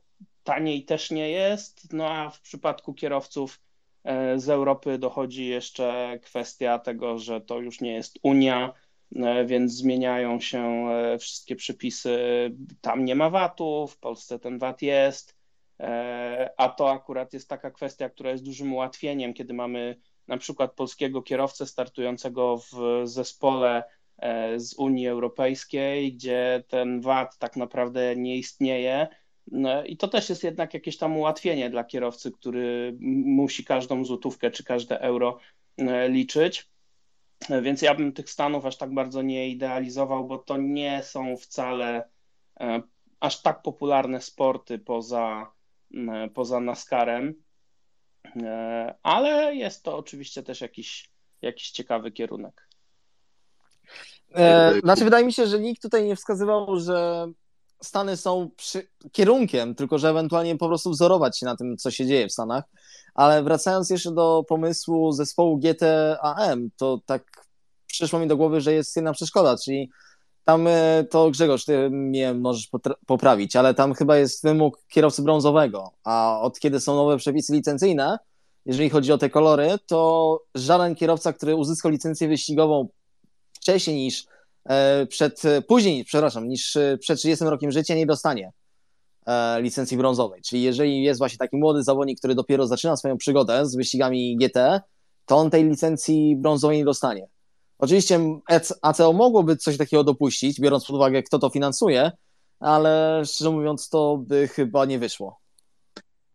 Tak, tu masz rację, też Piotr chyba może to potwierdzić. Wystarczą chyba, że chyba wystarczy, że kierowca załóżmy Formuły 4 przejdzie 2-3 wyścigi i właściwie już z automatu zyskuje licencję srebrną więc ta licencja jego brązowa trwa tak no dosłownie chwilę, więc tak, no bycie tym takim brązem, takim młodym brązem, no już ta furtka została bardzo dawno temu zamknięta, no właśnie e, no też niestety e, temat licencji, e, gradacji licencji właśnie w Endurance jest takim no bardzo trudnym tematem, no bo są ci wszyscy tak zwani super silverze, więc kierowcy, którzy są niby, niby półamatorami, ale już są prawie równi Goldom i teraz weź tu ich wyważ, e, ich performance, ich umiejętności tak, by no, by pozyskanie ich nie sprawiało, że jakaś załoga będzie znacznie lepsza względem, względem reszty w klasie, no to jest taki bardzo skomplikowany temat i to jest e, takie bardzo arbitralne i trudno jest to tak jakoś usystematyzować tak, żeby no nie było, nie było w tym bajzu, żeby wszyscy byli szczęśliwi. I no, no właśnie tak, no trudno jest tutaj nam e, złożyć jakiś taki program, załóżmy do skraju, by mieć e, kierowcę brązowego i żeby właśnie, nie wiem, był on w stanie wnieść jakieś, e, jakieś pieniądze czy coś, no endurance jest jeszcze bardziej pomieszane, no więc musimy tu po prostu dokładać może pieniądze na jakiegoś naszego lokalnego właśnie krajowego kierowcę, kierowcę właśnie ze starą licencją i żeby właśnie on dokładał się do jakiejś załogi właśnie, czy to w FIA WEC, czy może, nie wiem, w GT World Challenge, to też jest y, bardzo mocną serią i żeby właśnie tam gdzieś się rozwijał jako taki ten jeden z kierowców, z członków załogi jakiś tam w klasie Pro Am, chociażby, no mamy, nie wiem, w Pro Amach mieliśmy dawno temu Mateusza Lisowskiego, czy mieliśmy jeszcze rok temu, e, no nie rok temu, mamy przecież e, JP Motorsport, które gdzieś tam też tych paru polskich kierowców rozwija się, rozwija, no. E, pomaga im w karierze, powiedzmy to, więc no jakiś tam trop jest i można gdzieś tam to dalej pociągnąć.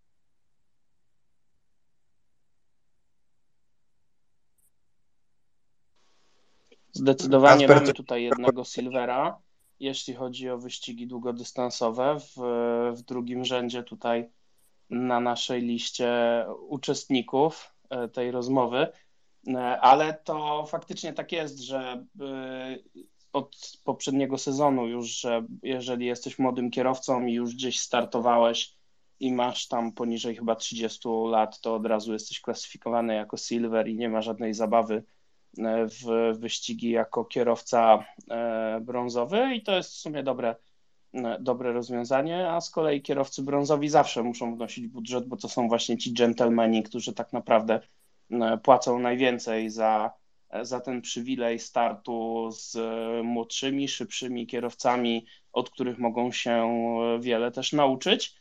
I to jest też taki element E, motorsportu, który niestety utrudnia dobremu kierowcy e, pokazanie się, zrobi, zrobienie wyniku, bo to jest też historia, którą z Matim przerabialiśmy w zeszłym roku, e, gdzie Mateusz był jednym z, no myślę, czołowych kierowców LMS w LMP3, patrząc na jego tempo. Tam na Mondzie był chyba czwartym czy piątym kierowcą z, z całej stawki E, pod względem tempa, no ale co z tego, kiedy jeżeli masz bardzo wolnego brązowego kierowcę, który jeszcze lubi się rozbić, no to niestety ten, ten sukces zupełnie nie jest w Twoich rękach. I, e, I stąd też e, ta zmiana barw, o której być może już wszyscy wiecie, albo też nie, jeśli chodzi o Matiego, na ten sezon w LMS-ie.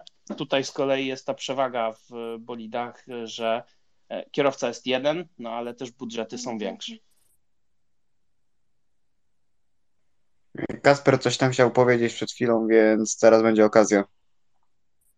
Nie, bo poruszyłeś temat, czy jeszcze wracając, czy FIF, czy, czy, czy FIA zrobiła coś, żeby zredukować koszty, to zrekompensować, tak o to ci chodziło?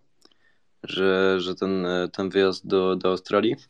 Tak, tak, tak, tak. Czy jakkolwiek to zrekompensowano, czy po hmm. prostu stwierdzili, a po, koszty się podwyższą o 30%. Znaczy, yy, wydaje mi się, że to był taki zabieg bardziej, żeby dać yy, zespołom yy, kolejny pretekst do nałożenia sobie marży kolejnej i większego zarobku. No, stwierdzam po cenach po prostu, jakie się pojawiły na, na nowy sezon i no i poszło to wszystko zdecydowanie w górę i, te, i też, też zespoły tłumaczą to tym wyjazdem do Australii.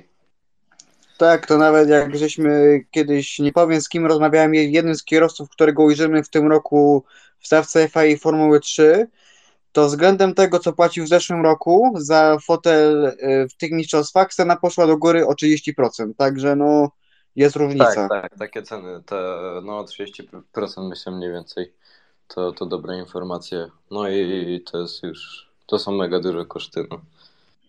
A propos A... też tej F1 Akademii, to kto to finansuje? FIA czy Liberty Media, czy jak to tam wygląda? Czy jeszcze jakiś inny podmiot się w to włączył? E, Liberty Media finansuje część fisowego, część finansują także same zespoły. To jest chyba 500 tysięcy, jak dobrze pamiętam teraz, to 500 tysięcy jest fisowego ze strony zawodniczki, 500 tysięcy daje zespół, a resztę opłaca Liberty Media, czyli całe Formula One Management. A jeżeli chodzi o Grand Prix Australii i te wyjazdy na antypody, to formalnie promotor tego wyścigu płaci e, Bruno Michelowi, ale no, jak ty powiedziałeś, Kuba, jak to też opisał Kacper, te pieniądze chyba nie trafiają do, koniecznie do zawodników, czy też obniżają im koszta, tylko wręcz przeciwnie. No bo to by się zgadzało, tak jak też tutaj, też chciałem wcześniej powiedzieć, jak Michał i Kasper mówili o tych braku testach i że nie da się skoczyć od razu na wysoki poziom, no to tutaj nie jest tajemnicą to, że w wieku 16 lat Roman Stalik był krok od debiutu w Formule 2, no bo taka była wola Charuza, czyli osoby, która też tam wspiera jego karierę i jego ojca, żeby po pierwszym roku świetnym Formule 4 od razu do, poszedł do F2, ale FIA powiedziała, że hola hola, tutaj się ścigamy od 17 lat i mu nie pozwolili, no i chwała Bogu, no bo też nie może być moim zdaniem tak, że ci młodzi zawodnicy, zbyt młodzi awansują do coraz wyższej kategorii, tak, no bo 16-latek w Formule 2, no to też byłaby poważna sprawa, tak samo jak były głosy o tych testach Magnusena czy Jeffrey'ego w Formule 1 w wieku 16 lat, czy też Mag y, Verstappen, przez którego mamy wymagania, jakie mamy, no bo też y, tu chodzi o to, żeby kierowcy, którzy przemierzyli całą drabinkę, byli gotowi, a nie, że tutaj o sobie tutaj, w wieku 16 lat, 16 lat przepraszam, pojedzie Formuła 3 i nagle cyk Formuła 1, to nie o to tu chodzi też.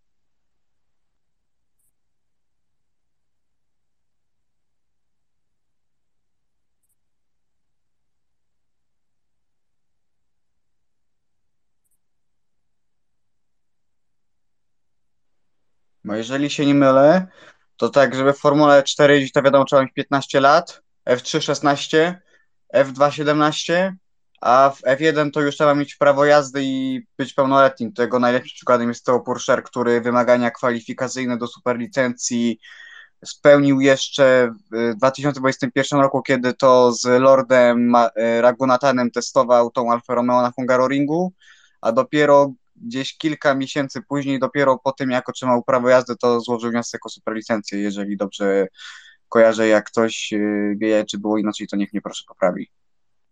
Dokładnie tak, tak to właśnie działa, jak opisałeś, że jeżeli chodzi o superlicencję, to potrzebujesz mieć 18 lat i prawo jazdy i to zostało prowadzone przez de facto Maxa Verstappena, chociaż szczerze mówiąc wydaje mi się, że to i tak by się kiedyś wydarzyło, biorąc pod uwagę że no niestety chce się unikać, niestety, niestety, ale chcemy unikać paydriverów Formuły 1, chcemy promować talenty, chcemy promować dobrych kierowców, więc taki system był koniecznością na dłuższą metę. E, co prawda mieliśmy kwiatki typu Nikolas Latifi, czy pewien pan e, z korzeniami daleko na wschodzie, ale oni musieli przynajmniej się postarać. Oni musieli wymęczyć sobie tą superlicencję, a nie po prostu przyjść, zapłacić. Dzień dobry, panie FIA, mam 300 km w bolidzie F1, proszę o super licencję i tyle. Więc ja szczerze mówiąc bardzo lubię ten system, jestem jego wielkim fanem i oby on tkwił dalej, oczywiście po reformach, bo te się przydadzą.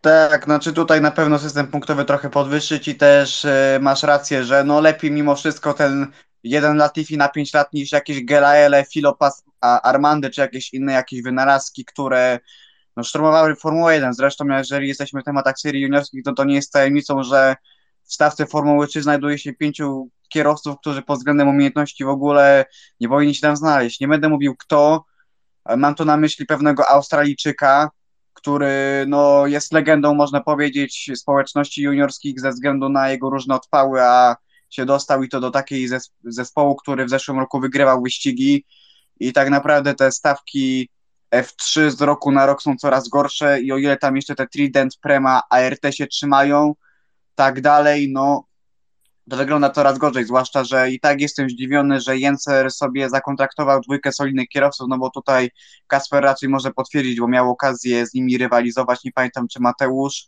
ale mam tu na myśli Taylora Barnarda i Nikita, Bedrina, którzy naprawdę robią fajną robotę w tych wszystkich innych seriach od F4 po teraz Formułę Regional Middle East i no to jest jedyny tak naprawdę promyk nadziei, a reszta na przykład, nie wiem, Karin też ma wynalazki, Van Amersfoort, no to tego Australijczyka, to wspominałem, więc no to, to troszeczkę idzie w złą stronę, bo Kolapin to, to można powiedzieć, że zwłaszcza, że Michał może powiedzieć, że to był kierowca, który tak naprawdę zagwarantował w zeszłym sezonie jedyne dobre finisze dla Van Amersfoort, to był Uścidzima, który ścigał się z Romanem Bilińskim, miał tam swoje można powiedzieć, przebłyski, ale to nie było to, a Rafael Villagomez, no to jest kolejny paydriver z, z Ameryki Środkowej, który no, będzie, będzie jeździł gdzieś tam w F3, F2 i będzie robił na tym karierę.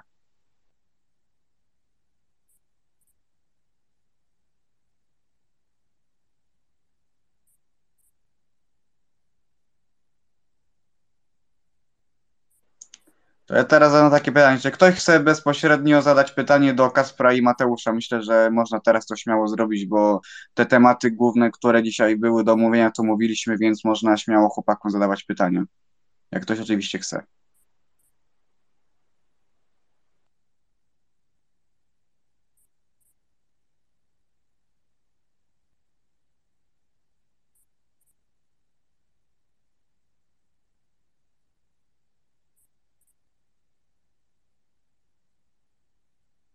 To może ja tak się zapytam Mateuszu, no bo w tym roku e, ELMS będzie miał bardzo ciekawy nowy feature w kalendarzu w postaci tej nocnej rundy na torze Aragon. I tu jestem ciekaw może twoich e, doświadczeń właśnie w jeździe w, no, w warunkach wieczornych, nie tylko chodzi o oświetlenia, też niższe temperatury. I tu jestem ciekaw, czy może jakoś się już przygotowywałeś do, do tego typu zagadnienia, czy może E, jeszcze dopiero będziesz nad, nad tym pracował, czy może masz jakieś swoje odczucia w tym temacie? E, no za sobą mam jeden wyścig, taki może nie nocny, ale bardziej wieczorny, powiedzmy właśnie w ciemnych warunkach. E, także jakieś tam małe doświadczenie mam. Również na symulatorze trochę jeździłem, wiadomo, że to nie jest to samo. No ale cały czas się w jakiś sposób tam przygotowuję właśnie na tą rundę. Jestem bardzo ciekaw, jak to będzie wyglądać. Także zobaczymy tak naprawdę, już na samej rundzie, natomiast no, przygotowuję się cały czas, żeby wypaść jak, jak najlepiej. Też to jest to nowy tor, także też muszę go poznać, ale jestem dobrze nastawiony, także myślę, że będzie dobrze. No, ale też myślę, że chyba w RLRM Sport też myślę, że jesteś chyba w solidnych rękach też.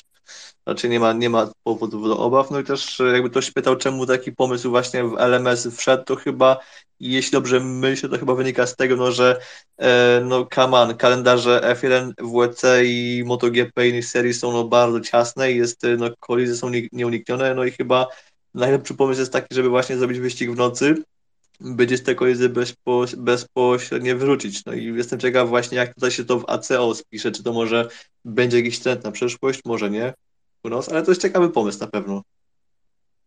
No na pewno jakieś urozmaicenie, prawda? Też kalendarze właśnie, bo, bo w LMS-ie ciągle te wyścigi też były właśnie w ciągu dnia, a teraz mimo wszystko w nocy, także na pewno będzie też fajne widowisko dla widzów, żeby sobie pooglądać ten wyścig.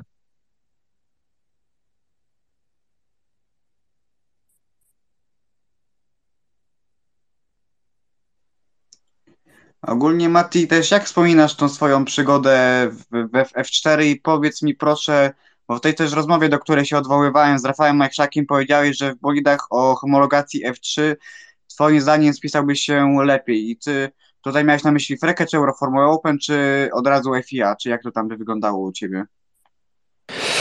No, mi tu głównie chodziło o Frekę na pewno. Mimo wszystko bolidy Formuły 4 są mimo wszystko trudnymi bolidami, mają mało docisku i też ciężko jest tak naprawdę w pierwszym sezonie jadąc bolidem F4 zrobić jakiś dobry wynik, szczególnie nie jeżdżąc w topowym zespole, jak już to zostało powiedziane wcześniej, e, gdzie tych treningów, wszystkiego było po prostu mniej niż w przypadku innych kierowców, także no nie był to łatwy, łatwy rok i, i tak po prostu czułem, że, że gdybym poszedł klasy wyżej po prostu, gdzie tego docisku jest więcej, udałoby mi się łatwiej odnaleźć, bo zresztą w LMP3 już wcześniej jeździłem przed Formułą 4 i dużo lepiej się czułem po prostu w LMP3, bo więcej tego docisku jest w tym samochodzie i dużo lepiej się tam odnajduje.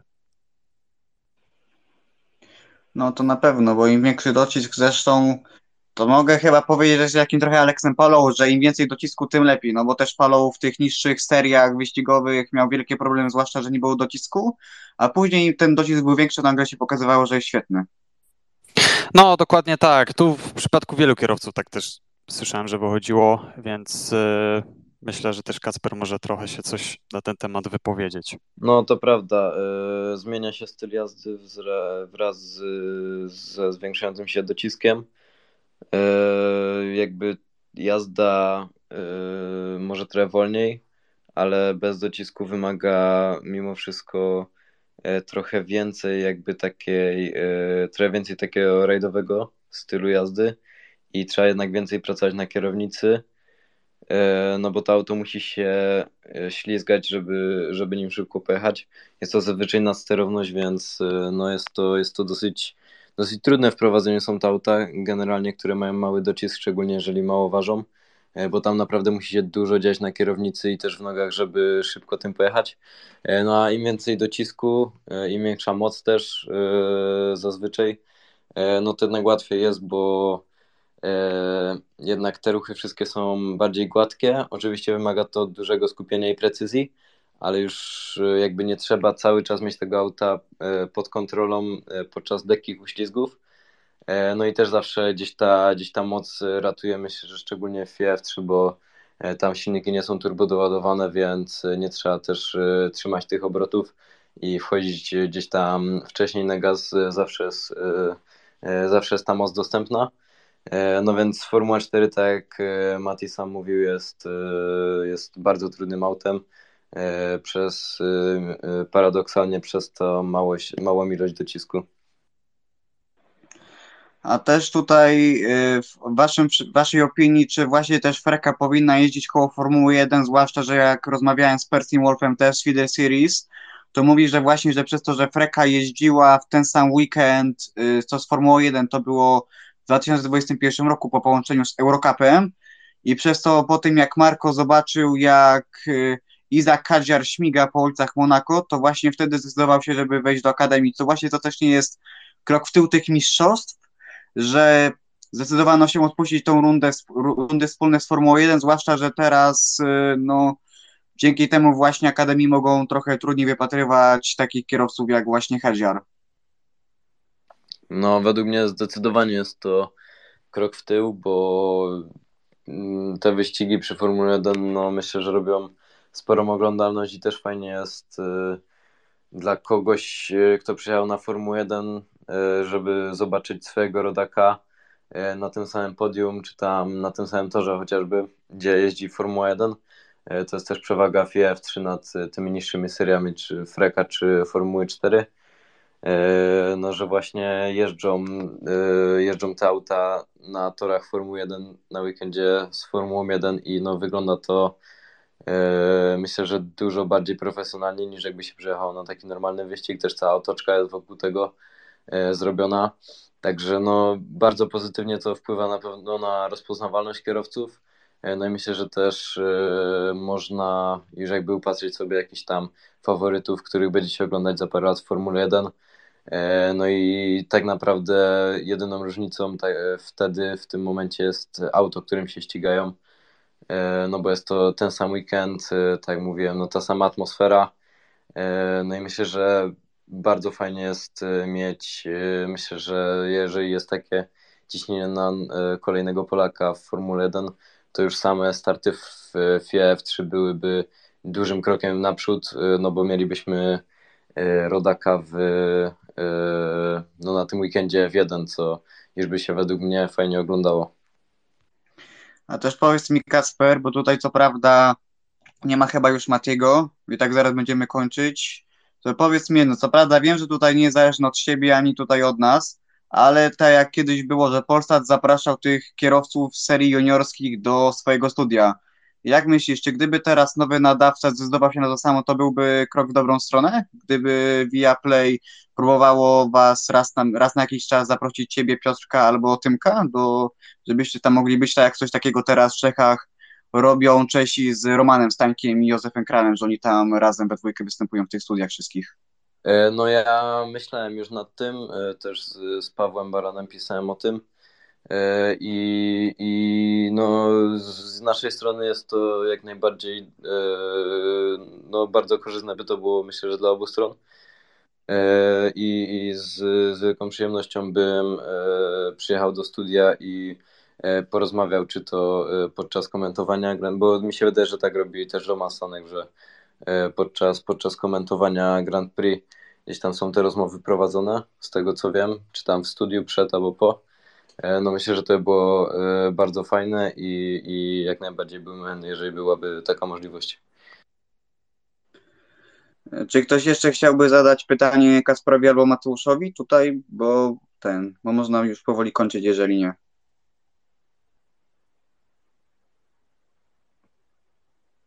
Dobra, czyli chyba nie, także bardzo dziękujemy za dzisiaj. Wiele osób było, wiele ciekawych dyskusji. Także no, dziękujemy za bardzo zaangażowanie, za wszystkie tweety, odpowiedzi. w szczytowym momencie było prawie 200 osób, więc naprawdę dziękuję bardzo. Dziękuję Kacprowi w szczególności za to, że się pojawił, Mateuszowi też, ale to do niego chyba będę musiał sam napisać. Dziękuję tutaj Krzyś, Krzyśkowi Woźniakowi, który no, prężnie dyskutował, Michał, Michałowi Fiałkowskiemu, a także Bartkowi Pokrzywińskiemu i Budnikowi, którzy tutaj się przewijali, jak i wszystkim innym osobom z redakcji i, i, i motorsportowych y, serwisów, także naprawdę dziękujemy dla Was, mamy nadzieję, że jakoś chłopakom w ten sposób ta debata można, mogła powiedzieć nam, otworzyła troszeczkę oczy bardziej na chłopaków, co tam bardziej można zrobić z tym, no i no, ale to niech, e, tak jak mówię, niech sami chłopaki się najlepiej wypowiedzą, bo to można było, że dla nich było robione. Także dziękuję bardzo. Dzięki wielkie. Również dziękuję Jakubie. Dzięki wielkie za rozmowę i do zobaczenia, mam nadzieję. No, to, do zobaczenia wszystkim i dziękuję za te jeszcze raz za te spędzone 3,5 godziny. Naprawdę było warto tutaj siedzieć.